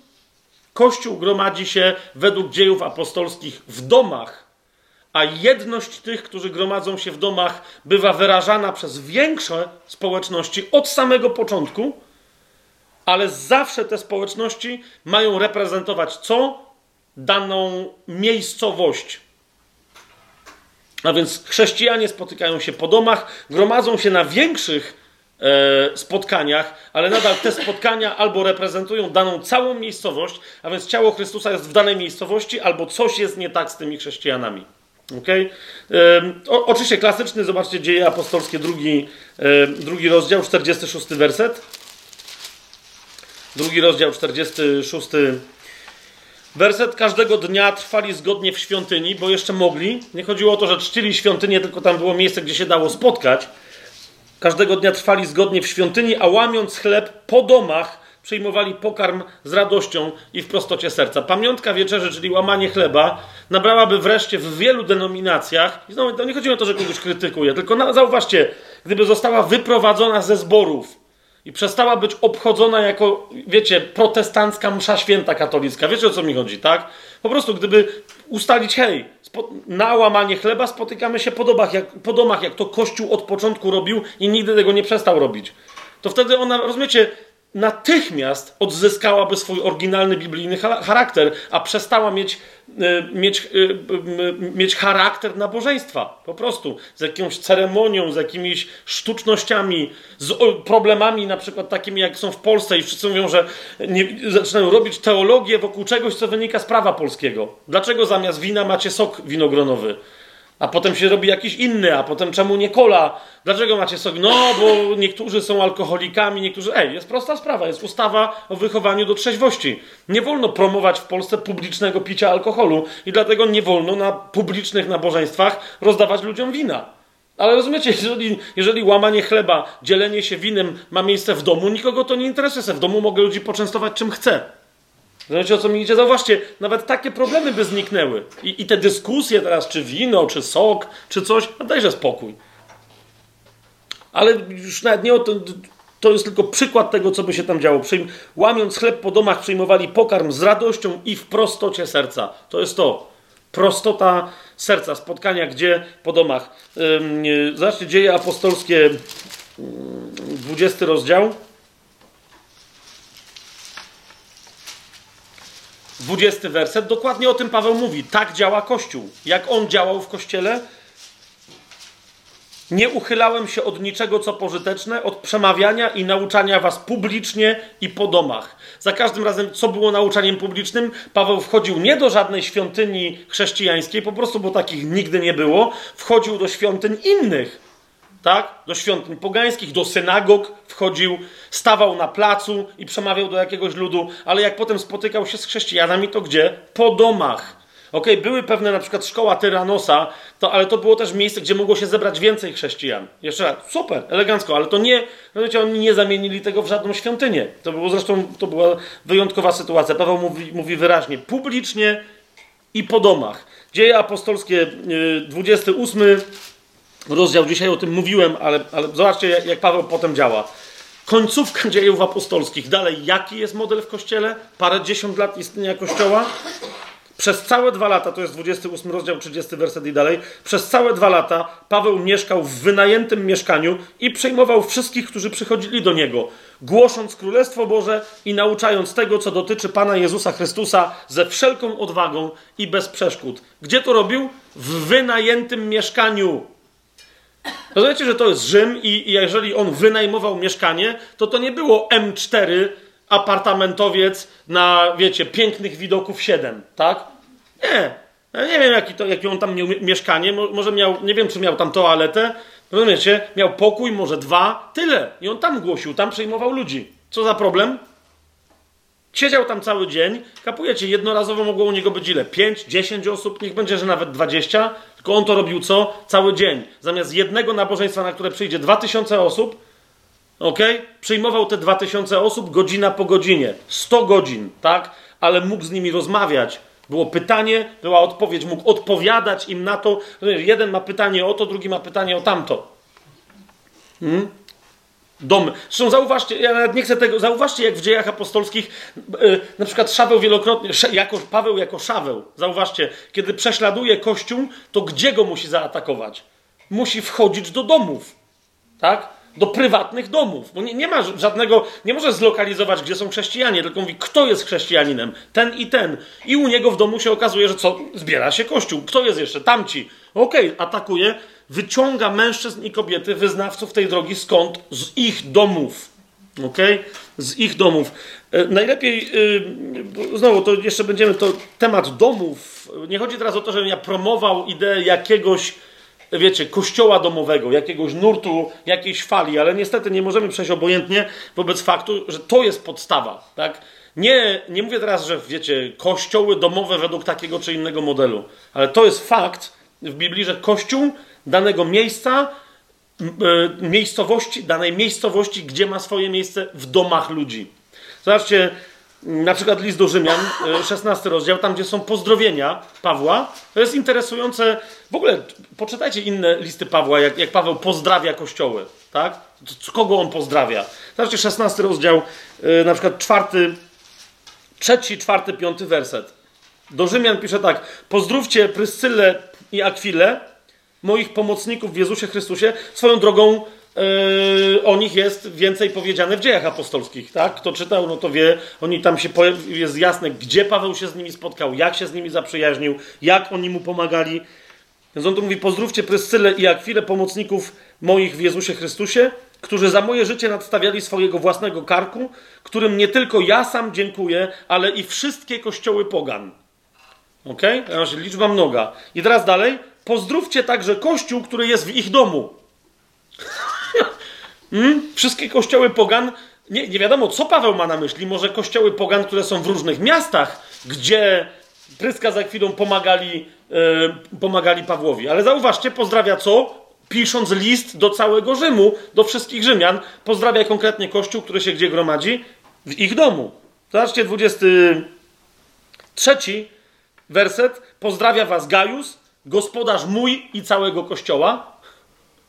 Ewidentnie to jest znowu ko- kolejne miejsce, gdzie to jest dom, tak? gdzie, gdzie Gajus przyjmuje kościół. Pozdrawia was Erastus, szafarz, miejsca, szafarz miasta i Kwartus, brat. Okay? A więc mamy kogoś, kto posługuje w całym mieście, w całej miejscowości, tak? rozporządza darem Bożym. A Więc to jest to, ale w całej tej miejscowości nie ma żadnych innych struktur. Ludzie się gromadzą, gdzie przynależą do konkretnego kościoła domowego. Ci się zbierają w domu tego. Prześledźcie, mówię, wszystkie pozdrowienia Pawła. ok?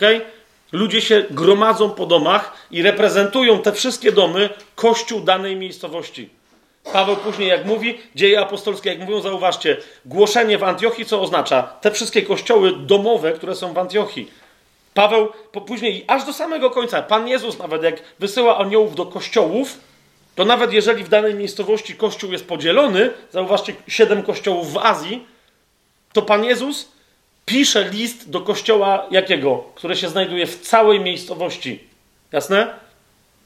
To jest to, gdzie, gdzie się gromadzą kościoły. Tak, tak się rozkłada siła ciała Chrystusa na świecie.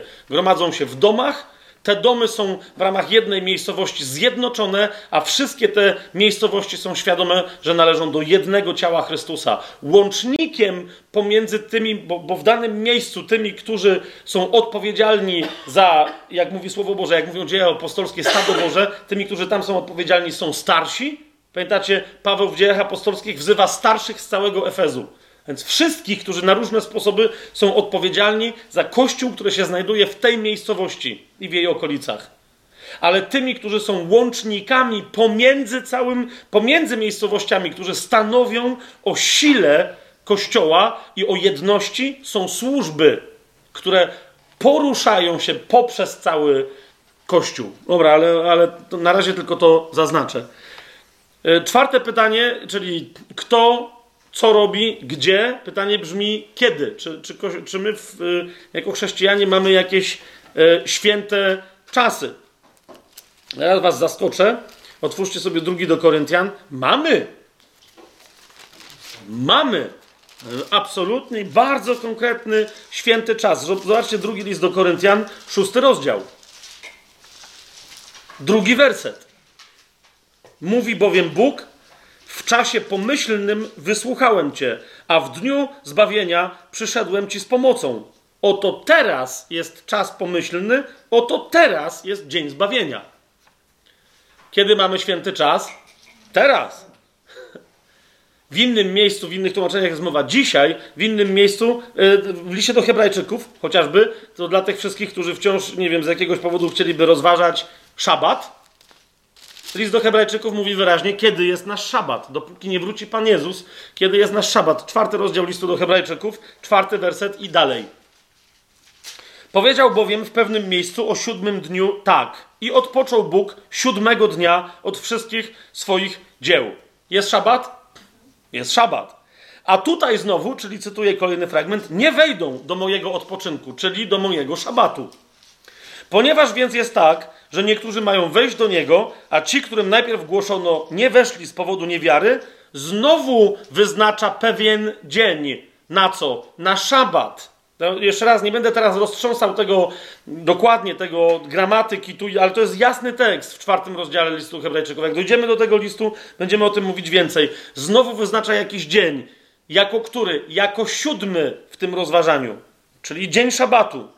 Znowu wyznacza pewien dzień, mówiąc przez Dawida po tak długim czasie, co mówiąc? Dzisiaj.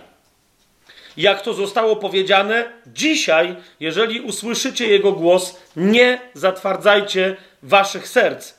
Gdyby bowiem Jozue zapewnił im odpoczynek, czyli szabat, Bóg nie mówiłby potem o innym dniu. A tak zostaje jeszcze odpoczynek, czyli szabat dla ludu Bożego. Kto bowiem wszedł do jego odpoczynku, ten także odpoczął od swoich czynów, tak jak Bóg odpoczął od swoich. Teraz zauważcie, jak konkluduje tę myśl tutaj Paweł, starajmy się wejść więc do owego odpoczynku, aby nikt nie wpadł w ten sam przykład niewiary. Jak sobie rozważycie cały czwarty rozdział, zobaczycie wyraźnie, że, że tutaj Paweł mówi, jak dalej mówi, że świątynia, prawo, one są nieobowiązujące, one są tylko znakiem. Tu rozważa święte świętych kalendarza żydowskiego, czyli szabat. I mówi, naszym szabatem jest każde dzisiaj. Naszym szabat, ty masz codziennie szabat. Ja mówię, ale co, ja codziennie pracuję. A, a on mówi, no właśnie. ale twój szabat ma na czym polega? Na czym polegać? Żebyś ty odpoczął od swoich uczynków, tak jak Bóg w pierwszym szabacie odpoczął od swoich. Ale to nie znaczy, że masz przestać działać. Masz tylko przestać wykonywać swoje czyny. A to jakie mam? O co chodzi? List do Efezjan. Jesteśmy w nim stworzeni, pamiętacie, drugi rozdział, dziesiąty werset, do uczynków, które Bóg z dawna zamierzył, abyśmy w nich postępowali. To, to, jest, to, jest, to jest to. Nowy szabat nie oznacza konkretnego dnia w tygodniu, ale oznacza każdy dzień w tygodniu, każdą godzinę w dobie, okay? każdą minutę w godzinie, kiedy mamy wykonywać wolę Bożą. To jest, to jest święty czas. Jaki czas? Cały czas. Yy, I dlatego w liście do Kolosan, jeszcze raz to przypomnę, dobre rzeczy trzeba dobrze, yy, trzeba często przypominać. Repetycjo mater studiorum, powiadają ponoć mądrzy ludzie. Kolosan, yy, drugi rozdział, 16-17 werset. Niech więc nikt was nie osądza z powodu jedzenia lub picia, a także co do święta, nowiu księżyca lub szabatu. Są to cienie rzeczy przyszłych, ciało zaś jest Chrystusa. To są cienie rzeczy przyszłych. Ciało jest Chrystusa. Ciało codziennie ma dzisiaj jako dzień łaski i dzień zbawienia, aż dopóki Pan Jezus nie powróci. Amen? I teraz, no więc mamy kto, co, gdzie to ma robić, kiedy to ma robić i ostatnie pytanie, jak to ma robić. Z tego wszystkiego, co tu już mówiłem, cały czas przebija się jedna myśl. Mamy jedną, jedyną strukturę, jedną, jedyną kontrolę, a tą kontrolę ma sprawować Duch Święty. Jak? przez posłuszeństwo Duchowi Świętemu. Dziewiąty rozdział y, dziejów apostolskich, 31 werset. Jeszcze raz to przeczytajmy. Kościoły w całej Judei, Galilei i Samarii cieszyły się pokojem, budując się i żyjąc w bojaźni pańskiej i rozrastały się przez pociechę Ducha Świętego. Okay? ten Duch Święty konstruuje, jednoczy całe ciało przez służby jedną. E, I teraz fundamentalne dla Kościoła, teraz powiem coś, co znowu, wybaczcie mi, że dzisiaj już nie mamy czasu, bo już trzy godziny przekroczyliśmy, ale, ale chcę, chcę to jeszcze powiedzieć, tak? Fundamentalne dla Kościoła, dla jego funkcjonowania i dla jego jedności są służby apostolska i prorocza. My mamy dzisiaj Kościół zborów, które są zborami ewangelistów, nauczycieli i pasterzy. A mamy mieć Kościół, który stoi na fundamencie proroków i apostołów. List do Efezjan, drugi rozdział, dwudziesty werset. Tak? Nie jesteście już więcej obcymi przybyszami, ale współobywatelami ze świętymi i domownikami Boga, zbudowani na fundamencie apostołów i proroków. Okay? Teraz e, zauważcie, w Księdze Objawienia jest tak istotne ci apostołowie i prorocy.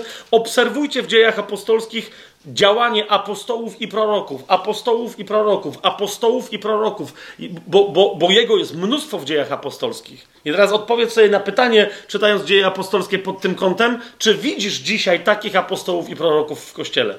Ja widzę, ale wciąż milion razy za mało. W porównaniu z, z tak ewidentnie widocznymi ludźmi, którzy przynajmniej podają się za nauczycieli, pasterzy e, i ewangelistów. I wielu z nich jest. Nie o to mi chodzi, że, że są fałszywi. Ale jeszcze raz, to nie jest fundament Kościoła. Kościół wreszcie będzie stabilny, mocny, w jedności, kiedy będzie mieć fundament. Oczywiście, że ten fundament jest założony na kamieniu węgielnym, którym jest Chrystus, ale mają tam być apostołowie i prorocy. Zobaczcie Księgę Objawienia, yy, 18 rozdział, no to już jest koniec Biblii, tak? Koniec ksiąg apostolskich Nowego Testamentu. Zobaczcie 18 rozdział. Nie wiem, czy kiedykolwiek zwróciliście yy, uwagę na to wezwanie. 20 werset 18 rozdziału. Raduj się nad nim niebo, oraz święci apostołowie i prorocy, bo Bóg pomścił na nim waszą krzywdę. Widzicie, to, że my nie mamy, albo że mamy mało apostołów i proroków dzisiaj w kościele, wynika z tego, że, że, że diabeł, jedna z jego strategii polega na tym, żeby atakować te służby, żeby podważać ich wiarygodność, żeby niszczyć najbardziej apostołów i proroków. I, I, oni w pewnym momencie, ci, którzy byli apostołami i prorokami, zobaczą Bożą pomstę e, za to, jak byli gnębieni, ale my powinniśmy ich otoczyć szczególną, szczególną opieką. Okay? Dostrzec ich, rozpoznać i otoczyć szczególną opieką. Nie w sensie jakiegoś czczenia, tylko w sensie opieki e, modlitewnej. Zobaczcie dzieje apostolskie. Oczywiście niektórzy pytają, no ale jak to apostołowie, to jest tych dwunastu na początku. Jak, jacy, jakich gdzie nie ma potem żadnych apostołów. E, mnie to czasem dziwi, no bo nie wiem, jak ktoś czyta dzieje apostolskie. Zobaczcie, 14 rozdział, gdzie nie ma żadnego z 12 apostołów. Yy, to jest 14 rozdział dziejów apostolskich, tylko jest Paweł i Barnaba, i oni głoszą. Yy, zobaczcie, 13 rozdział, 46 werset mówi: Paweł i Barnaba powiedzieli odważnie, i tak dalej. I teraz wobec tego, co oni robili, doszło do podziału i jak ten podział został określony. Zobaczcie, 14 rozdział, czwarty werset. I mieszkańcy miasta podzielili się. Jedni byli z Żydami, a drudzy z kim? Z apostołami. Paweł i Barnaba, liczba mnoga, są rozpoznani ewidentnie przez Słowo Boże yy, jako apostołowie. Zobaczcie, 14 werset. Gdy usłyszeli o tym, apostołowie Barnaba i Paweł rozdarli swoje szaty i wpadli między tłum, wołając ludzie, co robicie i tak dalej, i tak dalej. A więc jak są nazywani y, e, Barnaba i Paweł? Są nazywani jednoznacznie apostołami. Mamy taką służbę. Zobaczcie, w Księdze Objawienia w drugim rozdziale, w drugim wersecie, Pan Jezus w liście swoją drogą do Efezu Mówi między innymi o tym, że tam się pojawili fałszywi apostołowie i co interesujące, chwali Kościół w Efezie Pan Jezus, że potrafił rozpoznać ich, że oni się przedstawili jako apostołów, a nimi nie byli i, i Efes im to powiedział, wy nie jesteście prawdziwymi apostołami. Zobaczcie drugi rozdział, drugi werset. Znam twoje uczynki, twoją pracę i twoją cierpliwość i że nie możesz znieść złych i że poddałeś próbie tych, którzy nazywają się apostołami, a nimi nie są i stwierdziłeś, że są kłamcami. Widzicie to? I mówi, za to cię chwalę, Efezie. To y, Jezus po paru dziesięciu latach istnienia, yy, wiecie, z parę dziesiąt lat, yy, w zasadzie 50 albo nawet 60 od dnia pięćdziesiątnicy. A więc mamy tę służbę, yy, absolutnie mamy tę służbę w Kościele. I jeszcze druga rzecz, zobaczcie, dzieje apostolskie, wróćmy tam. Jedenasty rozdział.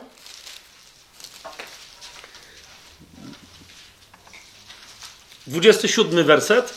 Widzicie, apostołowie są tymi, którzy y, budują kościół, zakładają kościoły. Zobaczcie na, na, na służbę Pawła i Barnaby, ale też są tymi, którzy wracają do kościołów, czy przychodzą do już założonych i umacniają te kościoły. To jest zadanie apostołów, tak? rozszerzać Kościół wraz z ewangelistami, budować Kościół wraz z wszystkimi służbami, wspierać te służby, wspierać starszych lokalnych, wszędzie. To są apostołowie. Apostołowie są nieustająco w ruchu.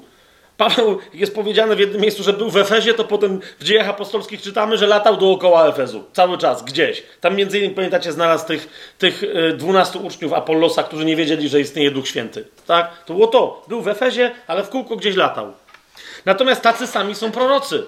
Prorocy łażą po całym kościele, mając objawienie, informują cały kościół. Okay? To nie jest tylko posługa indywidualna. Zobaczcie 11 rozdział 27 werset. A w tych dniach przybyli z Jerozolimy do Antiochii prorocy. Jeden z nich imieniem Agabos powstał i oznajmił przez ducha, że w całej ziemi nastanie wielki głód, a nastał on za, za cesarza Klaudiusza. Potem dalej zobaczycie w dziejach apostolskich E, że na przykład córki Filipa, tego, który początkowo jest diakonem w Jerozolimie, potem jest tym ewangelistą, który między innymi chrzci Etiopa. Pamiętacie, że wszystkie jego córki są prorokiniami. Kolejna rzecz. Też pomijam, że wśród apostołów też są kobiety, ale to będziemy o tym mówić przy okazji listu do Rzymian, bo jest jedna konkretnie wspomniana jako wręcz podziwiana wśród apostołów, a w dziejach apostolskich widać wiele kobiet w służbie, w służbie proroczej. Teraz dlaczego to jest Zobaczcie dzieje apostolskie 13, 13 mm, rozdział, tak? Mamy proroków i nauczycieli. To jest bardzo istotne, że widzicie, prorocy nie są tylko takimi, którzy przepowiadają przyszłość, ale bardzo często są dokładnie tymi, którzy cały czas nauczają, tak jak nauczyciele. Jest nauczanie nauczycielskie w kościele i nauczanie prorocze. Są nauczyciel, który nie ma jakiegoś rodzaju proroczego obdarowania, słowa mądrości, słowa poznania jakiegoś rodzaju, nie do końca jest nauczycielem. Prorocy, obdarowanie prorocze jest inne niż nauczycielskie, ale one są ze sobą związane, powinny współdziałać e, w kościele i się uzupełniać. Zobaczcie 15 rozdział dziejów apostolskich, 32 werset. Juda i Sylas są posłani, y, y, wiecie, przez Kościół w Jerozolimie, przychodzą y, i teraz mamy taką informację, 32 werset i dalej. A Juda i Sylas, którzy również byli prorokami, w licznych mowach zachęcali i umacniali braci. Widzicie o co mi chodzi? Prorocy służą Kościołowi przez konkretny rodzaj nauczania, inny niż nauczanie nauczycielskie. Teraz moje pytanie brzmi: jeżeli mamy ewidentnie prorokinie w dziejach apostolskich, to im nie wolno było nauczać w taki sposób jak Judzie i Sylasowi? Okay? Zwracajcie uwagę na takie szczegóły. Ich jest więcej w dziejach i w pozostałych księgach Nowego Testamentu, ale nie będę E, nie będę e, teraz tego rozwijać, tylko zobaczcie, co się dzieje dalej. A kiedy 32, 33 werset i dalej. A gdy przebywali tam jakiś czas, zostali odprawieni z życzeniem pokoju od braci do apostołów, tych, którzy przebywali w Jerozolimie. Lecz upodobało się Sylasowi tam pozostać. To jest to. Sylas jest prorokiem, był wysłany z innego kościoła i on nagle na miejscu stwierdza, to między innymi jeden z tych aspektów, o których później Paweł w pierwszym do Koryntian pisze, mówi, niech duchy proroków należą do proroków. Okay? On nie jest winien nikomu żadnego posłuszeństwa. Ci go wysłali z misją. Okej, okay, jak Juda wróci, to Sylas zostaje. Mi się, mi się teraz podoba, tu, tu, tu, jest, tu jest dobra służba. A zobaczymy, gdzie duch nie pośle dalej. Zobaczcie na ewangelistę Filipa, którego duch dosłownie, fizycznie przerzuca z miejsca na miejsce, jakby teleportując i, i, i tak dalej. I teraz co jest bardzo istotne w tym, to te, te służby w kościele, nawet jeżeli ktoś w ramach danej służby komuś pomaga, ktoś komuś służy, potem się zamieniają miejscami, nigdzie nie ma żadnego zwierzchnictwa, które wymagałoby od innych posłuszeństwa wobec osoby ludzkiej. Ok? Co, jeszcze raz, w dziejach apostolskich to jest jasne, przez wszystkie księgi E, Nowego Przymierza przebija bardzo jasno. Paweł, jak pamiętacie list do Filemona, e, gdzie mówi, że on mógłby może rozkazywać e, Filemonowi, jak prosi o uwolnienie Onezyma, który jest niewolnikiem, który był mu dany przez Filemona, pamiętacie, w prezencie, tak? Ale Paweł mówi, może mógłbym ci rozkazywać, ale ja cię proszę. Do głowy by mi nie przyszło, żeby ci wydawać rozkazy. Jesteśmy braćmi. Jak, jak mogę to zrobić? Więc takich miejsc mamy mnóstwo, ale zobaczcie, co na ten temat przywództwa w kościele, mówi Piotr wyraźnie zaznaczając, że przywództwo w kościele nie ma formy zwierzchnictwa. To jest piąty rozdział pierwszego listu Piotra od pierwszego wersetu. Piotr, znów o nim moglibyśmy powiedzieć na tym etapie, kiedy on pisze ten list, jest wielkim Piotrem. Wielki Piotr zaczyna. To jest piąty rozdział pierwszego Piotra, piąty rozdział pierwszy werset. Starszych, którzy są wśród was, proszę, jako również starszy. Widzicie to? Sama forma zwrócenia. Piotr mówi: Ja jestem apostołem Chrystusa, świadkiem cierpień, ale ja was proszę, ja wam nie rozkazuję. Samo to słowo jest jak wiele znaczące. I jako kto? Jako ktoś taki sam jak wy w kościele. Wy jesteście starszymi, ja jestem starszy. I teraz patrzcie, co on mówi. Paście stado Boga. To jest to samo, o czym Paweł mówi starszym z, z, Efezu. Paście stado Boga. Ale Piotr rozwija, jest bardziej akurat tutaj konkretny e, w tej swojej wypowiedzi. Mówi, paście stado Boga, które jest wśród was, doglądając go nie z przymusu, ale dobrowolnie. Bóg cię powołał, zgódź się z tym, ale nie możesz ty być powołany przez jakieś ciało ludzkie. Zrobić coś, bo ktoś ci każe. Rozumiesz? Nie, nie może tak być. Nie z przymusu, ale dobrowolnie. To jest po pierwsze. Po drugie, nie dla brudnego zysku, ale z ochotą. O finansowaniu kościoła i w kościele będziemy mówić później, w zasadzie o jego braku, a będziemy mówić o przepływie dóbr materialnych i pieniędzy w królestwie. Ok? To będziemy mówić kiedy indziej, ale tu Paweł, Piotr wyraźnie zaznacza, nie dla brudnego zysku, ale z ochotą masz to robić, dlatego że chcesz wypełniać wolę Bożą, a nie dlatego, że ty z tego będziesz żyć. I po trzecie, i nie jak ci, którzy panują nad dziedzictwem, ale jako wzór dla stada. Widzicie to? Nie jak ci, którzy panują nad dziedzictwem. Wam nikt nie dał. Jezus w swoim panowaniem z wami nad stadem się nie podzielił. Wy macie być przywódcami jako wzór. Co to oznacza? Jeżeli ty jesteś wzorem, którym Bóg chce, żebyś był albo była dla stada, ludzie za tobą pójdą. Jeżeli ludzie za tobą nie idą, to znaczy, że nie jesteś wzorem, to znaczy, że nie jesteś przywódcą. Kropka. Nie możesz im kazać chodzić za sobą. Nie możesz im kazać być tobie posłusznymi. Nie ma takiej możliwości, jeżeli nie widzą w tobie wzoru. I nie ma takiej możliwości, żebyś ty powiedział, bo są ślepi. Ja dopiero im pokażę. Nie, nie, nie, nie. Wszyscy dobrze widzą w kościele. Wszyscy bardzo dobrze widzą w kościele. Zobaczcie yy, taką rzecz. O, to jest, to jest ciekawe. Nie wiem, czy w ogóle do tej pory na tajemnym planie cytowaliśmy tę znamienitą księgę, mianowicie trzeci list Jana, który się składa z jednego rozdziału, więc nie będę mówił, który rozdział. I tam jest taka historia. Takich historii jest więcej w kościele, ale, ale tutaj Jan jest bardzo taki zwięzły, kiedy o tym mówi. I mówi tak, to jest trzeci list Jana. Napisałem do kościoła, lecz Diotrefes, który chce być pierwszym wśród nich, nie przyjmuje nas. Zauważcie, i zaczyna się upomnienie Jana. Co jest grane, że jest jakiś gość, wiecie, od tego Kościół rzymskokatolicki rozpoczynał swoje działania, że papieża najpierw zaczynali pierwszym wśród równych. Oto potem cała schizma prawosławna poszła, że oni mówią, jak są równi, to są równi. Jak jest pierwszy wśród równych, to jest lepszy od lepsiejszych, tak? Co jest grane? I, i do, a Jan to mówi, napisałem do kościoła, lecz Diotrefes, który chce być pierwszym wśród nich, nie przejmuje nas. I teraz Jan mówi, co ja zrobię? Dlatego, jeżeli przybędę, przypomnę jego uczynki, których się dopuszcza.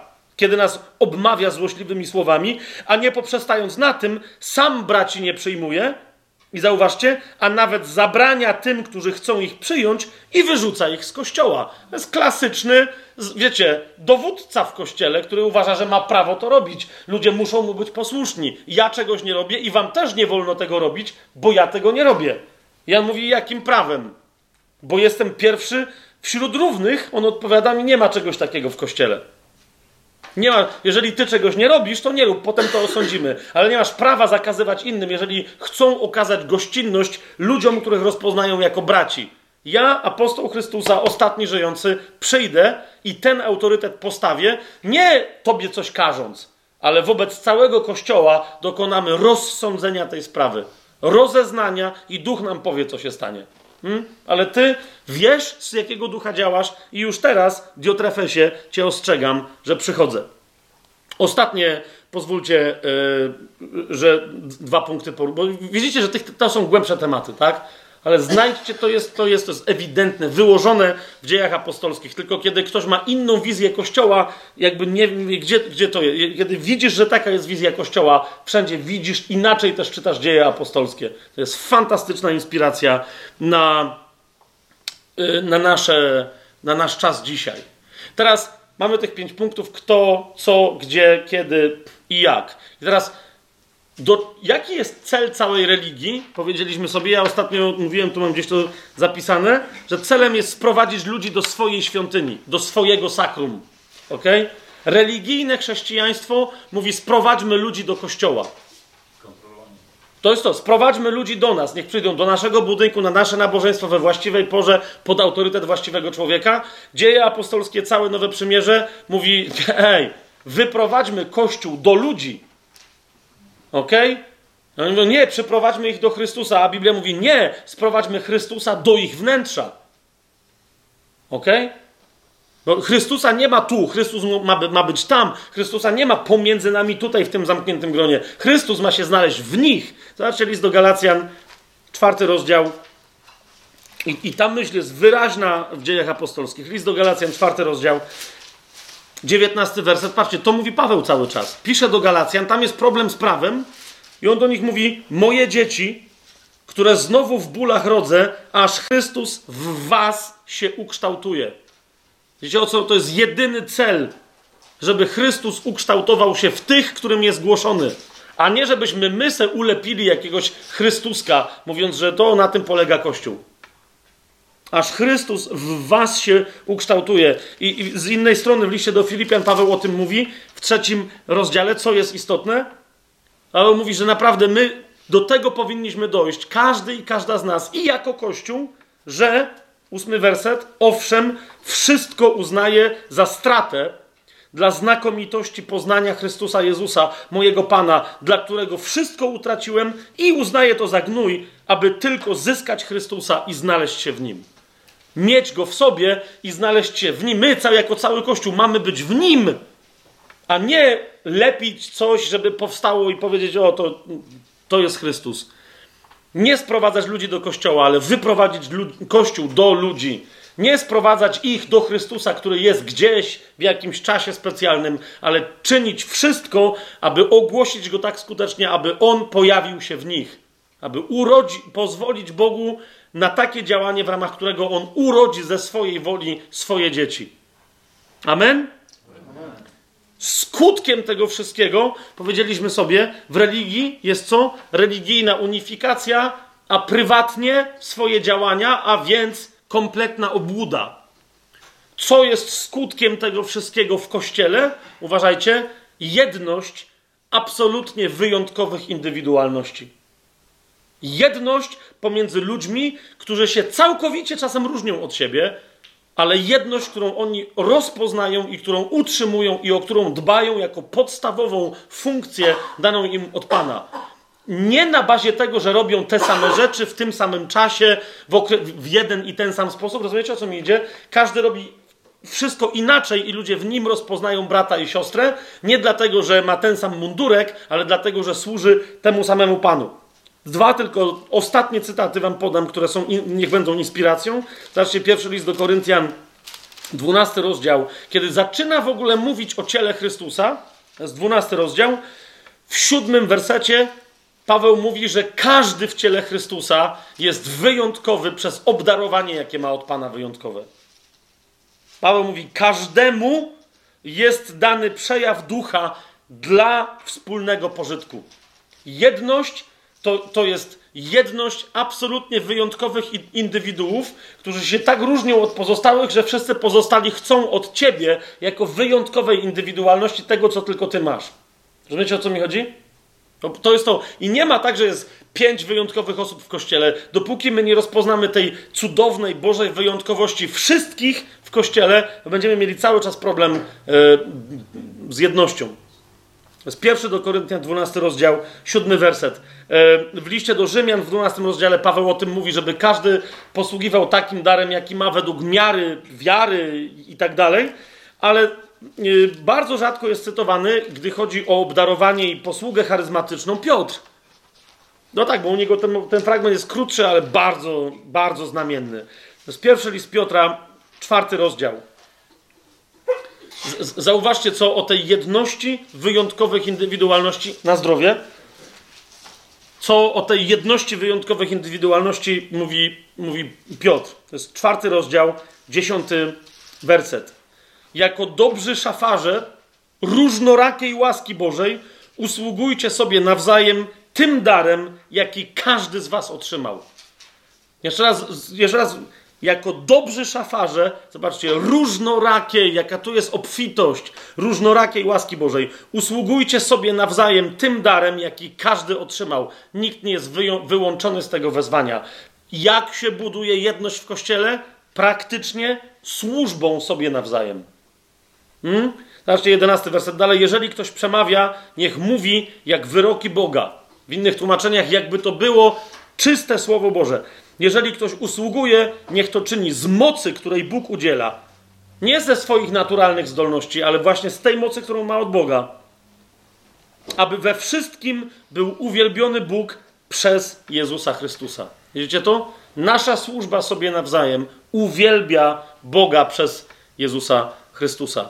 To jest Kościół. Ja dzisiaj tylko Was zachęcam po to, żeśmy sobie o tym powiedzieli, żeby dzieje apostolskie też jako wstęp do opisu Kościoła przeczytać, żeby się nim zachwycić i żeby to wziąć na swoją modlitwę, wołając: Panie, daj nam dzisiaj tak doskonały Kościół, jaki oni mieli w dziejach apostolskich, jaki oni tam mieli na początku.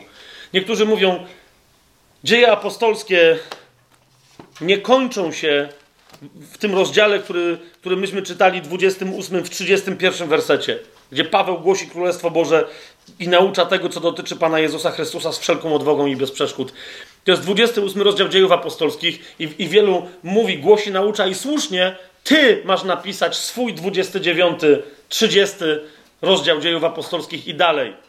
Ty bierzesz udział w dokonaniach apostołów. Co, co napiszesz? Teraz widzisz, jeżeli mamy kontynuować tę historię, z dziejów apostolskich, bo ja, ja, nawet z jednym kaznodzieją o tym rozmawiałem, że mówi, napisz 29 rozdział dziejów apostolskich, ale potem mówi, ale w ramach tego, tej denominacji, którą yy, i struktur i, i praw tej denominacji, którą tu mamy. Ja mówię, ty, jeżeli on ma napisać 29 rozdział dziejów apostolskich, to niech napisze dalszą część tej historii, która ma tych 28 rozdziałów Biblii, a nie twojej historii. Czy mojej. Rozumiecie, o co mi idzie? Jeżeli my mamy, a mamy napisać 29, 30, 31, 32 i dalsze rozdziały dziejów apostolskich, to one muszą być kontynuacją tej historii, która jest naprawdę napisana w dziejach apostolskich, a nie tego, co my sobie jako dzieje apostolskie wymyślimy. Z drugiej strony, teraz mogę się odwołać do jednego z tych poprzednich naszych w tym sezonie wykładów. Myślę, że ten, ten deszcz wiosenny, późny, który ma nadejść, który w sobie połączy jesienny i wiosenny, będzie jeszcze potężniejszy, on będzie tak suwerennym działaniem Boga, że, że nie, niezależnie od tego, jak fałszywe jeszcze gdzieś możemy mieć wyobrażenia i religijne, Bóg nam na końcu da taki kościół. Teraz jest tylko pytanie, czy musimy czekać aż do tego czasu, czy nie możemy my teraz na ducha się otworzyć tak, żeby chociaż tutaj, chociaż w Krakowie, chociaż w Twoim miejscu w Polsce, gdzie słuchasz, czy jesteś, nie wiem, gdzieś słuchasz tego mm, na świecie, czy, czy nie może teraz tam u Ciebie od dwóch, trzech, pięciu, stu, stu dwudziestu osób zacząć się takie przebudzenie, które pozwoli Bogu na powrót działać poprzez swój Kościół, tak jak On nam to opisuje. Nie czyniąc kolejnej religii, nieco tylko bardziej zreformowanej, ale dając ludowi Bożemu wolność, jaką mu Chrystus na krzyżu wysłużył. Amen.